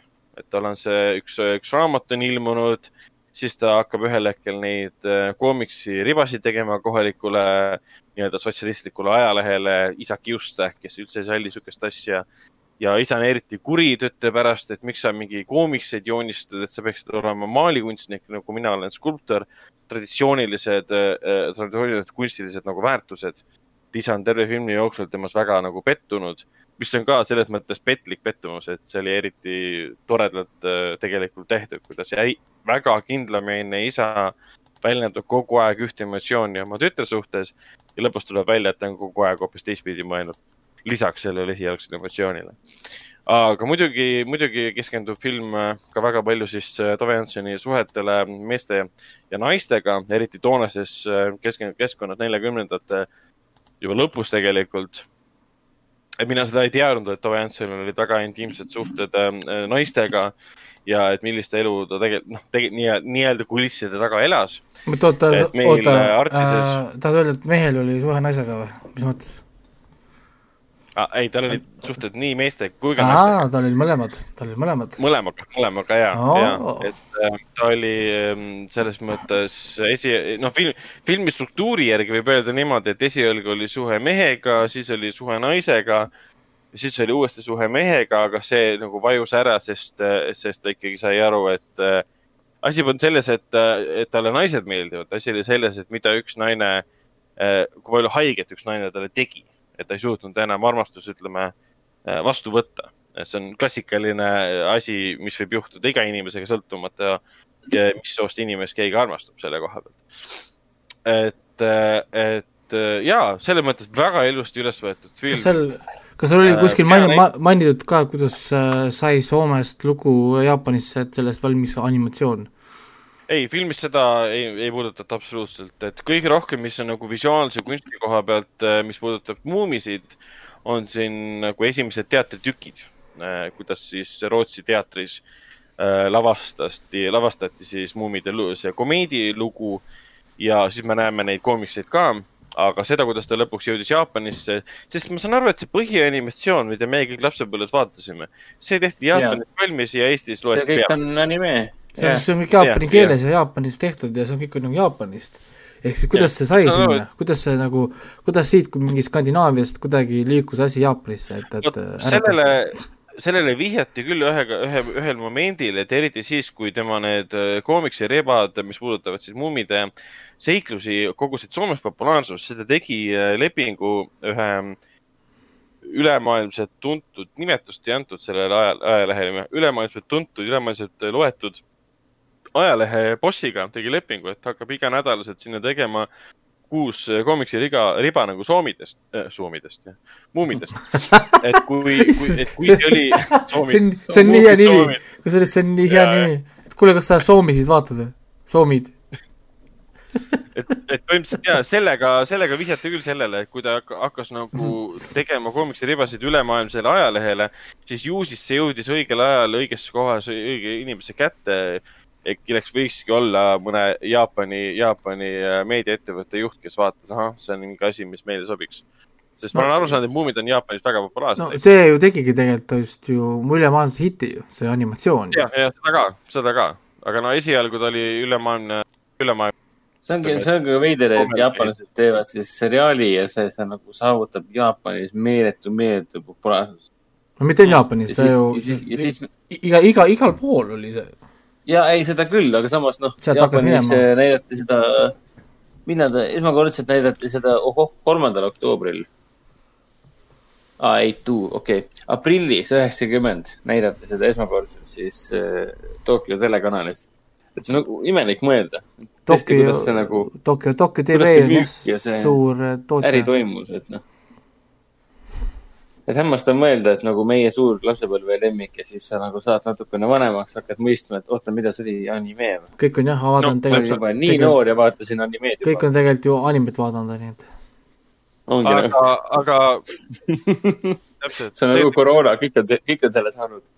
kõik on jah, terve elu tegelikult Jaapani animesid vaadanud, aga lihtsalt ei teadnud, et see on anime aga filmi suhtes äh, võib veel öelda ja, et noh, siin on mõnes kohas on öeldud, et film üritab kuidagi liiga võib-olla olla niisugune polariseeriv või siis me äh, sihilikult kuidagi skandaalne nagu, nagu et see info siis, mis puudutab Tove Janssoni suhteid naistega, et nagu see oleks mingi hästi suur uus info, et šokeerib kogu maailma, et ta justkui keskendub sellele palju tegelikult see nii ei ole, et meil Artises oli esilinastus, esilinastus ka, kus siis äh, Tove Janssoni lapselaps Sofia Jansson äh, rääkis ka Zoomi vahendusel ja, ja tema andis ka mõista, et noh, kõik tegelikult teadsid, äh, mis suhted on Tove Janssonil äh, erinevate inimestega aga lihtsalt kuna ta oli nii kõrget hinnatud, siis sellest nagu väga lihtsalt ei räägitud, sest no miks sellest ei räägitud, oli sellepärast, et noh, Soome ühiskond viiekümnendatel, kuuekümnendatel, noh muidugi ei räägita. kusjuures uh,. enamus inimesi, ma arvan, ei pruugi teadagi, et Tove on üldse naine.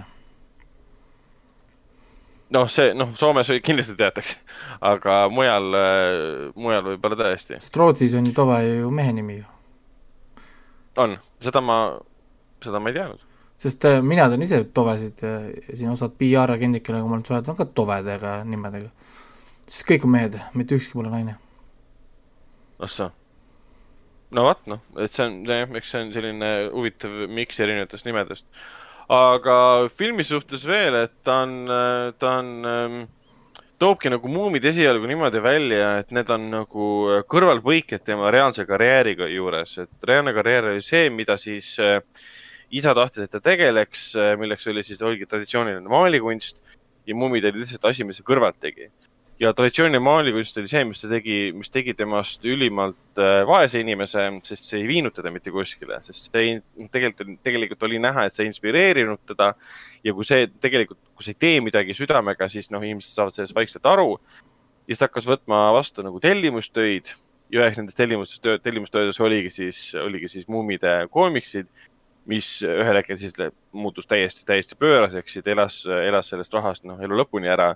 Ja siin lõpu, lõpu, filmi lõpupoole tulevadki stseenid, kus siis lapsed on tohutu pikk järjekord lapsi tulevad kõik Tove Jansoni juurde, et joonista meile Muumi raamatu sisse, me oleme väga õnnelikud selle äh, selle üle ja nii edasi, et see ongi nagu tema edulugu, see on tema isiklik lugu ja mulle meeldis filmi juures see, et ta keskendub mitte sellele, et äh, kuidas muumid sündisid, pigem keskendub ikkagi sellele, kes oli Tove Jansson. ja Tove Janssonit ei, noh, see film ei defineeri Tove Janssonit äh, läbi selle, et milline oli tema seksuaalsus. pigem on see, et see, kus ta, kuidas ta avastas, milline on tema seksuaalsus, on lihtsalt osa, üks, üks aspekt tema väga, inim, inimesest. väga, väga mästu, mästumeelne film aastal kaks tuhat kakskümmend. keegi ei defineeri ennast enda seksuaalsuse järgi või siis äh, rassi no. järgi, uskumatu nojah, aga siis noh, võiks ju arvata, et selliseid eh, mõtteid enam ei teki, aga lihtsalt noh, tänapäeval vaatad mõnda filmi, see ikkagi tundub, et keskenduks ainult sellele, nagu see olekski põhiasi selle inimese juures, mida tuleks vaadata, hinnata ja, ja vaadelda, aga see ei ole ju tegelikult tõsi. et see film tegelikult näitab ka ära, et noh, milline oli tema, tema panus eh, kirjandusele ja kunstile ja kõigele sellele. ja see on lihtsalt üks osa tema, tema karakteri arengust aga igatepidi ilus film, et äh, see kindlasti, Tove Janssoni rääkimatu lugu ei ole seotud Astrid Lindgreni äh, rääkimatu looga, kuigi neil on väga sarnased. ei olegi või? sarnased pealkirjad. see on järjelugu. ei ole, ei ole kindlasti. et need Seeria, on, ei ole samas universumis ka, et see ei ole mingi seeria. rääkimatu lugude universum, see ei ole mingi R, L, U, RLU. samas lihtsalt... universumis, kus kas Pipi lööb jalaga selle muumimaja ukse sisse. Noh sihuke asi on juhtunud ei ole, ole nüüd. Läheb no., äh, läheb urrile, keerab urri külili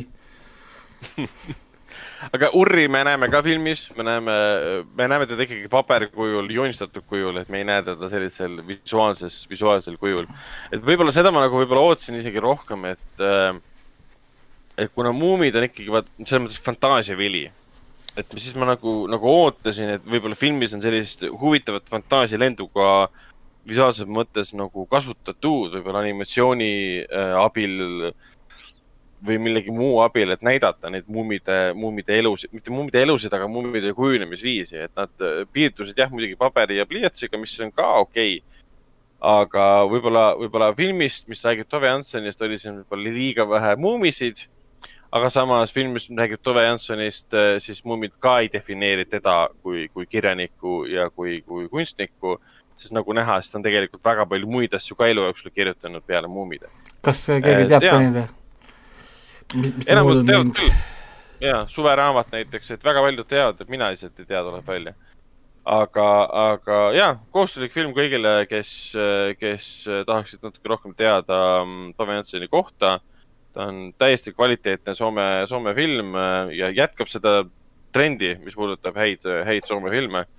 ja kui me räägime siin äh, peategelasest, äh, kes kehastab Tove Janssonit, siis üks, üks kõige, ma ei tea, kohut-, Alma, Alma Pöst, Pösti siis äh, väga karismaatiline näitleja ja hämmastavalt sarnane, näeb ka Tovele välja. filmi lõpus me näeme siis Jansoni äh, arhiivikaadrit temast endast ja see on lihtsalt veits naeruväärne, kui sarnased nad näevad välja nagu nooruseas ka.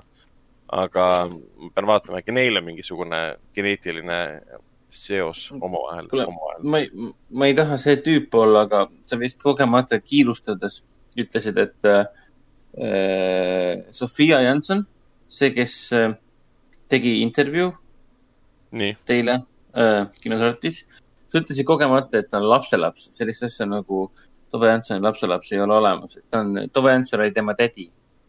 ja, ja, ja ma ei aga tõenäoliselt sa lihtsalt läksid kiirustades üle, et lihtsalt jäin mõtlema vahepeal, et mis äh, oota, mis toimub. aga kas Sofia on äh, nagu, nagu kuidagi sarnane ka Tobele või? ma saan aru, et läbi venna, aga ikkagi um,. on jah, nagu näha seal mingid jooned? võib öelda küll, aga eks need mingid jooned võib-olla tõesti, et kui ta intervjuud tegi, siis noh. jah, võib öelda, et on sarnane, aga, aga see ei ole nii äratuntav, et see on umbes sarnane kui, kui ma ei jah, raske öelda võib-olla tõesti, kui sa paned kõrvuti võib-olla pildid, siis sa ütled, et pole sarnane, aga kui filmi oled ära näinud ja siis mõlemad on nagu mõnes, mõnes mõttes blondid ja siis sa vaatad teda ja siis nagu saad aru, et samast perekonnast selle koha pealt. et samast, jah, sam, täpselt samast perekonnast pärit ja, ja. ja tema venda näidati ka filmis korra, paaris stseenis tegelikult, aitas tal äh, koomikseid äh, toimetada.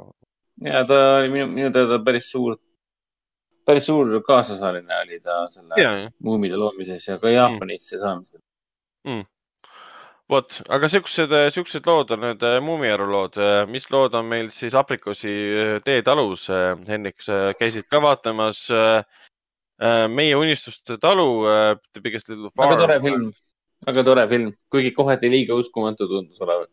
dokumentaalfilm siis mis temast siis nii uskumatut oli, mis on selles dokumentaalfilmis, kus LA abielupaar äh, mitme koeraga äh,, okei okay,, nad olid. ühe koeraga? ei, naisel oli mitu koera ju.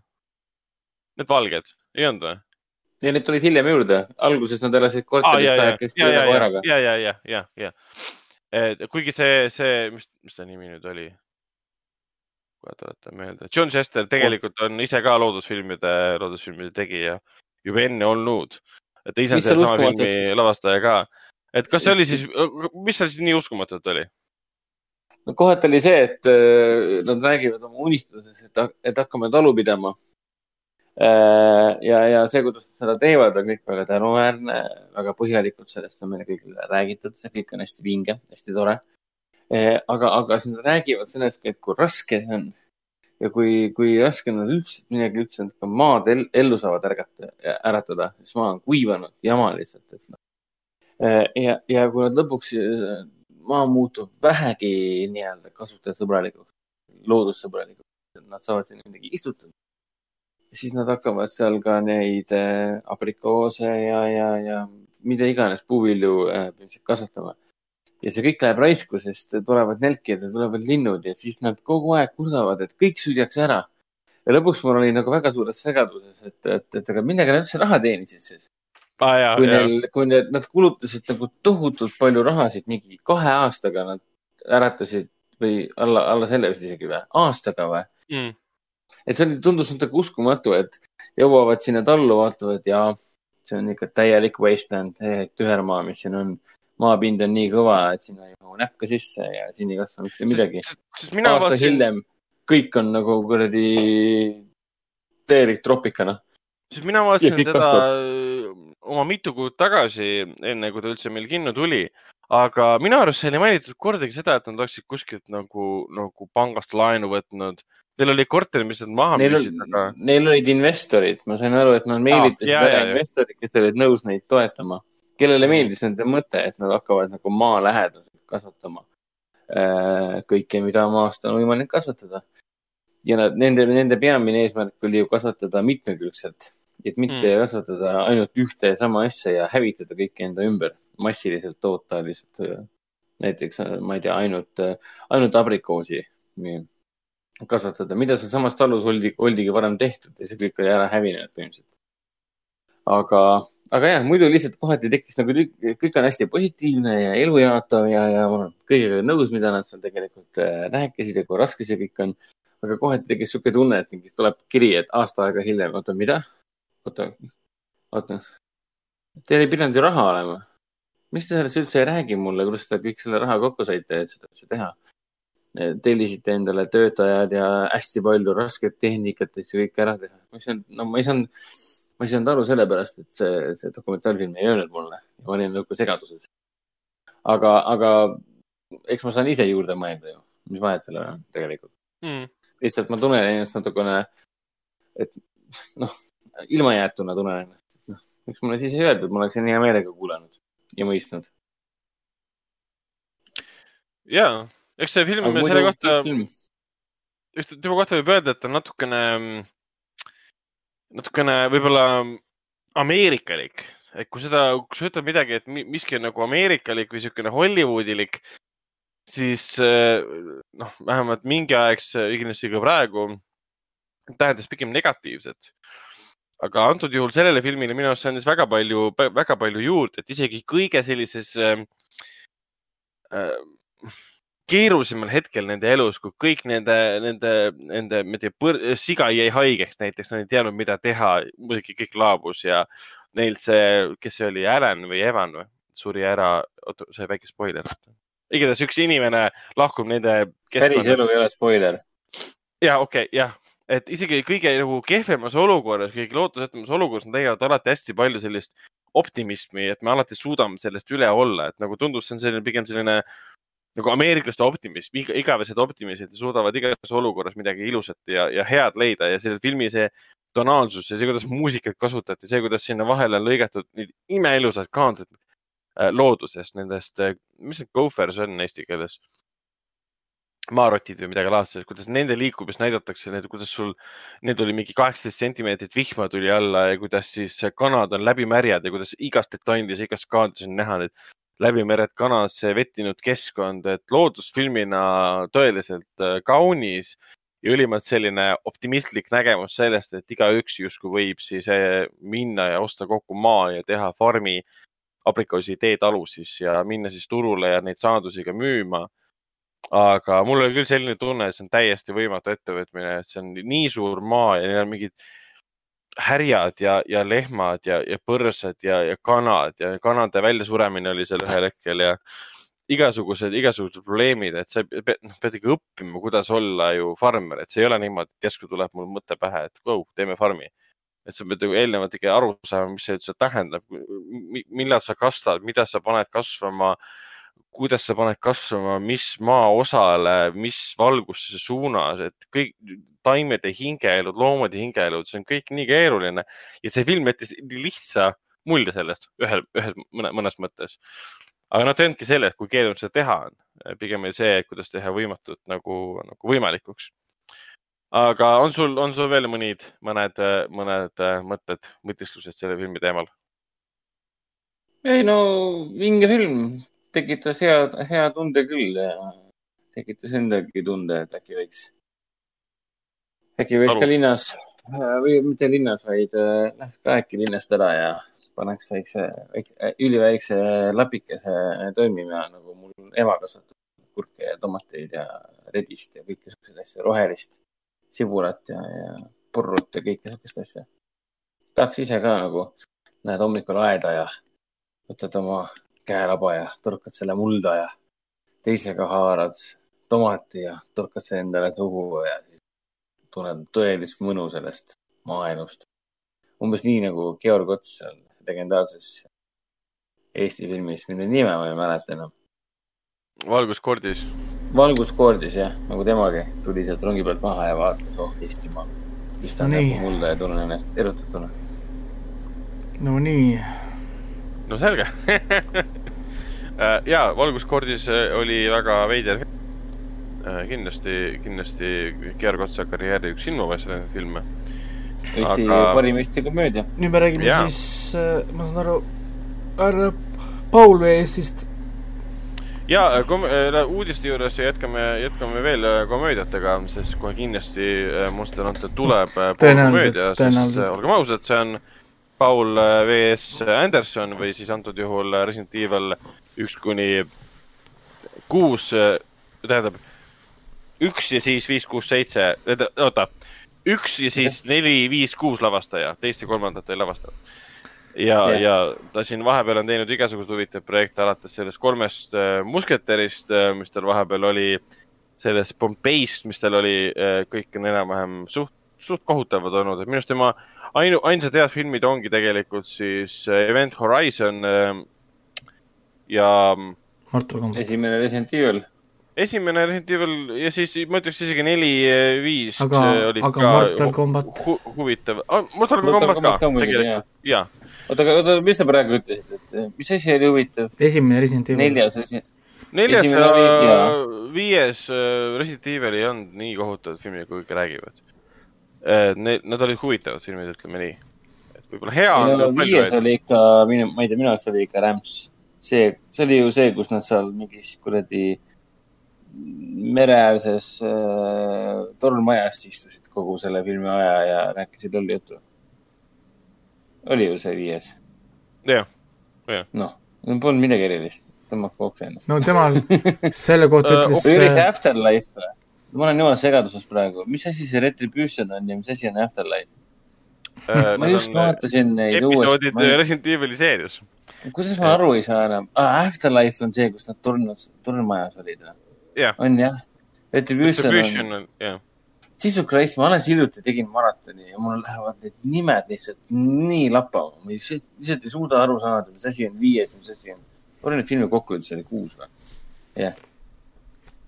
no lihtsalt läheb lappama ja nad nagu, see on nagu, see on juba märk sellest, et nagu see Wolfgang, oh, B.S. Anderson on täielik, ta on geenius, aga ta on niisugune idioot geenius. ta on kuri geenius kurikeelne. tema, tema kohta oli üks huvitav, enne kui me läheme edasi tema uue filmiga, üks huvitav, huvitav tsitaat, mis on tuntud, tuntud siis filmikriitiku poolt, Ignati Wisniewski, kes ütles Andersoni kohta, et ta on ilmselt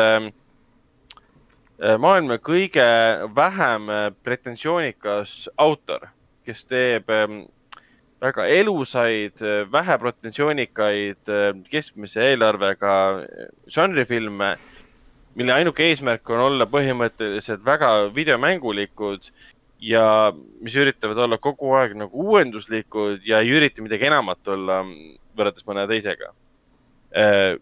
Jah, et tal on fänne ja see on arusaadav, miks see tuleb, sest, sest ta suudab selle eelarvega, ma ei tea, mis see Monster Hunteri eelarve lõpuks äh, hetkel nagu oli. kohe ütlen, kuuskümmend miljonit, et kuuskümmend miljonit ei ole kakssada viiskümmend miljonit. ta võtab oma Mille Jovovitši, kes on tema abikaasa olnud vist juba, ma ei tea, teisest või kolmandast või neljandast Resident Evilist. ehk siis see on sama kombo nagu siis äh, selle West Liesman, ei Les Wiseman ja siis. Les Wiseman äh,. oota, aga see. Kate äh, Beckinsale see Helena Pohan Carter ja siis see Burton. ja Tim Burton, jah ja., et põhimõtteliselt äh, tundub, et teevad filme selle nimel, et oma abikaasat nagu palgata. aga Andersonil on mingi stiil ja tal tuleb nüüd välja siis Monster Hunter, millest me oleme siin saates ka mm, varem rääkinud, eesti keeles siis Koletise kütt, mis põhineb siis äh, Capcomi samanimelisel äh, ülituntud mänguseerial, mille viimane osa oli siis Monster Hunter World ja vahepeal tuli seal lisapakk ka Ice Iceborne. Iceborne, jah. jah, täpselt. ja, ja, jah, film ise siis äh, pidi tulema esialgu välja selle aasta detsembris, aga siis juhtus pandeemia. lükati edasi siis äh, kahekümne kolmanda aprilli peale järgmisel aastal. Aga siis äh, Sony vaatas, et kuna kõik filmid lükati ära sellest aastast, siis ta mõtles, et okei okay,, lapsed, toome, toome detsembri peale tagasi ja viimaste uudiste kohaselt jõuab siis Koletise kööt Eesti kinodesse Äh, neljandal detsembril hoopis, äh, mitte, mitte siis hoopis äh, neljandal ähm, aprillil. aga, aga kui nüüd kuulujutte uskuda ja tulebki mingi Sony platvorm, siis saab äkki varem vaadata juba? Täitsa võimalik, hetkel selle kohta midagi pole teada, aga Playstation viis pole enam kaugel ja üllatused sellega ilmselt veel mingisugused kaasnevad. aga Monster Hunteri suhtes, noh, treiler ma vaatasin ära, treiler ei näinud halb välja. ei, väga, väga tore film tundub olevat. treiler oli montaaž polnud hullumeelne, ei tekit-, ei tekitanud tunde, et äh, mingi imik oli, oli seal montaaži laua taga ja peksis ei no, vastu nuppe. see on, see on film, kus Tony, Tony ja, ja, ja Miller Lawrence äh, võitlevad tohutu suurte olenditega. ma ei näe nagu probleemi. see on see film, kus, see treiler, kus, kus Tony Ja ütleb ja jaa, literaali vaatad treilerit, Tony ja, ja siis kaks kaadet hiljem, jaa, mingi oota, mida? mida wow, te teete praegu? ta karjub enda nime. Aga, aga minu minu, minu üks sõber ütles kusjuures selle filmi kohta ainult seda, et kuna seal on Milla Jovovitš, siis filmil on juba kuus punkti olemas. jah, jah, võib ka, võib ka niimoodi öelda, et siin jah, et kuna, kuna, oota, me teame, Paul W. Sanderson tegi Resident Evil'i seeria ja esimene asi, mis ta tegi, oli see, et ta pööras selle seeria juurtele, film, mänguseeriale kohe siis, kohe nagu selja, sest peategelane on Alice, kes ei eksisteeri mängudes ja lugu ei lähe üldse kokku sellega.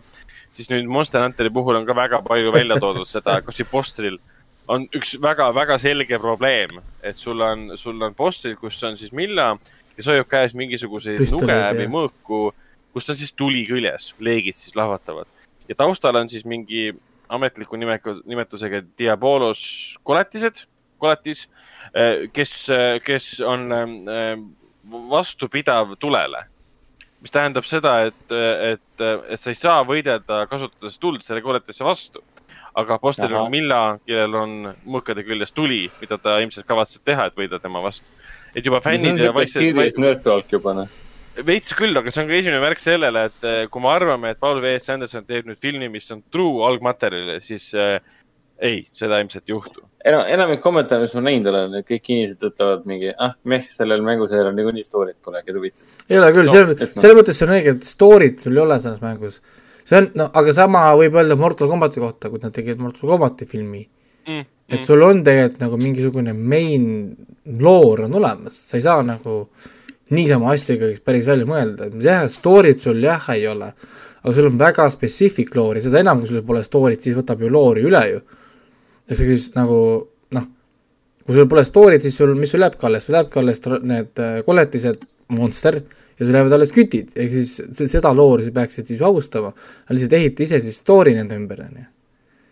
noh mm., selles mõttes, et, et loori ikka tohiks reeta, et ei no filmi, äh, filmi enda lugu on selles mõttes väga-väga lihtne, et sul on äh, äh sõdurid, kes sõidavad kõrbes ja siis nad satuvad kogemata mingite, mingite äh, esemete keskele, mida tabab elekter ja see viib nad justkui portaaliga teise universumisse ja üllatus-üllatus, universum on täis äh, erinevas suuruses koletisi, kes siis lendavad ja äh, on äh, väiksed nagu näiteks mingi hiigelämblikud nii-öelda või siis meeletult suured, et nad suudavad mingi suure äh, Airbusi laadse lennuki või noh, antud juhul sõjalennukis alla tõmmata ja selle põlema panna. Äh, et ei, blockbuster filmina ma arvan, et see on, tuleb väga lõbus. kinofilmina tõenäoliselt ka, ta tundub olevat mingi popkorni film. jah, ja no olgem ausad, praegusel ajal meil on popkorni filme vaja et kui praegu tuleks esimest korda, ma ei tea, Dwayne Johnsoni Rampage kinno, siis ma ilmselt naudiksin ka seda. aga kuna see tuli normaalsel ajal, siis hästi palju filme. sa pidevalt tood seda välja kui nagu mingi eriti negatiivne näide, mis seal film, see oli kohutav film, see oli lihtsalt kohutav film. Et see oli üks väheseid filme, mille ajal ma olen läinud suurest igavusest popkorni ostma, sest mul lihtsalt niivõrd sügavalt igav, ma tundsin no, oma ajast kahju kusjuures see on väga huvitav, et sa mainisid just Rampage, sest see on üks, ka üks järgmiseid äh, halbu videomängust üle toodud äh, mm. nagu filme, et, et siis... täpselt, et sellel ei ole ka mingit seost tegelikult selle esialgse no, ta lihtsalt võtsid nime ja võtsid, oh näed, seal on ju kaks suurt sõda, davai. ja mm., ja teeme midagi. ja täpselt. Vot, siuksed lood. aga millest, millest me veel saame rääkida, on ähm, Robert Zemeckisest. Ähm, nimelt, äh, nimelt mehel, ähm, kes tegi näiteks esimesed äh, kolm siis, või noh, kõik kolm siis tagasituleku filmid, mees, kes tegi Forest Gumpi, mees, kes tegi Castaway, äh, Polar Expressi, Kontakti, Beowulfi, Christmas Caroli ja paljud teised filmid. tähendab, tuleb uus film Polar, välja. Polar Expressi mainisid või? jah okay.. tal tuleb uus film välja nimega The Witches, mille, mille üks stsenaariumi autoritest on üllatus-üllatus ka Guillermo del Toro. aga isegi kui ma ei tea selle filmi tausta, siis ma ennustan, et stsenaariumi autor on ainult Guillermo del Toro üks nendest on see Del Toro ainult sellepärast, et ta kunagi mingil hetkel oma karjääris puutus kokku stsenaariumiga, mida ta pidi ümber kirjutama, siis ta loobus sellest projektist. Del, Del Toro on legendaarne selle poolest, et tal on mingi kümme tuhat erinevat projekti alati pooleli jäänud. Aga no,. vähemalt ta praegu on paigale jäänud ja teeb seda Pinocchiot. jah, aga film ise on siis The Witches, The Witches põhineb siis Roald Dahli äh, süngel lasteraamatul, öeldakse dark fantasy lasteraamat põhimõtteliselt, The Witches mm, -hmm. mis äh, räägib siis äh, äh nõidadest äh,. raamat ise ilmus siis kaheksakümmend kolm, selle põhjal tehti üheksakümnendal aastal ka siis äh, film Angelika Houstoniga äh,, mida siis äh, Nicolas äh,, see on huvitav, et Nicolas Roeg selle lavastas ta on täitsa huvitav reisijal, ta tegi selle The Man Who Fell to Earth näiteks ähm, David Bowie'ga ja, ja tal oli seal mitmeid teisi huvitavaid asju, aga Witches oli jah, üheksakümnendal. ja siis on uus The Witches, mis on siis Robert Zemeckise poolt lavastatud ja peaosas on keegi muu kui Anne Hathaway näiteks ja Octavia Spencer ja Stanley, Stanley Tucci. Treileri põhjal äh, mul on väga raske sellest filmist mingit hinnangut äh, teha, et ma ootasin, et see on siis muusikal, sest ta näeb välja nagu muusikal, näitlejad käituvad nagu ta oleksid muusikalis, aga ilmselt ta ei ole muusikal oota, see nüüd, kas see on nüüd see, mis läheb otse streamingusse või? Äh, ei, selles mõttes USA-st ta läheb HBO Maxi, aga mujal maailmas tuleb ta kinodesse. et see mm, -hmm. selles mõttes, kuna HBO Max on ainult USA-s, siis mujal maailmas, Euroopas, Aasias, igal pool tuleb ta otse, otse kinodesse. Kas see HBO aga... Max juba mingi Hollandis või kuskil ei olnud ka juba või? mingi, mingi, mingid riigid hakkasid siin tulema nüüd juba järjest? võin kontrollida, kus ta praegu on International, nii. järgmisel aastal peaks HBO Max alustama Euroopas nagu Hispaanias ja siis Põhjariikides äh,. okei okay,, siis, aa ei, see oli vist Disney pluss oli vist, mis oli seal UK ja Holland. jah. Okei, okei. HBO Max ise hakkab liikuma järgmisest aastast. sest millegipärast tuli see veider Holland mulle meelde, et üks mm. mingi streaming service tuli lampi, oh Hollandis oleme saadaval äkki, okei okay, mm., miks, miks seal nagu? aga miks me räägime Robert Zemeckisest, sellepärast, et ta on niivõrd huvitav režissöör, nii palju väga häid filme teinud. aga eriti nüüd viimasel ajal, kui me võtame arvesse siis üle-eelmisel aastal valminud Welcome, Welcome to Marveni ähm,. ma pole seda siiamaani näinud ma vaatasin ära Steve Carelliga näiteks ja, ja näiteks siin oli kahe tuhande kuueteistkümnenda aasta Allied see vist enam väga arvesse ei lähe, see oli siis Marianne Cotillardi ja äh, Brad Pittiga.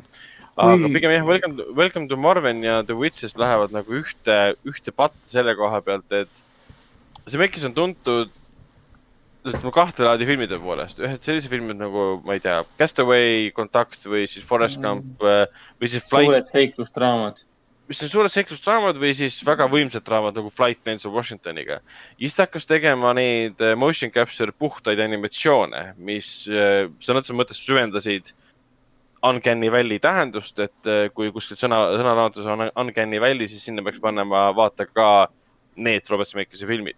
Ehk siis Polar Express ja siis Christmas Carol ja Beowulf aga mulle tundub, et on veits. Carol enam ei olnud, sest Carol oli väga siukene. ta oli animatsioonilikum rohkem jah, ta ei üritanud olla fotorealistlik. Beowulf oli väga tunne..., väga veider asi. see oli väga veider tõesti. Aga mul on tunne nagu, nagu, et see Mekkisel on hakanud need kaks stiili nagu omavahel kokku sulandama vaikselt. et ta võtab need asjad, mis ta on alati tahtnud teha, võib-olla väga suurejooneliselt ja huvitavalt eksperimenteerides nagu animatsioonides on teinud. võtab need üle ja tahab need panna kokku siis nüüd tavaliste äh, mängufilmidega.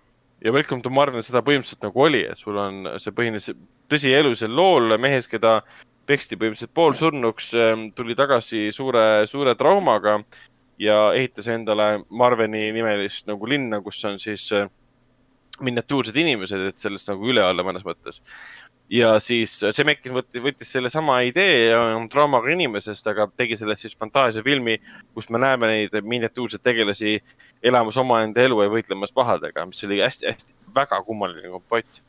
idee, idee poolest no, nägi, nägi Welcome to Marvel, Marvel on ikka väga hea välja. Treileri põhjal oleks, poleks elu sees osanud öelda, et see oleks justkui. kui, kui vana see Zemeckis on nüüd juba? kui vana või? ta on nagu eluaeg filmi teinud tegelikult. ma mõtlen, mis ta vanus juba on, ta peaks olema ikka korralik. Zemeckis või? jaa, peaks olema korralik, korralik vanus. kuuskümmend kaheksa või? jah. issand, kui noor ta oli, noor ta siis oli, kui ta tegi ju Tagasi tulevikku. jah, Tagasi tulevikku üks oli kaheksakümmend viis, jah. no, siis ta oli ju kolmkümmend, mis ta oli siis, kolmkümmend? Zemeckis sündis viiskümmend kaks. kolmkümmend kolm siis või? et see on ikka, ikka väga varakult alustanud eriti võimsate filmide reis, et noh, Romancing the Stones ja Who Framed Roger Rabbit, et keegi ei saa öelda, et need äh, visuaalsed äh, innovatiivsed filmid saabusid tal hiljem karjääri jooksul, ei, need saabusid üsna alguses. Who Framed Roger, kes lavastas süüdi Roger Rabbiti või mis ta eesti keeles oli, on üks kõige mm, innovatiivsemaid arvutiefektidega filme no,, mis kunagi tehtud on. ta on üks tuntumaid neid äh, live action ja animatsioon segamini yeah. äh, filmid. noh, või kas see Forest Gump, kuidas seal oli kokku pandud vanad kaadrid uutega. et siis tema ja Space Jam, see Who Framed Robert Rabbit ja siis see Roger mm. Rabbit või see, ja siis see Space Jam on tavaliselt, mis tuleb meelde inimestel, niisugused kaks filmi mm., mis on nagu segamini. jah yeah., aga tundub, et noh, nüüd, nüüd on nagu midagi, midagi nagu, nagu, nagu segamini tal läinud, et draamad kuidagi ei tööta ja kui draamaga kokku panna see selline, selline eksperimenteerimine efektidega, siis see ka nagu ei tööta, et nagu vanasti hoidis neid kahte maailma kuidagi segamini. no vaatame, Nõiad, Nõiad ähm, tuleb veel ähm, kinno nüüd äh, kolmekümnendal oktoobril, võib-olla me eksime, see tuleb, äh, tuleb, ma ei olegi tegelikult, ma ei, ma ei arvagi, et Nõiad halb film tuleb.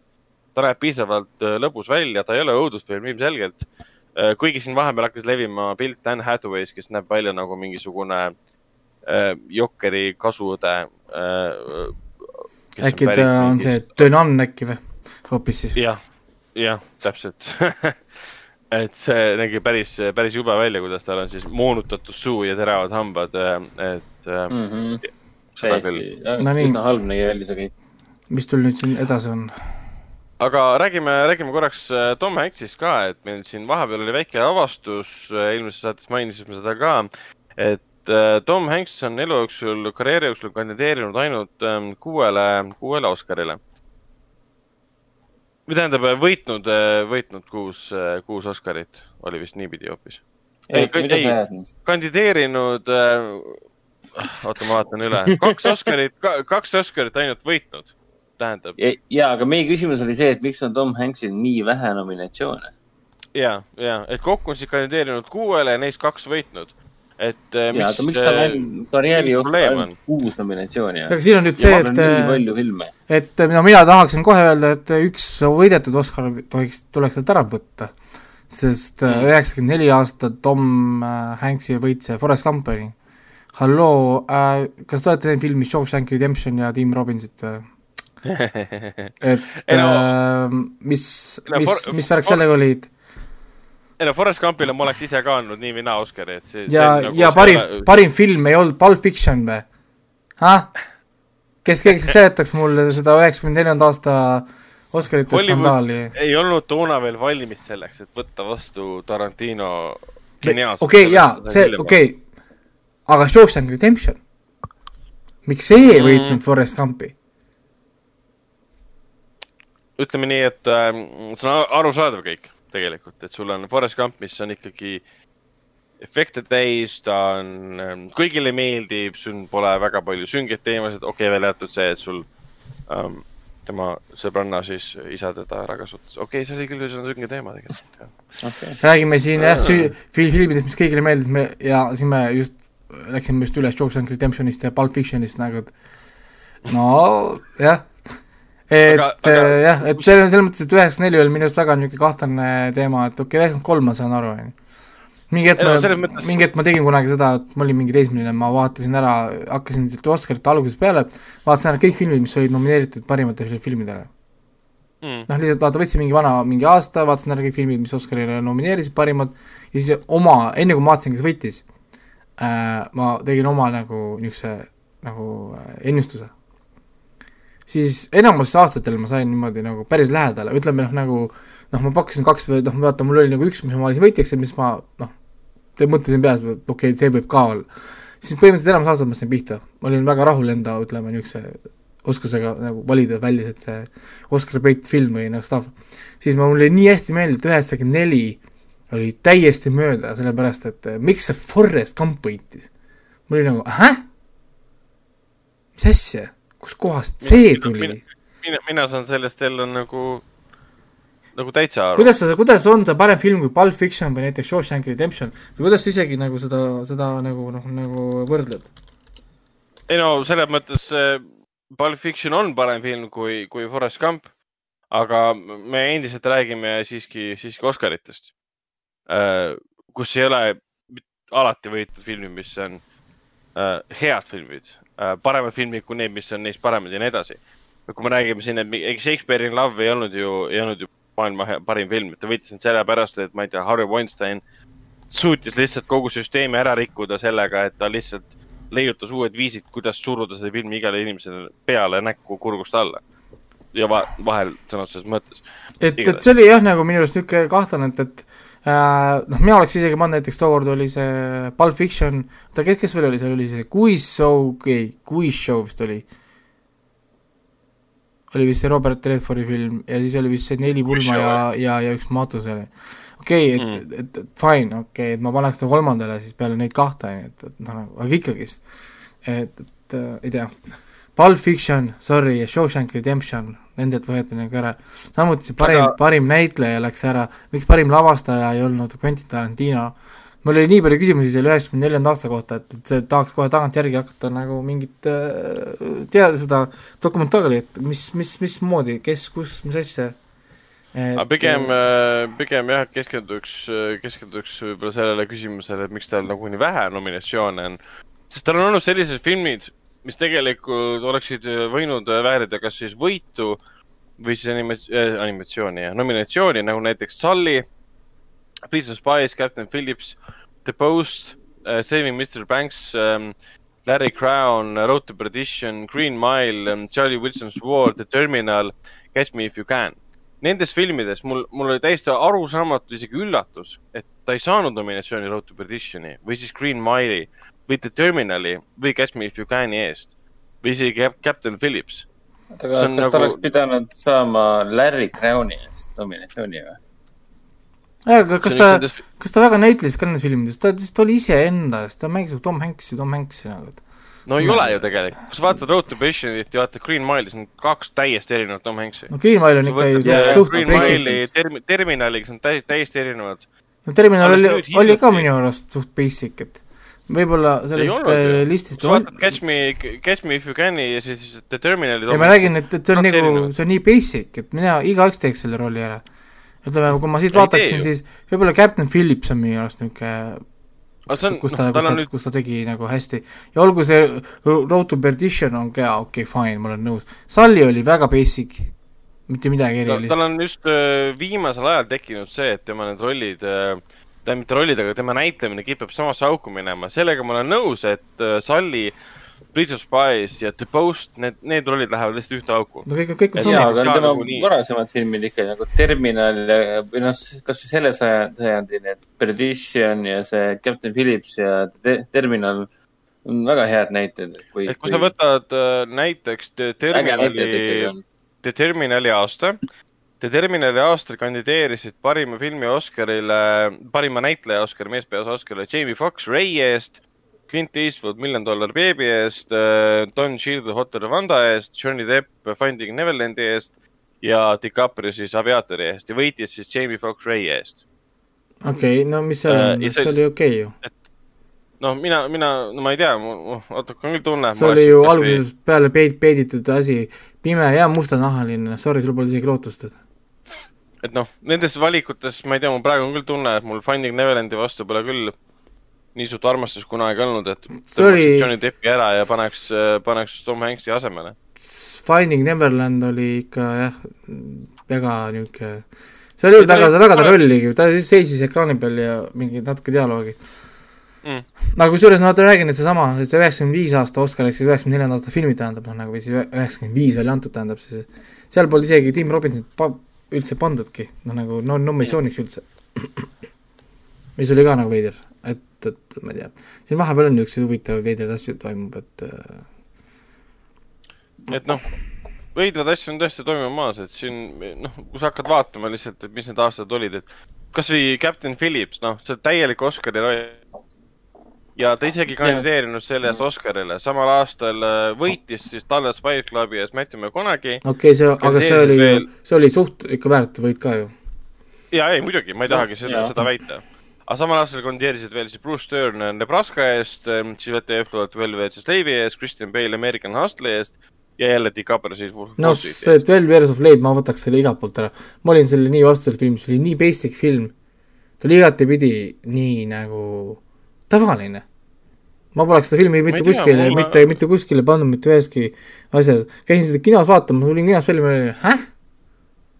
huvitav, mulle ta väga meeldis. kõik kiitsid seda vasakule ja paremale näitlejad ja asjad, värgid, mul olid, no, et mina vaatan sellise pilguga, et kui on mingi film või roll, mida mina teeksin ära, siis see ei tohiks kuidagi olla nagu midagi mm. haibitud, et, et, et min-, noh, see peaks olema mingi selline asi, kus kohas see näitlejast sõltub niimoodi, et kui keegi teine seal rollis oleks, see poleks seesama. Of Slave, ma võin panna sinna mis iganes suvalise muu näitleja, ma saaksin sama filmi. see jääks samaks. kõik jääks filmis jääks samaks aga kui ma võtan Forest Gumpist ära Tom Hanks'i, siis panen sinna mingi kellegi teise, film ei oleks enam sama, vaata, ehk siis mm. see roll peab olema nagu noh, nii-öelda nagu, just nii, nagu tema sai seda teha. siis, siis kõige mõttetumad on arust need nominatsioonid, mis sa tahaks lihtsalt ära, et mingi linnukest kuskilt saada, on ju. ongi need filmid, kus vaatad, no ma võin sinna panna kelle iganes sinna rolli. Ja siis veel Veeres Leiv oli üks nendest filmidest, ma võin sinna panna kelle iganes ja kõik film jääb samaks jah, no ei, jah, võib ka nii öelda, aga noh, ma jään ikkagi selle juurde, et Twelve Years a Slave mulle vähemalt lavastuslikult väga meeldis, sest äh, mulle meeldib äh, Steve McQueeni. millele meeldis seal see, issand, mis ta nimi, nimi on nüüd, see Magneto, noh?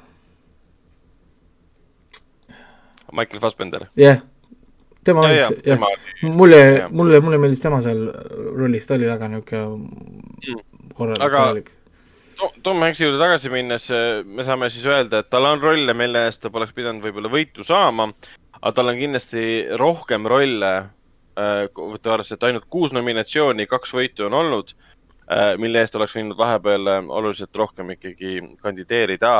Et need võidud, mis tal olid, oligi siis, siis Philadelphia eest, Jonathan, Jonathan Demme oma siis. gei, gei mees. ja siis Forest Gump, et noh, olgem ausad, mina kui ma viimati nägin Philadelphia't, see on fantastiline film. ja, ja vaata va, vaata ta rolli tollel ajal. ta oli gei mees, kellel oli AIDS on ju, siis ta oli äh, ma ei tea, alaarenenud, kas me võime öelda või? vähe arenenud äh, ma ei tea, mis asi siis on, elu jaatav inimene, kes lihtsalt teeb asju või? Forest Gump, ma ei tea, kuidas seda kirjeldada. ta tegi seda Apollo filmi, kus ta oli see astronaut või ma ei tea, mis ta Apollo kolmteist. nojah, vaata, vaata, mis rollid tal siis olid. Ja vaata ta noh, nagu nüüd tal neid rolle, see on kõik sama roll põhimõtteliselt, lihtsalt Ühte, nagu jah, kipuvad olema sellised ühte auku tõsise, tõsiste meeste, meeste tõsised rollid, ütleme ja, nii. et, et, et isegi kui sa vaatad umbes, et noh, et Green Mile on vangivalver, värki, aga kas ta tegelikult nagu on noh, nagu midagi eri, noh, nagu erinevat. võta nüüd korraks see karakter noh, nagu lahti, mida see vangivalvur tegelikult nagu seal teeb, kuidas ta kodus nagu käitub, ta on tegelikult sama hästi võiks sinna ju Salli olla ju noh, nagu lihtsalt vangivalvuri kostüümis on ju, või noh, selles mõttes, et noh, ma ei tea, ma, ma arvan, et ta, tal lihtsalt äh, mingi hetk, kui ka karjäär jooksis nii hästi või noh, töö oli kõik tehtud, siis lihtsalt oli see, et leidis mingi žanri, mis talle meeldib või mingi tüüp, mis talle meeldis, hakkas tegema seda, noh no võimalik, et see aasta see nagu muutub, sest detsembris äh, jõuab kinodesse Eesti kinode kohta veel ei tea, äh, jõuab News of the World, ähm, mis on Paul Greengrassi lavastatud uus siis film. Greengrass on see mees, kes on eelkõige tuntud siis äh, Borni mm, ülemvõimu ja ultimaatumi reisijärina. ehk siis tutvustas maailmale Jackie Camp päris äge olla ja News of the World on siis põhimõtteliselt western, ähm, western draama, kus siis, äh, kus siis Tom Hanks äh, äh, mängib äh, ühte endist kaptenit, kes peab ühe, ühe no, lapse viima oma inimeste juurde tagasi, sellest kujuneb üks suur, suur, suur seiklus. Ja juba siin vaikselt erinevad kanalid nagu Variety näiteks räägivad, et äh, ilmselt see võib lõppeda siis vähemalt näitleja kategoorias küll tundub põnev projekt, aga suurt midagi nagu sellest nagu... mind väga, pigem, pigem rohkem huvitab järgmist Oscarit juures see, et kui palju on seal nüüd neid streaming service eid. palju seal on HBO Maxi äh,, Netflixi ja, ja Prime videote, neid filme, sest kinofilmid on väga nagu kesiselt olnud, kui üldse nagu noh, on olnud. ja vaata, kui palju filme on tegelikult andnud meile need noh, nagu need streaming platvormid, siis mind huvitab mm., kui suure osa need võtavad üle ja see oleks minu arust väga kihvt, kui ühte, ükski kinofilm ei nomineeriks see oleks Sest, no, neil, huvitav. Neil, neil on põhimõtteline probleem ja nad ei suuda oma reegleid nii kiiresti ümber muuta. ehk nad panevad sisse reegli, et Netflixi ja Amazoni filme me ei võta, aga, või no Amazoni võtavad, aga Netflixi filme me ei võta aga paneme sisse kõik need filmid, mis äh, põhimõtteliselt kinos ei olnud, jõudsid näiteks Universali äh, VOD-sse või siis Disney sinna, Disney plussi.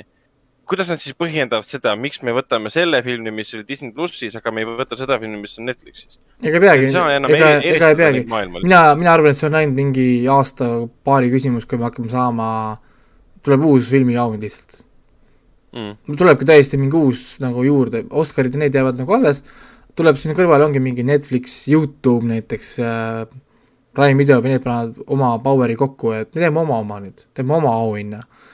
ja ma ei tea, siis on küll Oscaritega finito. siis ma kaotan usu, et nad suuda-, suudavad enam konkureerida ja püsida mm.. aga igal juhul äh, sellel aastal, selle aasta Oscareid siis selle aasta filmide auhindamist saab olema eriti huvitav vaadata. Need tulevad ju, need tulevad päris hilja ka ju, tulevad mingi aprillis või millal nad tulevad need? lükati päris kõvasti edasi tõesti. Äh, Oscar lükati vist kuu võrra või kui ma ei eksi, midagi taolist. Kuldglobuste kohta ma ei teagi, kas lükati juba või mitte. Aga jah, igatahes äh, muutuva maailma tõttu on see huvitav kindlasti.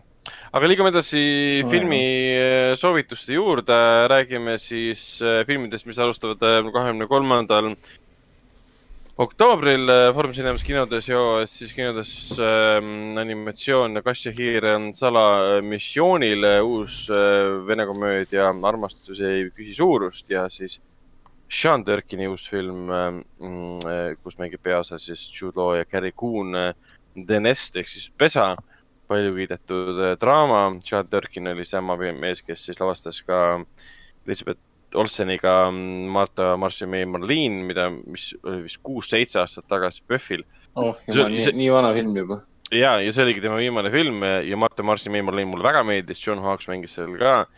Ja, ja Pesa juba väga kiidetakse, see on väga häiriv, häiriv lugu abielupaarist, kellel justkui kõik on olemas, aga tuleb välja, et siiski ei ole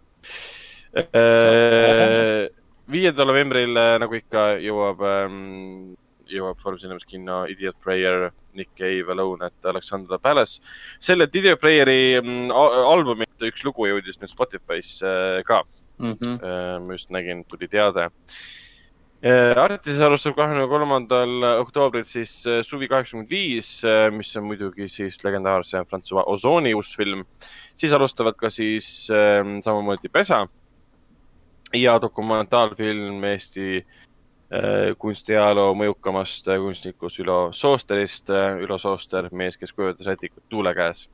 meil on veel, meil on veel tulemas põleva tütarlapse portreeseansid, mis alustavad juba kahekümne teisel oktoobril ja vaikselt võin, võin siis ette ära öelda, et siin novembri alguses ähm, äh, tuleb meil Milos Formani filmipäevad, kus me näitame Formani siis äh, Tšehhi filme ja paari äh, paari Ameerika filmi ka.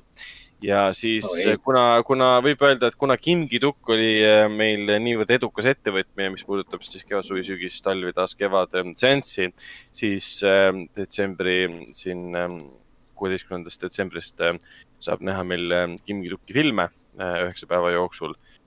tähendab, mitte üheksa päeva jooksul, aga seitsme päeva jooksul üheksa filmi.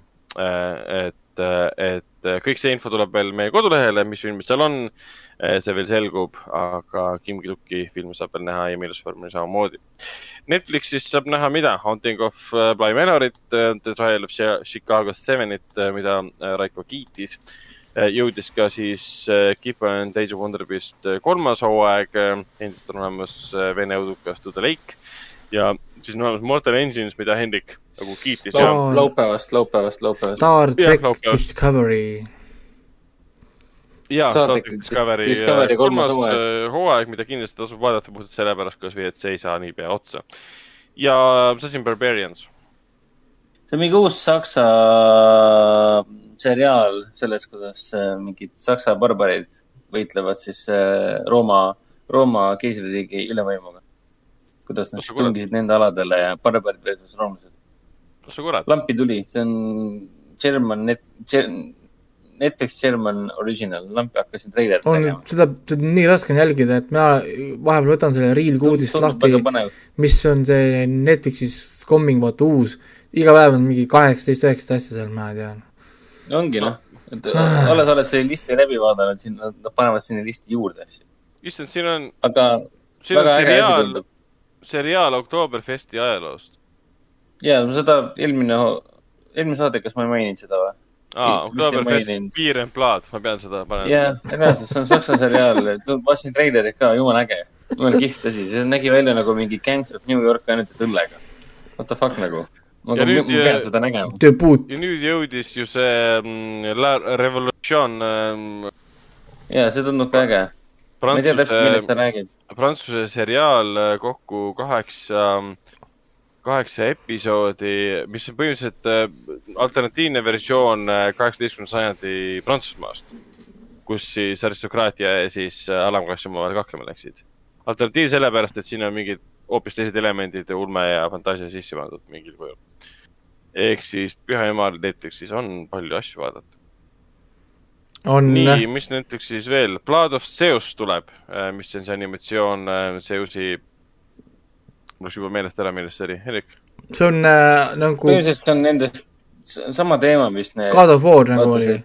jah, God of War. God of War ja Perseus ja need, mis need on, Hi-, oh Jasoni Argonaudid ja vaata see, see on kõik see Harry, Harry, Harry, Kreeka mütoloogia titaanid ja värgid. titaanid, vot ma otsisin seda sõna titaanid, ma tahtsin hiidid öelda. seal samamoodi, et ük, üks pooljumal siis või ma ei tea, kuidas ta siis no, oli. põhimõtteliselt teevad sedasama lugu uuesti, siis panid talle uue nime miskipärast. nagu mingi he-, he-, Herakles, Kratos, whatever, nüüd tuleb lihtsalt mingi uus, uus nimi sinna no, listi ja läheb sama asi uuesti täpselt, aga treileri põhjal tundub olevat niisugune korralik verine, verine andmine. aga jah, see ei tähenda, et see, et see, et see halb on, sest äh, Herakles oli väga tore, Kratosed lood on väga toredad, et äh, miks mitte. eks sellepärast kopeeritakse seda, sest see toimib, noh, see, seal on materjali, nii et äh, eks see näha ole mm. selge, lisaks sellele jõuab veel siis ka Queen's äh, Gambit, äh, millal ta nüüd jõuab, on see teada ka. kas ta oli nüüd oktoobri lõpus? Anna Taylor-Joy äh, mängib, äh, mängib äh, male ässa. tundub olevat põnev Netflixi draama. oli küll jaa, see oli, see nägi hea välja, ma panin ka selle endale listi, see oli, kus ta vist noorena oli geenius ja siis nüüd ta on suurem ja nüüd, nüüd tal on yeah. mingid, probleemid seal oli või? jah yeah..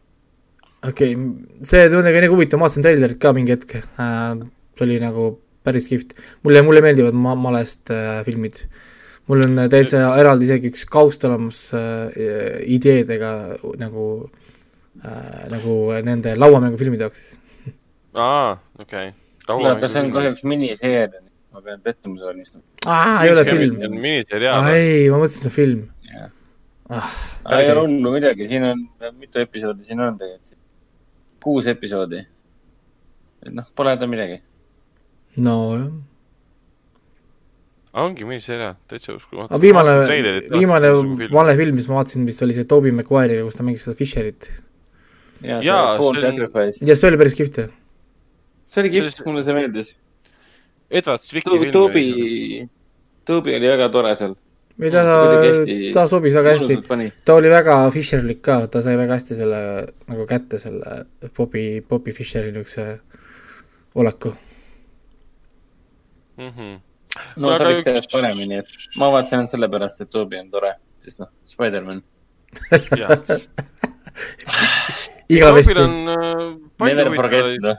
Toobil on palju lahedaid rolle olnud, tal oli see Jake Gyllenhaaliga see Brothers ähm, Jim Sheridani ah, film, kus tal oli hoopis selline tõsisem roll PTSD all kannatavas sõduris. siis tal oli see hobuse, hobulause tal ei olnud või see, kus ta oli mingi ho ho hobusega see Chucky, ma ei mäleta.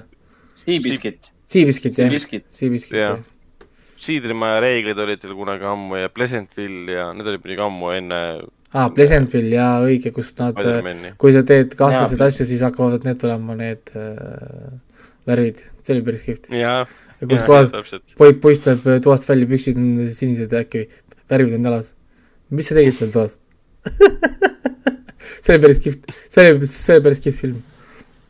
oli, aga viimase Netflixi soovitusena sinna on tulemas nüüd äh, kolmekümnendal oktoobril õudusfilm His House, äh, mis räägib siis Lõuna-Sudaanist äh, põgenenud perekonnast, kes läheb Inglismaale elama väiksesse linna, aga nad avastavad seal elates, et, et seal on mingi, omakorda mingi õudus treilide järgi tundub iseenesest väga, väga huvitav ja väga veider, veider õudusfilm. Äh, mis, äh, mis pole üldse üllatav, see, et kolmekümnes oktoober on täis õudus, õudusfilme. ei oleks arvanud, jah.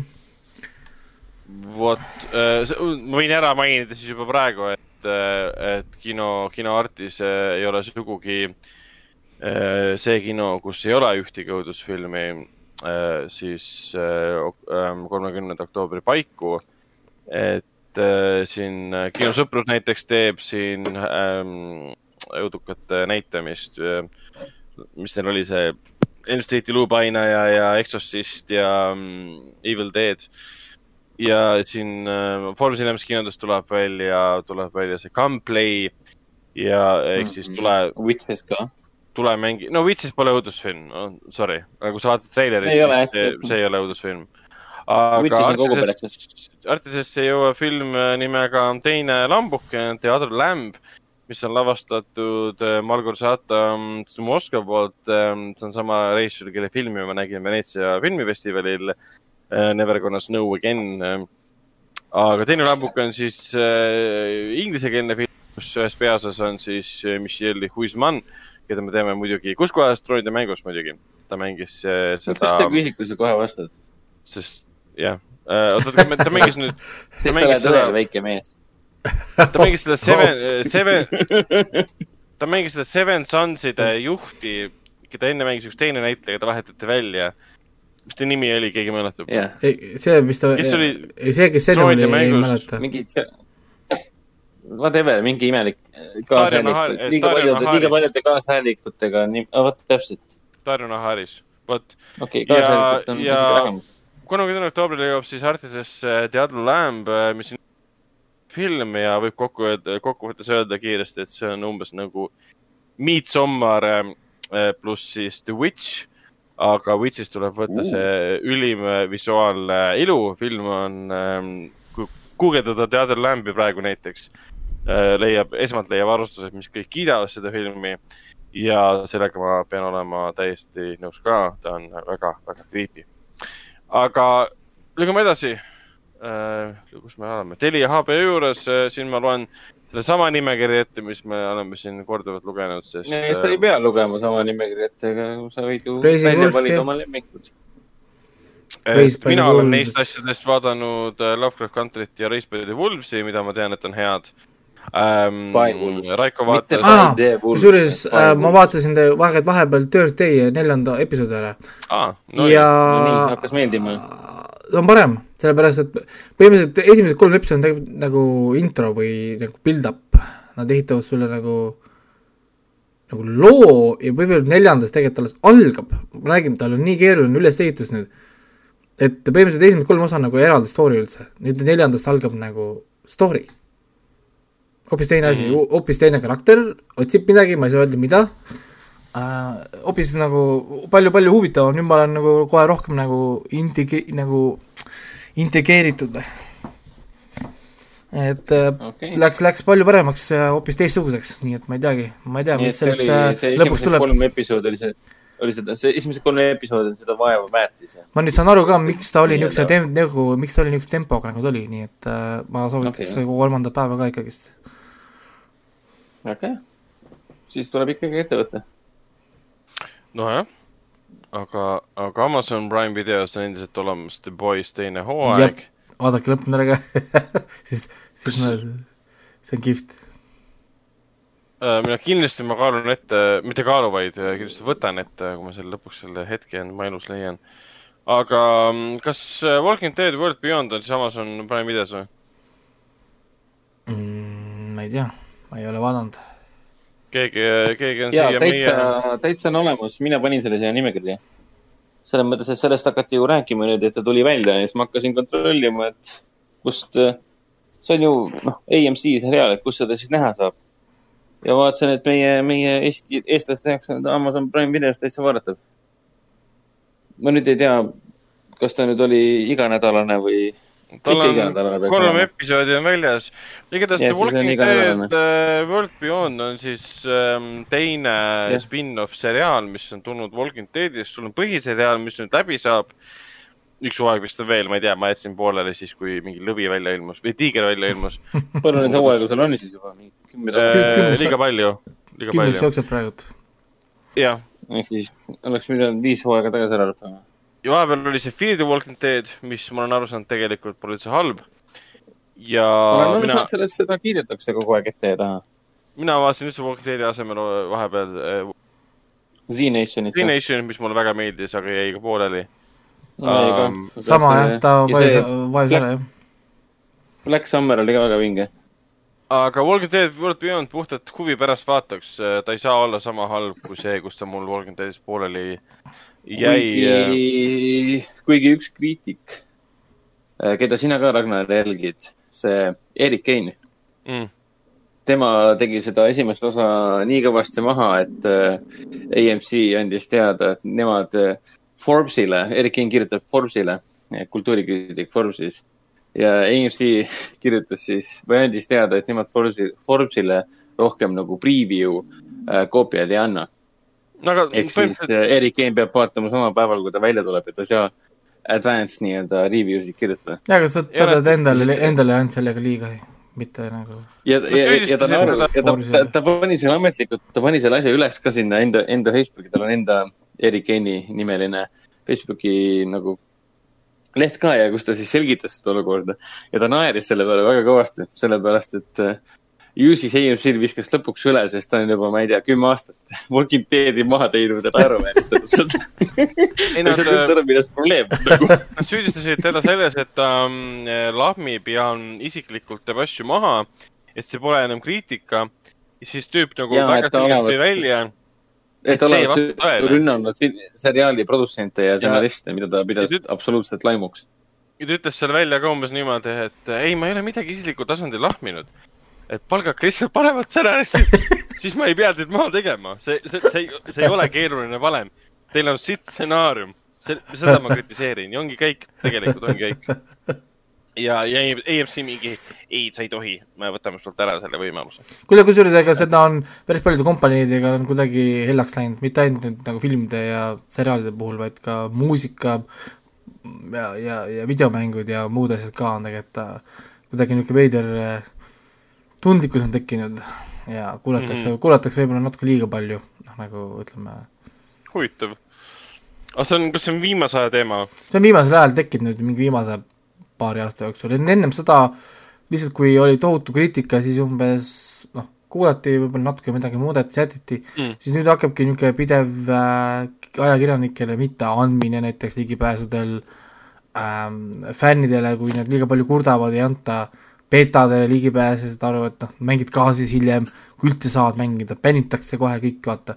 nagu niisugune nagu noh, niisugune, niisugune, niisugune veider nagu kriitika nagu blokeerimine on või noh, ma ei oska nagu öelda nagu. et hmm., et, et ma ei tea, mis siin toimub, et äh,. veits kummaline ajastus ka. et nüüd siis on vaja niimoodi reageerida, jah? Küllap, küllap siis, siis, küllap äh, inimene vahetus kuskil ja, ja tuli noor, kes on Twitteris olnud kaua aega ja, ja leiab, et mm -hmm. niimoodi käibki asi, et et kui sa ütled midagi, mis mulle meeldib, ma blokeerin sind ära. nagu no, see, nagu see üks, üks see Black Mirrori ep episood, vaata, pole meil varsti kaugel enam, kus sa saad inimesi päris elus ära blokeerida, nii et sa ei näe ega kuule neid, kui sa neid näed. see oli päris kihvt episood, kurat nii. jälle prohvetlik. mis meil järgmine, järgmine asi on nüüd Apple TV või? ma tahtsin lihtsalt mainida, et Amazonisse peaks jõudma sihuke film nagu Time varsti, aga. Pole, pole veel sellist infot. mis see on okay.? Äh, ei, see on äh, Sundance'i, Sundance'is kõvasti kiitust kogunud äh, film Stream now, aa, ta on Prime videos. pead maksma oh,. ta on rendifilm ja, ja, ja, ta on selles teises, teises Prime'is. Amazoni teema on hästi keeruline, mul on, on maksan pra... Prime video on... eest, aga Prime'i eest ma pean eraldi maksma. jah, et Amazon Prime ei ole Prime video, aga Prime video tuleb kaasa Amazon Prime'iga, ehk siis see on see vahe. jah, jah, jah, igatahes. aga, aga Apple TV plussis on siis olemas Ted Lasso, mis äh, Raiko seal sai vaadatud ja kiidab siis on veel olemas Teheran ja siis on olemas On the Rocks, mis on Sofia Coppola uus film. tuleb kohe, tuleb nüüd ka kakskümmend kolm oktoober vist oli see, mis tal oli see. jah. Äh, kusjuures aa, see sama päev tuleb ka see Bruce Springsteeni dokumentaalfilm ka Apple jaa, see uue albumi kohta, et äh, Springsteeni uus lugu tuli ka Spotify'sse ja uus album tuleb kohe varsti välja, et see siis Te olete ka suured fännid või? no ma Boss ikka vahepeal kuulan, selles mõttes ma ei ole ikka kuuleb jah, aga mingi, ma ei tea, kas ma fänn olen, aga ma kuulan, vaatan ikka. jah, et lihtsalt tal on mul on suva, millest ta laulab, tema hääl on lihtsalt siukene mingi nice, see mulle meeldib, see on muusika. siuke rahustav hääl. jah, umbes nagu, nagu, nagu Bird Jam'i kuulad Eddie Vedderit um,. Ja. või Chris Cornell. aga siis On The Rocksist räägitakse jah, praegu natukene ka selles valguses, et ta võib olla ka Oscaritel tegija ja siis tuleb ka siis üheteistkümnendal detsembril Wolf Walkers, millest me eelmises saates rääkisime, Secret of Kelsey Song with the Sea äh, Raceri. aa, see, ja, ja, ja.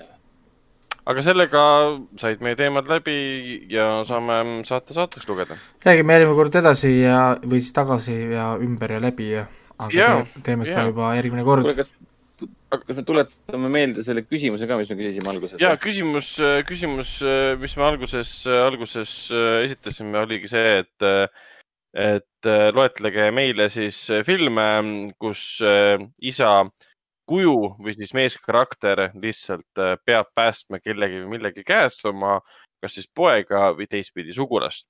aga põhimõte peab seisma selles, et see laps, poeg, no see ei pea olema laps selles mõttes, ta võib olla lihtsalt poeg, võib olla ka viiekümne aastane. Või siis peab olema kindlasti laps või? laps ja Hollywoodi film ka okei okay,, laps ja Hollywoodi film, äh, meie poisslaps, kes on siis äh, röövitud või siis ta on ohus kuskil. Äh, et isa peab teda leidma näiteks aega võidu joostes näiteks. mis tuletas mulle praegu meelde, et Johnny Deppil oli ka kunagi siuke film nagu Nick of Time. Ja, aga sellest me juba räägime järgmine kord, sest ma tahan, järgmine kord. lõpetada ja, ja magama minna yeah. või yeah. vaadata, vaadata, vaadata Hauntingut, ma ei ole veel kindel, kas ma tahan magada või ei taha ma arvan, et Raiko ei lähe magama sellepärast, et ta on üksi kodus, õues on pime, vihm sajab, mingid oksad peksavad vastu ust. see on ideaalne aeg kustutada kõik tuled, heli põhja panna ja vaadata väga. on, see on, see on, on väga, väga tõmbav ja. idee. tead, aga selle noodiga ma arvan, et jah, loeme saate lõplikult saateks ja tšau. tšau. tšau, lapsed